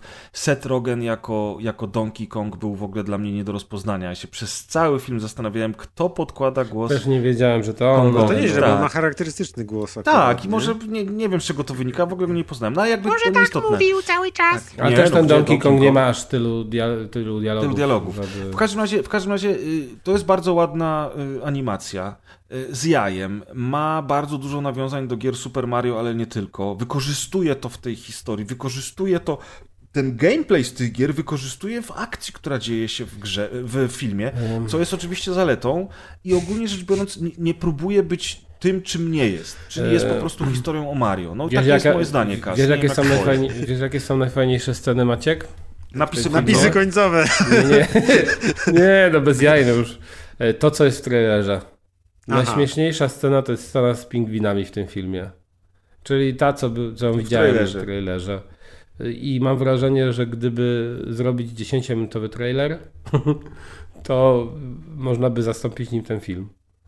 Według mnie ten film, znaczy fabularnie, bo to właśnie strasznie ciężko powiedzieć, jak, jak to ocenić, bo wiadomo było, że fabularnie to przecież będą, będzie totalna bzdura i em, no, że naprawdę, jak sobie szedłem na ten film i myślałem o tym filmie, chciałem go zobaczyć, to od początku mi się wydawało, że to będzie mega trudne, żeby to miało ręce i nogi, bo te gry nie miały rąk i nóg.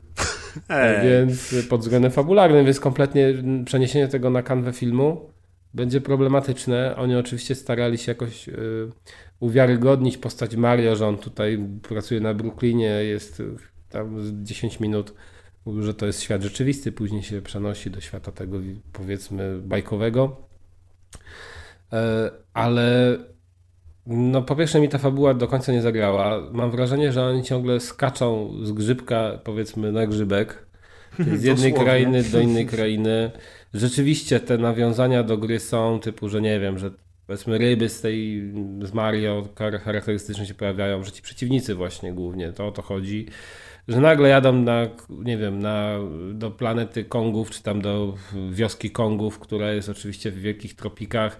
Nagle czapy zaczynają jeździć na y, tych, na kartach i tu wow, patrzcie, jest nawiązanie do Mario Kart. Ojeju! Ale stary, Albo, ale ojeju, grach, jest w tego typu Rainbow Road. zmieniają się plansze, zmieniają się krainy i ci bohaterowie No tak, dokładnie, podróżują. tylko- No to czemu to jest wada No bo to wszystko filmie? jest ja- jakby, jakbyś miał połączenie zlepku z różnych scen, które przeplatają się jedna w drugą i przeskok. Teraz pokażę wam to. O, patrzcie, to było w tej grze, to było tam. No nie, Ja nie wiem, nie po mogę prostu. zgodzić, bo tam ja słyszałem na przykład właśnie dużo opinii. Właśnie, ja słyszałem dużo opinii, że ludzie patrzą na ten film i teraz jestem, o to będzie z tego, o to będzie z tej gry. A ja, a dla mnie czasem to jest takie, no nie wiem, może pretensjonalne, że tego jest za dużo, nagle wszystko rzucone w ryj i teraz sobie podziwiaj, a na przykład mi zabrakło osobiście tutaj humoru, bo ja powiem szczerze, że e, właśnie jeżeli chodzi o humor, to zaśmiałem się, no nie wiem, no na pewno z tym pingwinem to była dla mnie śmieszna scena. E, Później może z jeden raz, może z dwa i sądzę, że to jest za mało jak na tego typu produkcje. E, Jakoś do mnie to nie przemówiło w 100%, mimo że ten film jest e, okej, on nie jest jakiś zły.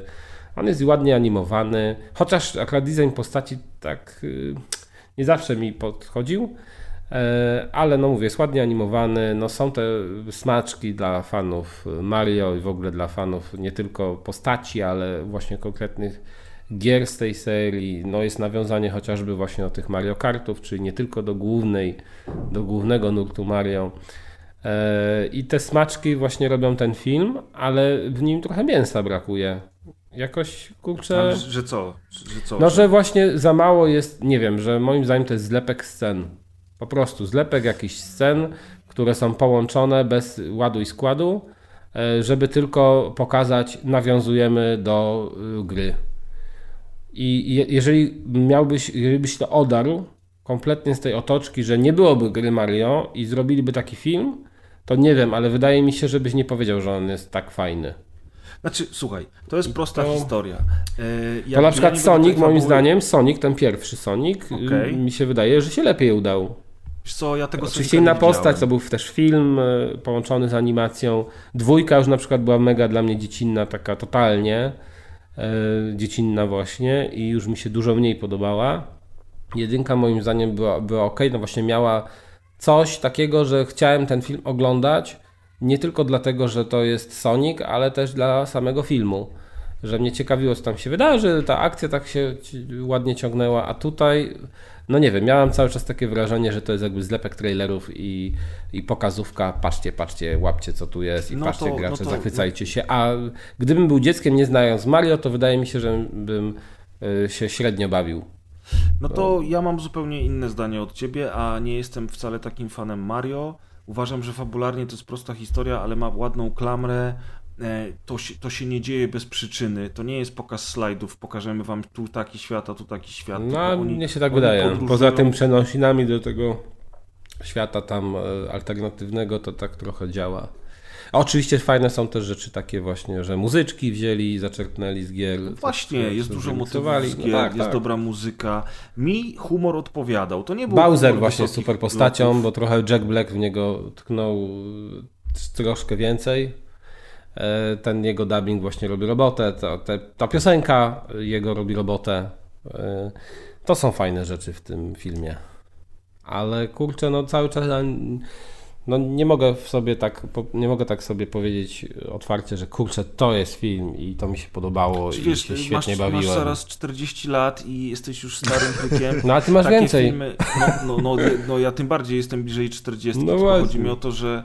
A że nie o to właśnie- chodzi, Pres, bo nie wiem, Nie, idziesz nie, na... bo właśnie, bo ja na przykład, bo ty powiedziałeś, że to jest film, właśnie ja też nie miałem takiej reakcji, wow, to jest to, ale to było kino. Oczywiście, że nie. To jest bajka dla dzieci, tylko moim zdaniem, to jak ona jest zrealizowana, to jak ona jest poprowadzona fabularnie i ten humor, który tam jest oraz y, mrugnięcia do graczy, które są tam zaimplementowane w tym filmie, to wszystko składa się po prostu na całkiem dobre kino familijne i jakby tylko tego od, tej, od tego filmu oczekiwałem, to dostałem, nie? Więc w ogóle jestem naprawdę zdziwiony, że ty jesteś niezadowolony. No Chociaż czy nie, ja powinienem No być zdziwiony? właśnie, zaraz. Nie, no właśnie, no nie dziwimy, ale ja nie mówię, że jestem totalnie niezadowolony. Po prostu dla mnie to jest film tak na 5. Na 5, a oczekiwałem filmu na 8. No, to znaczy, No że no, nie jest tragicznie. Jest okej. Jest okej. No, po prostu pięć jest okej do zapomnienia. skali, ja na przykład nie widzę siebie, ja na przykład nie widzę siebie, żebym chciał zobaczyć ten film jeszcze raz za rok czy za dwa. Absolutnie. Tak kompletnie nie będę miał tego poczucia, że chcę go zobaczyć, jak niektóre inne animacje chcę jeszcze raz sobie odświeżyć. No tutaj i też głupkowate. A tutaj no po prostu jakoś, no nie wiem, no mi to nie zagrało tak jak powinno. I chyba tylko ja tak mam, bo pewnie opinie o tym filmie są znakomite i recenzje pewnie też są znakomite, ale no nie wiem. Widzisz, co się dzieje, Pres. Ty lajkujesz Zeldę, ja hejtuję Zeldę. Ty lubisz Mario, Gaz Ja lubi lubię, no. Jakaś, jakaś, ja, ja, jakiś tutaj nastąpiło, nastąpiła jakaś zmiana biegunów. Natomiast wiecie co, ja wam powiem tak, chuj z tym filmem. Mam dla was ciekawą anegdotkę z tego sensu. To znaczy ona jest Z mamą. nie do końca ciekawa. Tak, zabrałem mamę właśnie na ten film, tak jak już powiedziałem, dlatego że on leciał wcześniej niż tam Mafia Mama e, i generalnie rzecz biorąc stwierdziłem, że skoro idziemy wieczorem w piątek na film animowany dla dzieci, ale w wersji z napisami, to nie będzie tam tłumów, nie będzie bachorów. I rzeczywiście jak kupowałem bilet, to było tylko parę osób na sali. Ostatecznie tych osób było 20, może 25 i myśmy siedzieli w przedostatnim rzędzie na górze, a za nami usiadła piątka młodych, bardzo młodych ludzi, tak zwanych dzieci bez rodziców. No i myślę sobie, okej, no... Młodych przecież- ludzi, tak zwanych dzieci. Tak, może, Tak zwane dziecko bez rodzica. Mo- do tej pory nie wiem, może- o co mu chodzi. mówię, może te dzieci... y, Czy takie generalnie, że- 15-latki, czy, czy co, że bez rodziców? Nie, no, chyba mniejszy niż 15 No nie, no mniejsze dzieci kaz, no To 8, ośmiolatki 8, puścili, tak? 7, 6 lat albo i mniej. No sześciolatek sam do kina to chyba nie. No i, no i to... Chociaż to właśnie, wrzeszcz no. jest. Miały pewnie No, ale noże. tam to wszystko jest możliwe. No, Tam to z paczkomatu tydzień idzie paczka. Dlatego wam tłumaczę, że była piątka, pięcioro było dzieci, były I starsze chlupali. i młodsze dzieci, siedzieli razem. Zakładam, że rodzice uznali, a to idźcie na to Mario, a sami, nie wiem, poszli do food hallu albo poszli gdzieś na zakupy, nie wiem, wieczorem po galerii sobie połazić. No i te bachory same sobie tam do tego kina poszły. I tak sobie myślę, czy oni wiedzą, że to jest wersja z napisami. I otóż jak zaczął się film, a myśmy siedzieli centralnie przy Ty byłeś z mamą, a one, zobacz, bez nikogo. A one, właśnie, ja byłem z rodzicem, ja byłem z rodzicem. 40-latek z mamą na Mario. Tak, że- i Śmiali się z ciebie, co? nie, nie, nie, lepiej, Patrz, lepiej, patrz, go nie puściła samego. Mama ci czyta? No właśnie, i z tym czytaniem, i z tym kurwa czytaniem. Wyobraźcie sobie, że ta starsza dziewczynka swojemu młodszemu bratu zaczęła kurwa na głos czytać napisy. O, ku- I każdą kwestię super, nie mu musiałeś czytać. czytać. Tak. Jeszcze, jeszcze, do tego w ogóle, jeszcze do tego w ogóle modelując głosem. No i ja O, mówię do mojej mamy, wspaniale. słuchaj, ja mówię, dos- dostaniemy świra, chodź, zejdziemy jakby rząd niżej. No i żeśmy, żeśmy sobie wyszli z, te, z tego rzędu i moja mama po ciemku w tym kinie na schodach prawie się zabiła, a ponieważ w zeszłym roku już dwa razy przy mnie się w ten sposób gdzieś tam wyrżnęła, bo niestety jest coraz starsza i, i takie perypetie miała, to ja już miałem śmierć w oczach, jak zobaczyłem, że ona się na tych schodach zachwiała i mówię, dobra, wejdźmy w ten rząd, już nigdzie mamie po ciemku w tej sali nie będę kazał chodzić, usiedliśmy sobie w tym rzędzie jednym niżej, Oni te też. dzieciaki z tyłu lekko, nie, te dzieciaki z tyłu już tylko lekko słyszę, one tam jeszcze przez jakieś 10 czy 15 minut y, y, hałasowały, bo obok nich usiadł taki koksik, koksik ze swoją panienką, może nie tyle koksik, co taki, y, taki wiecie, y, ła- ładniusi pan z siłowni i faktycznie on w pewnym momencie nie wytrzymał. Cox elegant. Tak, nie, taki pizduś, wiesz, no. I zabił te E, dzieci. Nie, i mówi, i mówi, czy ty będziesz przez cały film czytać te napisy? Ludzie chcieliby obejrzeć. No i rzeczywiście tamte dzieciaki ucichły. Ale chuj! Za nami, w miejscu, gdzie siedziałem z mamą, usiadła sobie parka. Ta parka mówiła to- po angielsku, byli to I na obcokrajowcy. Czy też laska była chyba Polką, chłopak był obcokrajowcy. Nie wiem, co Za tam robili, każdym ale byli na brzmi jak randce. dobra historia. Za każdym No. kurwa razem, jak jestem w kinie i są ob- obcokrajowcy, albo są na randce Polak z obcokrajowcem, To się stajesz tym rasistą. albo Polka z, z obcokrajowcem. Oj, Za każdym oj. jebanym Oj, oj, kurwa oj. razem ta parka, która mówi w języku angielskim, napierdala przez cały jebany film. I ci ludzie za nami usiedli i zaczęli napierdalać po angielsku. No i mówię sobie, okej, mama już raz się potknęła na tych schodach, nie będę kombinował z zejściem niżej, dam sobie spokój, wytrzymam, nie będę robił scen przy mamie. Ale se film trwa, a ta laska w najlepsze pierdoli cały czas z tym kolesiem. Ten koleś gdzieś w połowie filmu chyba się skumał, że jest jebaną parówą i psuje kurwa innym film, w związku z czym zamknął tego ryja, albo miał już dosyć pierdolnia tej tępej dzidy, która przyszła z nim na ten film. Natomiast tempa Może dzida... coś innego robili. No nie robili, bo siedzieli centralnie za nami. Tempa Dzida przez drugie pół filmu próbowała zwrócić uwagę na siebie cały czas tego kurwa jebanego parówczaka, który z nią kurwa przyszedł do tego kina. I Tempa Dzida przez drugie pół filmu cały czas robiła Idealny dzień mamy. O! Nice! Fuck! No mówię ci, że coś tam może robili, a ty mówisz, nie że nie. robili. Jeszcze do tego wszystkiego, tak y, dru- przez drugie pół filmu, raz na parę minut tempa dzida kopała mnie butem w swo- swoje krzesło. W moje krzesło. Więc ja tam siedzę, jestem już kurwa, jestem już kurwa na granicy, ale mówię, nie będę nic mówił, jest Zrobiłeś dzień redneka? mamy. Co? No, odstawiłeś redneka? Co to znaczy? No nie wiem, no, że po prostu wstałeś, zacząłeś się pultać? Nie, normalnie, pultać. Normalnie jakbym był sam w kinie, to bym wstał i mi powiedział, żeby kurwa wypierdalali, bo przecież to Mówię. jest nie do wytr... Aha, czyli to, czyli ja bym był hamem, tak? W tym tak, momencie, to ja jestem hamem. Zamiast No ja jestem hamem. Okej. w kinie. Nie, słuchajcie, dawno nie byłem tak zirytowany na sansie, bo ostatnio bardzo dużo chodzę do kina i wręcz No chwaliłem. dobrze, ale jak się to skończyło? Co powiedziałeś? No srak, no kurwa, zamknąłem mordę, film się skończył posz... wyszliśmy. Ale, nie, ale zwróciłeś tę uwagę, czy nie? No nie, bo byłem Nie, z bo mamą. nie chciał być rednekiem. Nie chciałem przy mamie tam, wiesz.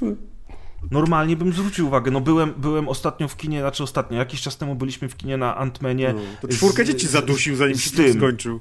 Z Wojtkiem ze Starych Koni, nie? Poszliśmy sobie na sans i, i to mi się bardzo podobało. Ja też zazwyczaj zwracam uwagę, jak nie wytrzymam, ale Wojtek ma jeszcze krótszy ląd niż ja i w pewnym momencie, jak tylko się skończyły reklamy, zaczął się film, no dosłownie pierwsze minuty filmu, a za nami usiedli też jacyś gówniarze, tam 15-16 lat, którzy sobie też y, ochoczo dyskutowali na, na, na, cały głos w kinie, to Wojtek się po prostu odezwał i w kilku y, krótkich słowach, y, niepozbawionych wulgaryzmów, kazał im zamknąć mordy, no i te mordy pozamykali, nie? Natomiast wiesz, siedzę z tą mamą, to jest bajka, sobie myślę, to nie jest jakiś film, na którym mi bardzo zależy, nie będę teraz komentował, nie będę gadał, nie będę się przesiadał znowu, mówię, chuj, wytrzymam, ale naprawdę było ciężko. Ale nie? czyli zobacz, czyli tyle miałeś tych y, motywów, które cię rozkojarzyły na tym filmie.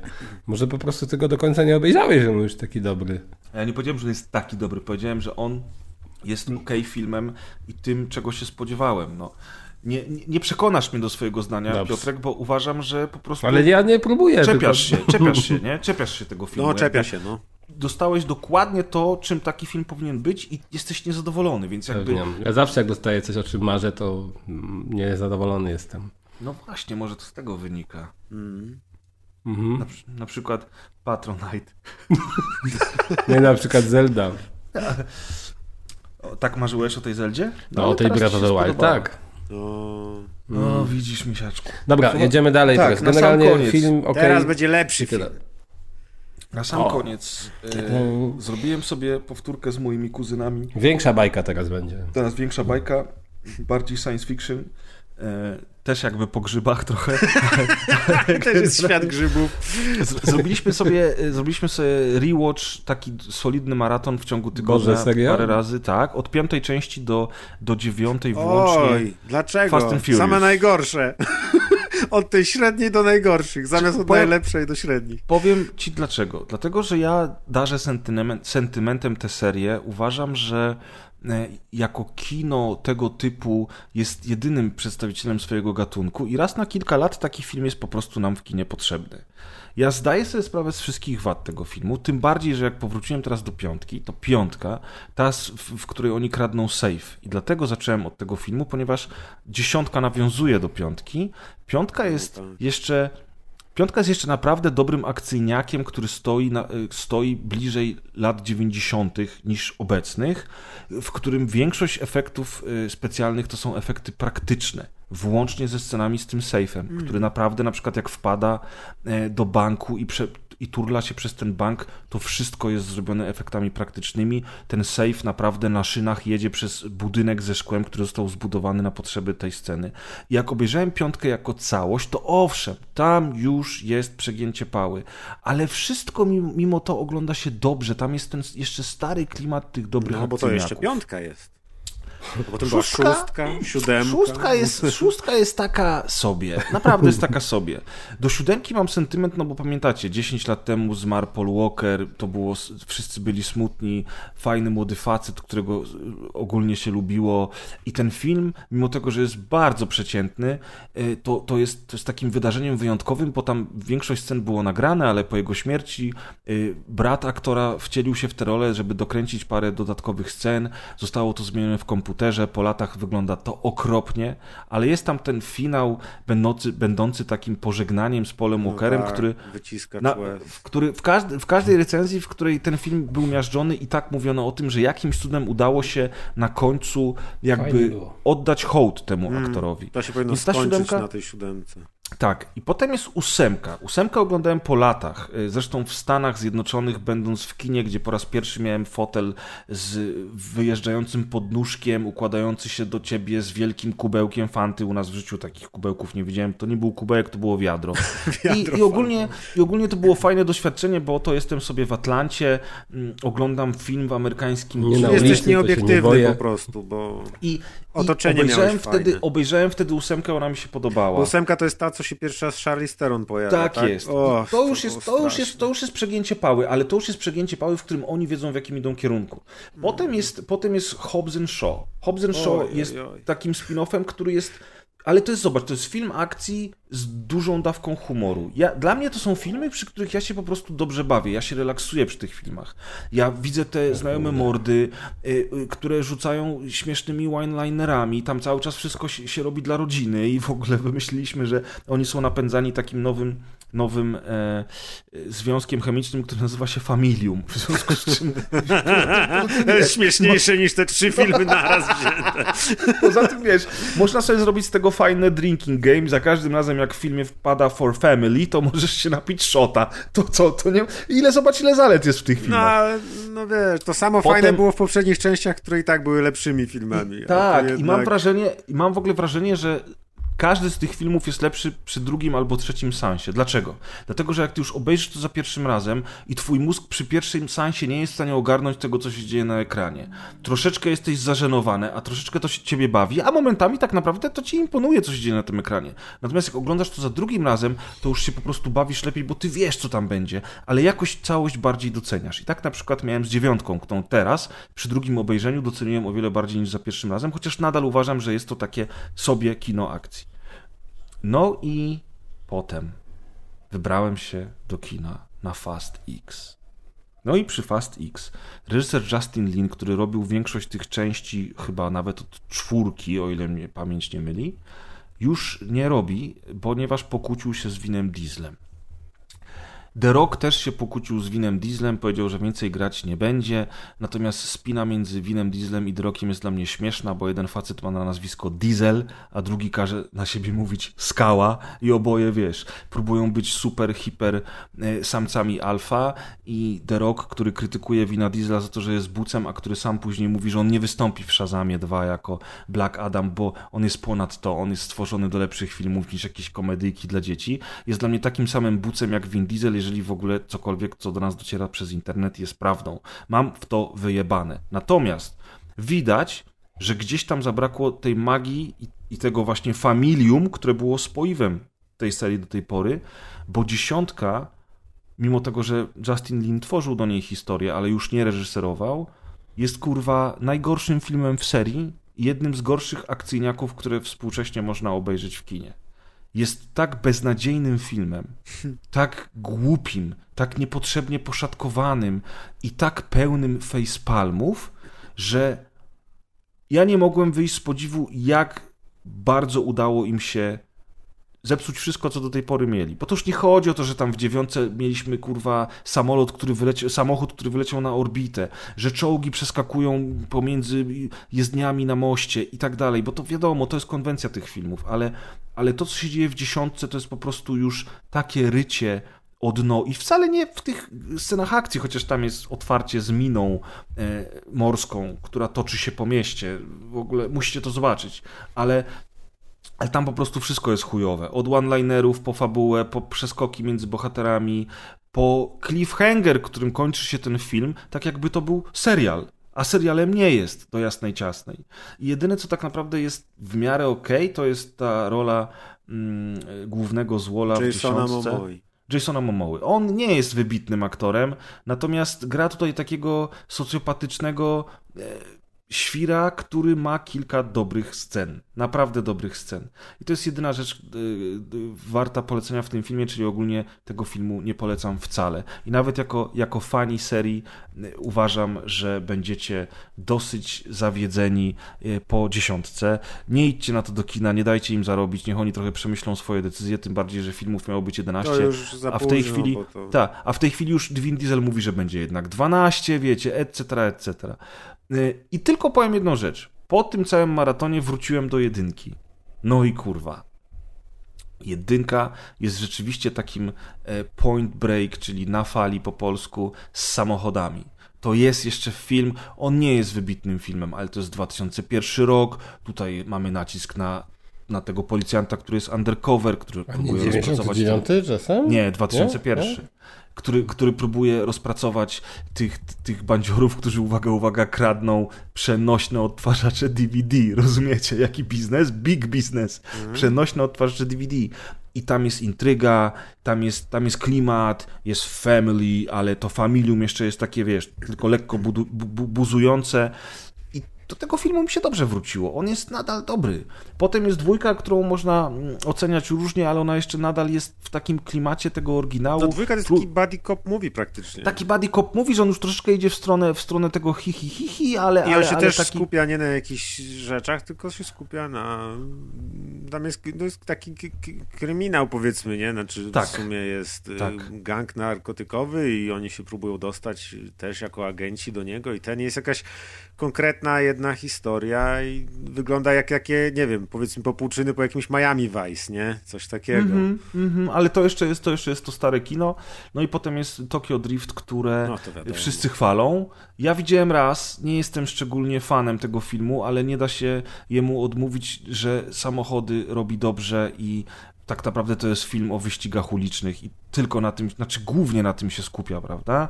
Więc jeżeli chcielibyście do Fast and Furious zajrzeć, to chyba rzeczywiście te pierwsze trzy filmy mm, są najlepsze. Potem czwórkę i piątkę można obejrzeć, zwłaszcza piątkę, która naprawdę jest dobrym kinem akcji, a później to już tak różnie, bardziej No bo właśnie to ja się jestem za słaby z kina, żeby to ładnie opisać słowami, ale to właśnie nie chodzi o to, że ktoś robi scenę, że samochód sportowy z jednego budynku na drugi przeskakuje, bo wiadomo, że w tych filmach, w filmach z Bondem też są niesamowite akcje czy coś, nie? Ale No, no, no. y, jakby można zrobić scenę taką właśnie, albo scenę pościgu, z, wyścigu z czołgiem na autostradzie i można to zrobić tak, że to się fajnie ogląda, albo tak, że to jest żenujące. I to nie chodzi o fakt tego, że jest ten czołg, tylko jak to jest zrobione, jak to jest nakręcone, jaka jest Tak. reszta fabuły i tak dalej. I właśnie mi, dla mnie upadek tych filmów nie polega na tym, że oni wymyślają coraz bardziej chore akcje, typu zróbmy jakiś mega karambol, albo że ta Cypher będzie samochodami sterować i będzie niby te zombie samochody czy coś, bo na przykład to jest fajny motyw.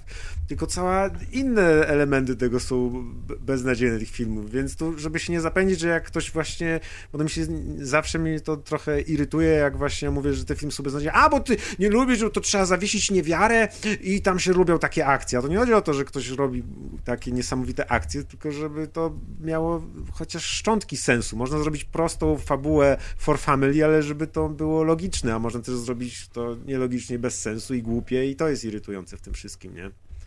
Więc No ja na pewnie. przykład pamiętam, dziewiątkę oglądałem, wszystkim tym filmom jakoś już darowałem, jedne były lepsze, drugie gorsze, tak do piątki to mi się praktycznie chyba wszystkie po, podobają, potem już są takie średnie, sz- szóstkę czy siódemkę pamiętam oglądałem, to tak nie miałem żadnych emocji, tak myślałem, że no film, nie, obejrzałem i nie mam żadnych emocji. Do tego, ale pamiętam, że właśnie chyba już ósemka, a dziewiątka na pewno, to oglądałem i w trakcie oglądania już myślałem, że nie dam rady i że Boże, że to jest, co oni z tym zrobili, że to już ja nie daję rady tego obejrzeć nawet tak bezemocjonalnie, tylko widzę, że to jest tak głupie, że, że nie daję rady. Co ciekawe, o tej dziesiątce słyszałem, że jest lepsza niż dziewiątka, chociaż wciąż jest fatalna.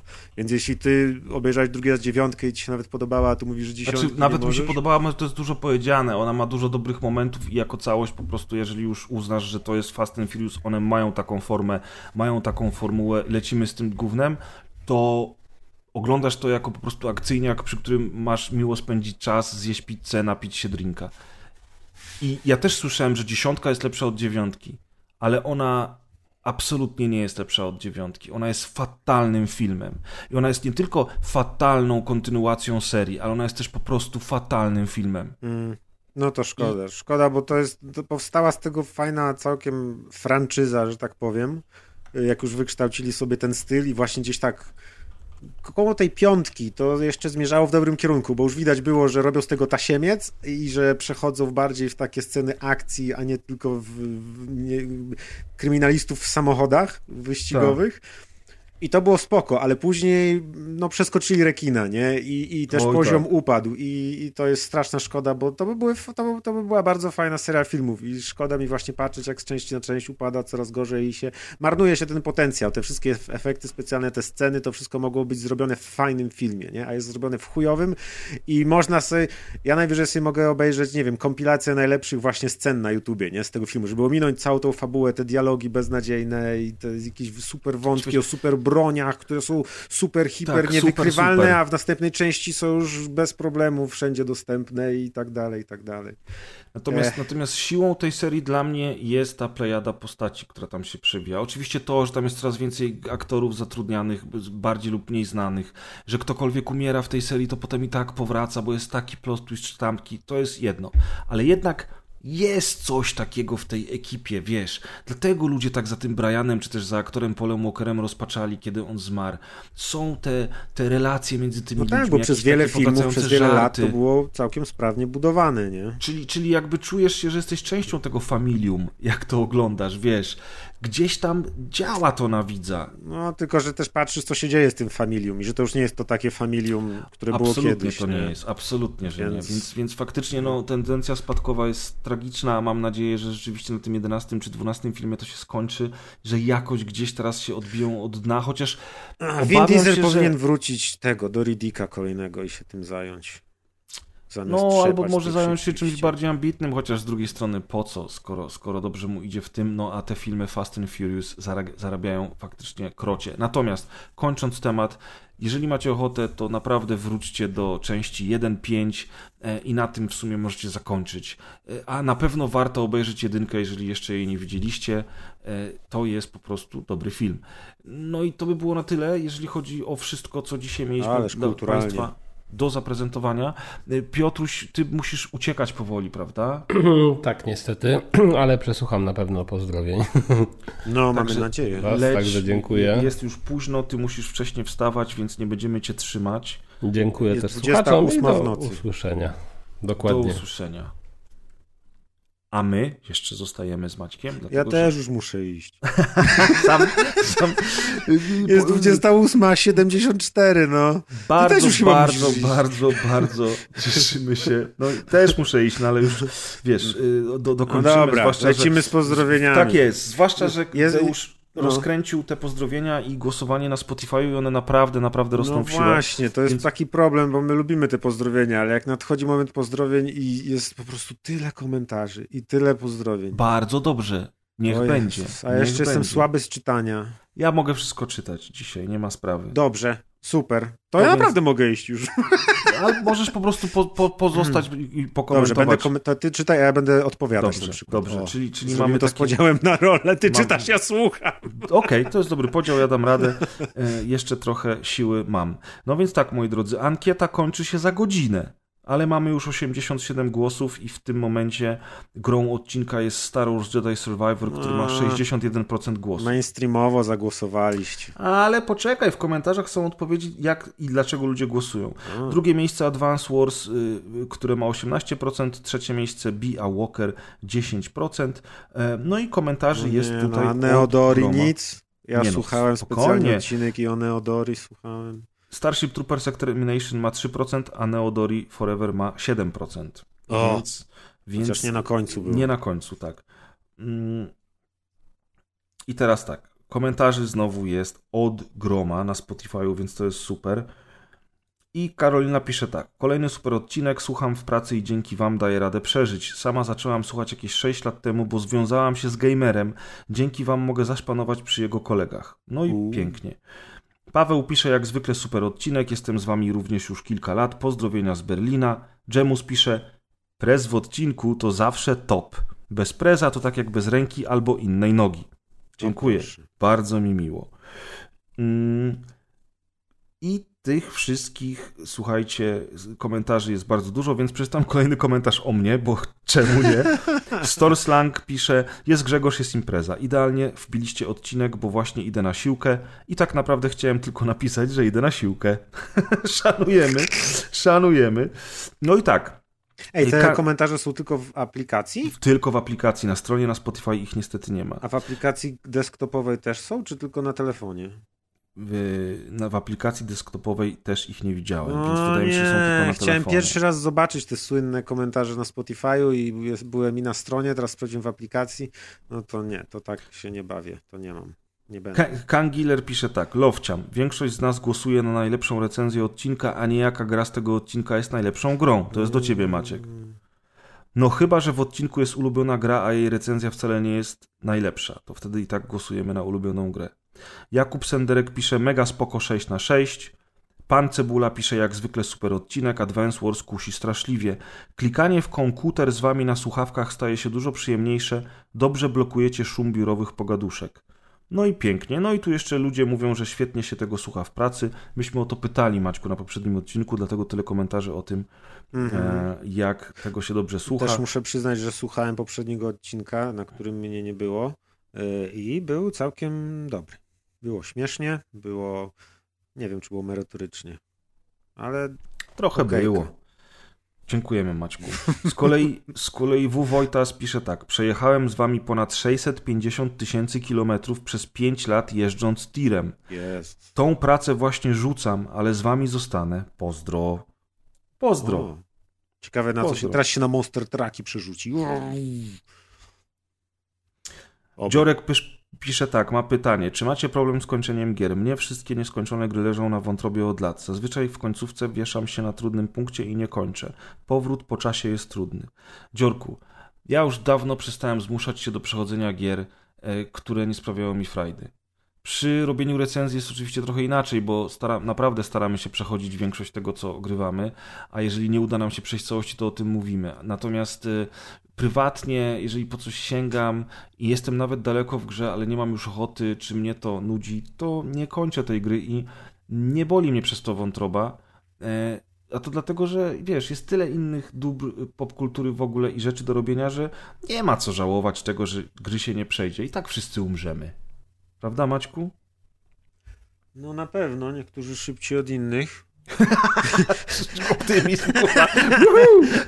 Y, Ja też się nauczyłem gier nie kończyć i czerpać y, y, radość z drogi, a nie z osiągnięcia celu, ale muszę przyznać, że na szczęście dla mnie też błogosławieństwem jest to, że coraz mniej z tych gier mnie interesuje, więc y, jak wiadomo, że jak ktoś chce przejść 50 gier rocznie, to ma bardziej przewalone niż ktoś, co chce przejść 4 gry rocznie na przykład. Ale muszę przyznać, że mam nawet tutaj sobie na tablicy takiej przy biurku yy, magnesikiem takie post-ity przyklejone jeszcze z różnymi grami, do których chcę kiedyś wrócić i troszkę się za mną ciągną nawet tak stare tytuły jak yy, co ja tutaj mam Bully, Scholarship Uuu. Edition Bulliego nigdy nie skończyłem Yy, I Am Alive była taka postapokaliptyczna gra Była. indie z czasów 360. Trzy razy do niej podchodziłem od początku, grałem, jakoś coś zawsze mnie odciągało i też cały czas wierzę, że kiedyś ją tam przejdę. Ta Castlevania Lords of Shadows, nie wiem, czy do niej jeszcze kiedyś wrócę, ale też bym planował. Właśnie Ace Combat wspominany dzisiaj, dwie ostatnie części mam do, do przejścia, więc tych gier nie jest dużo, nie mam jakiegoś, to może nie jest tak, że się źle czuję z tego powodu, że jeszcze ich nie przeszedłem, ale mam je cały czas z tyłu głowy, że właśnie zanim nadejdzie ten wspaniały moment, kiedy umrę i będę już mieć spokój z tym wszystkim, to do tego czasu chciałbym jeszcze te gry przejść, albo przynajmniej trochę jeszcze dłużej w nie pograć. Pamiętaj, że niektórzy prędzej, inni później umrą, więc może się pośpiesz. Z graniem czy z umieraniem? Z graniem. Niektórzy prędzej, którzy szybciej, może się pospiesz. Kolejka jest, szybko. Tylko może nie na, na ten moment, jak przyjadę do ciebie w gości, bo wtedy mogłoby A być będziesz miał całą chatę dla siebie, tylko trochę w śmierdzić będzie.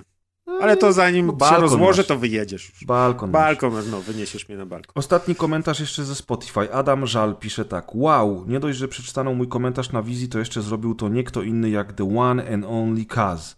Tak mi się morda cieszy, że żaden korek na trasie Wrocław-Dortmund tego nie zepsuje. Serduszko. Pozdrawiamy Adam, oczywiście w imieniu Kaza również. Adam ma idealne nazwisko na fajną domenę, żal.pl lub żal.ru. Ale pewnie są już wykupione niestety. Niestety. No i teraz pozdrowienia na naszej Żal. stronie. Żal. Słuchajcie, naprawdę y, cieszy mnie to, że tak dużo komentujecie i piszecie pozdrowień. Tak, oczywiście jest tak, że jak kończymy odcinek, jesteśmy już trochę zmęczeni. Jest 27.48, tak? Jak macie 79 już. 79 w ogóle już w ogóle już, już po całym dniu człowiek jest zmęczony, a jutro trzeba zaczynać to kurestwo od nowa. Ja pierdolę. Jak jebany syzyf, kurwa. I co dwa tygodnie to samo. Kurwa, jeszcze ten podcast, ja pierdolę. Y, No, w każdym razie super, super Ale na szczęście są komentarze, tak. Tak, i mamy pozdrowienia od Simplexa, który pisze tak. Piękny tytuł odcinka, pozdrawiam pana Kaza i widzimy się na Pixelu. Jak już wiemy, chłopacy się widzieli. I Pixel, y, pff, Pixel. I Simplex pisze jeszcze, szanuję szczerą recenzję Jedi Survivor Preza. Fajnie, cieszę Pixel się. to simplex od tyłu. Tak jest. Na pewno Cieszę tak się, działa. cieszę się że, że, że szanujesz, bo parę osób już mi pisało, że rzeczywiście podoba im się to, że zjechałem tę grę i powiedziałem, co myślę, Mhm, w przeciwieństwie do dobrze. większości recenzji. Bardzo Następnie- dobrze. Y, Chciałem tylko powiedzieć, jakby ktoś nie pamiętał, to że tytuł odcinka ten piękny to był Badziew goni Badziew i to y, Kas, nasz król, pięknymi swoimi ustami Tak. wypowiedział właśnie chyba podczas recenzji albo tego y, Survivora, albo czegoś innego. Podczas ale- Survivora, bo to było odnośnie Gwiezdnych Wojen. Tak. Tak, tak. No i coś w tym jest jednak, że Badziew goni Badziew w dzisiejszych czasach. Tak jest. I to był odcinek poprzedni, czyli 275. A teraz słuchacie odcinka 276 i kolejne pozdrowienia są od użytkownika o ksywie Pozdro, który pisze tak. Chciałbym przekazać pozdrowienia dla Kaza od mojej żony. Moja żona zawsze sceptycznie była nastawiona do podcastów o giereczkach, ale kiedy usłyszała Kaza, to o Boziu, wiele się zmieniło. W sumie nadal nie lubi forum ogatki, ale na rozgrywkę nie narzeka. Super, pozdrawiamy. Jak, jak coś takiego się może stać? Właśnie Nie szkaluj że- nieobecnych. nie Że, szkaluj. że Kaz na pewno żałuje teraz, bo tu od cudzych żon dostaje I to już, pozdrowienia, to już drugie, dru, druga pochwała w tych, tych pozdrowieniach, ale Kaz odsłucha, tak jak powiedział. Kaz pozdrawiamy również. I teraz y, Tynio pisze tak, ma tak zwane trzy w jednym. Na początku chciałem nawiązać do poprzedniego odcinka i pochwalić się, że mało moich znajomych gra w gry na PC czy konsoli. To pochwalić się to było w cudzysłowie. Było nas więcej, urwał się kontakt lub udali się na wieczne łowy. Mając rodzinę i obowiązki, gry schodzą na drugi plan. Choć chciałbym zagrać i skończyć grę, to z roku na rok gry udaje się rozpocząć gorzej już skończeniem. Co do tematu, jaki się pojawił w najnowszej rozgrywce, czyli czy gry są trudniejsze lub dłuższe. Pewnie trochę dłuższe, ale trudne to już były od czasów SNESa, więc bardziej bym był za opcją, że z roku na rok wychodzi ich więcej i nie ma czasu ogrywać. Nawiązując do gry Advance Wars 1 plus 2 Reboot Camp, to polecam zobaczyć kolony, klony Into the Breach oraz Wargroove. No z tym Into the Breach to się właśnie nie zgadzam, bo nawet na poprzednim odcinku mówiliśmy, że Into the Breach jest bardziej e, taką grą logiczną, ale już Wargroove jak najbardziej, nawet ostatnio sobie odpaliłem na chwilę i rzeczywiście jest tutaj coś z Advance Wars. No i Tynio pisze dalej tak. Jak zawsze bardzo ciepło pozdrawiam z Wrocka Preza, Deusza, Kaza oraz Razera, który spędził noc z komputerem. Ale tak czasami w życiu bywa, jedni spędzają noc z kobietą, inni z pecetem. Na zakończenie tylko dodam, że już raz pisałem, ucieszyłaby mnie informacja, jakby można było czasem wspomnieć, czy dana gra posiada język polski.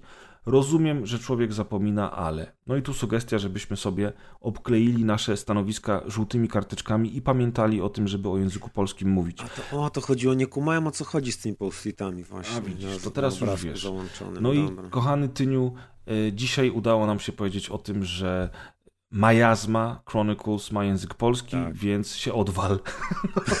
Boltgun chyba też ma polski ten napisy, nie? A tego nie wiem szczerze. Mówiąc. chyba kojarzy, że tak, że, że imię nie było po polsku i że ta czaszka też tam coś tam po polsku pis, pisała do mnie, no. Okej. Człowiek kierowca pisze pozdrowienia i mówi tak. Pozdrawiam kolegę nocnika, bądź nietoperza jak woli, z warszawskiego zbiorkomu. Człowiek kierowca z łódzkiego PKM. MPK, przepraszam. Was panowie również pozdrawiam, jeździmy razem już 768 godzin. No i Ja. pięknie.